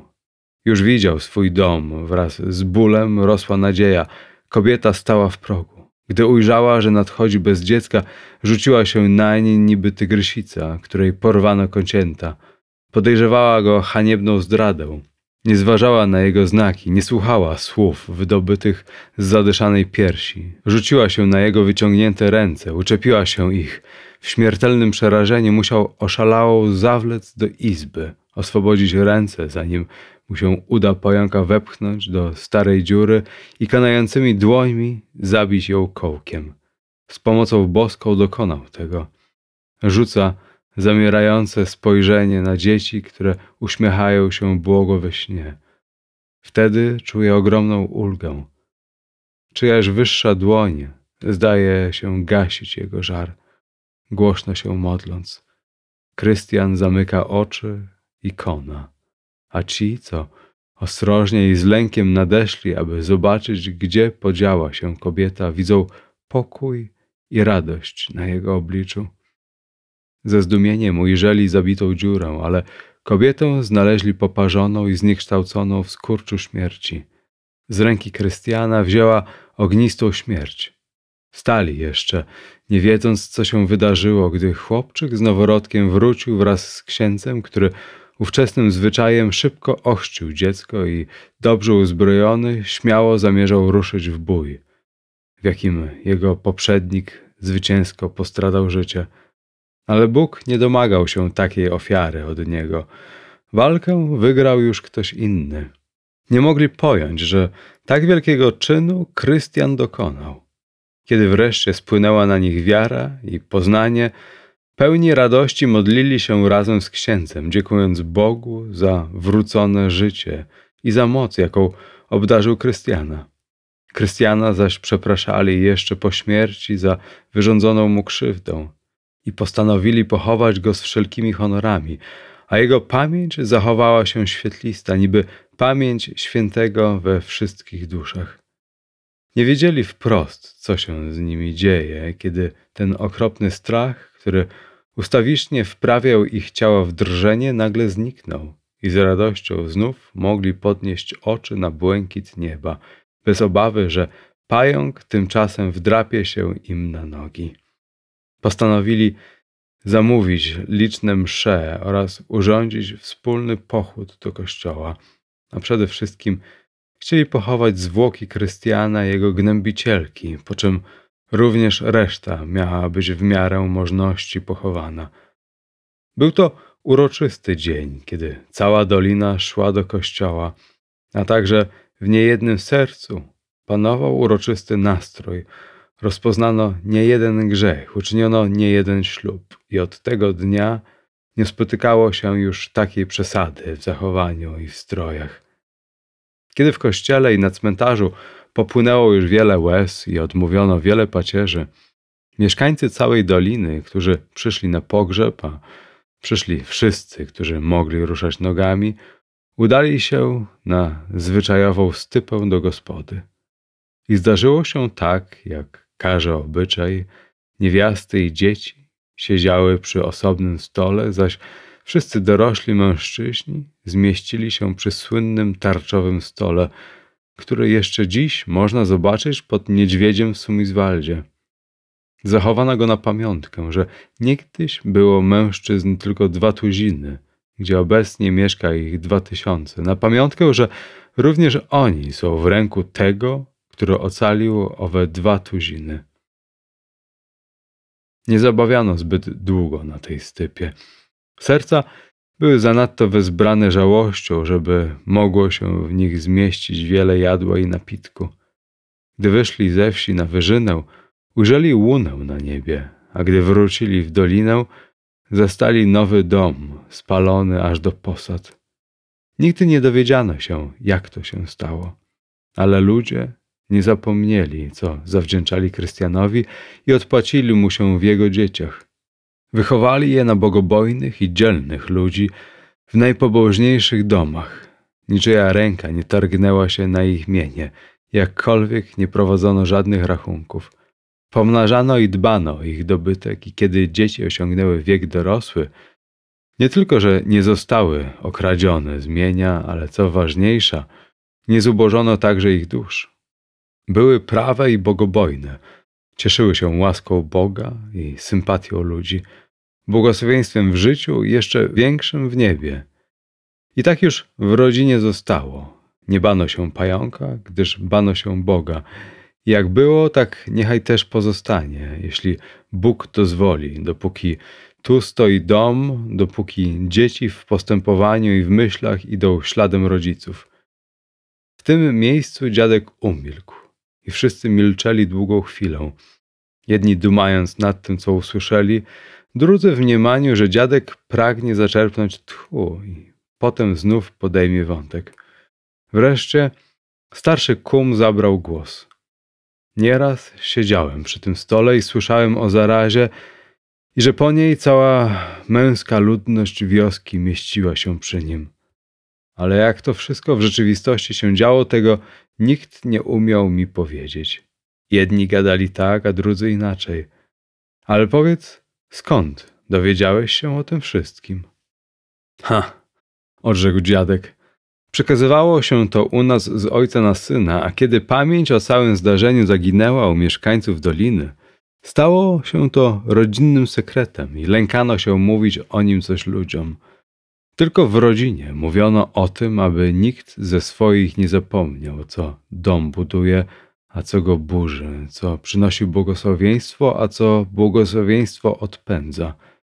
Widzisz, chyba po mojej starej, jak nie lubi, gdy tak publicznie rozprawia się o tym.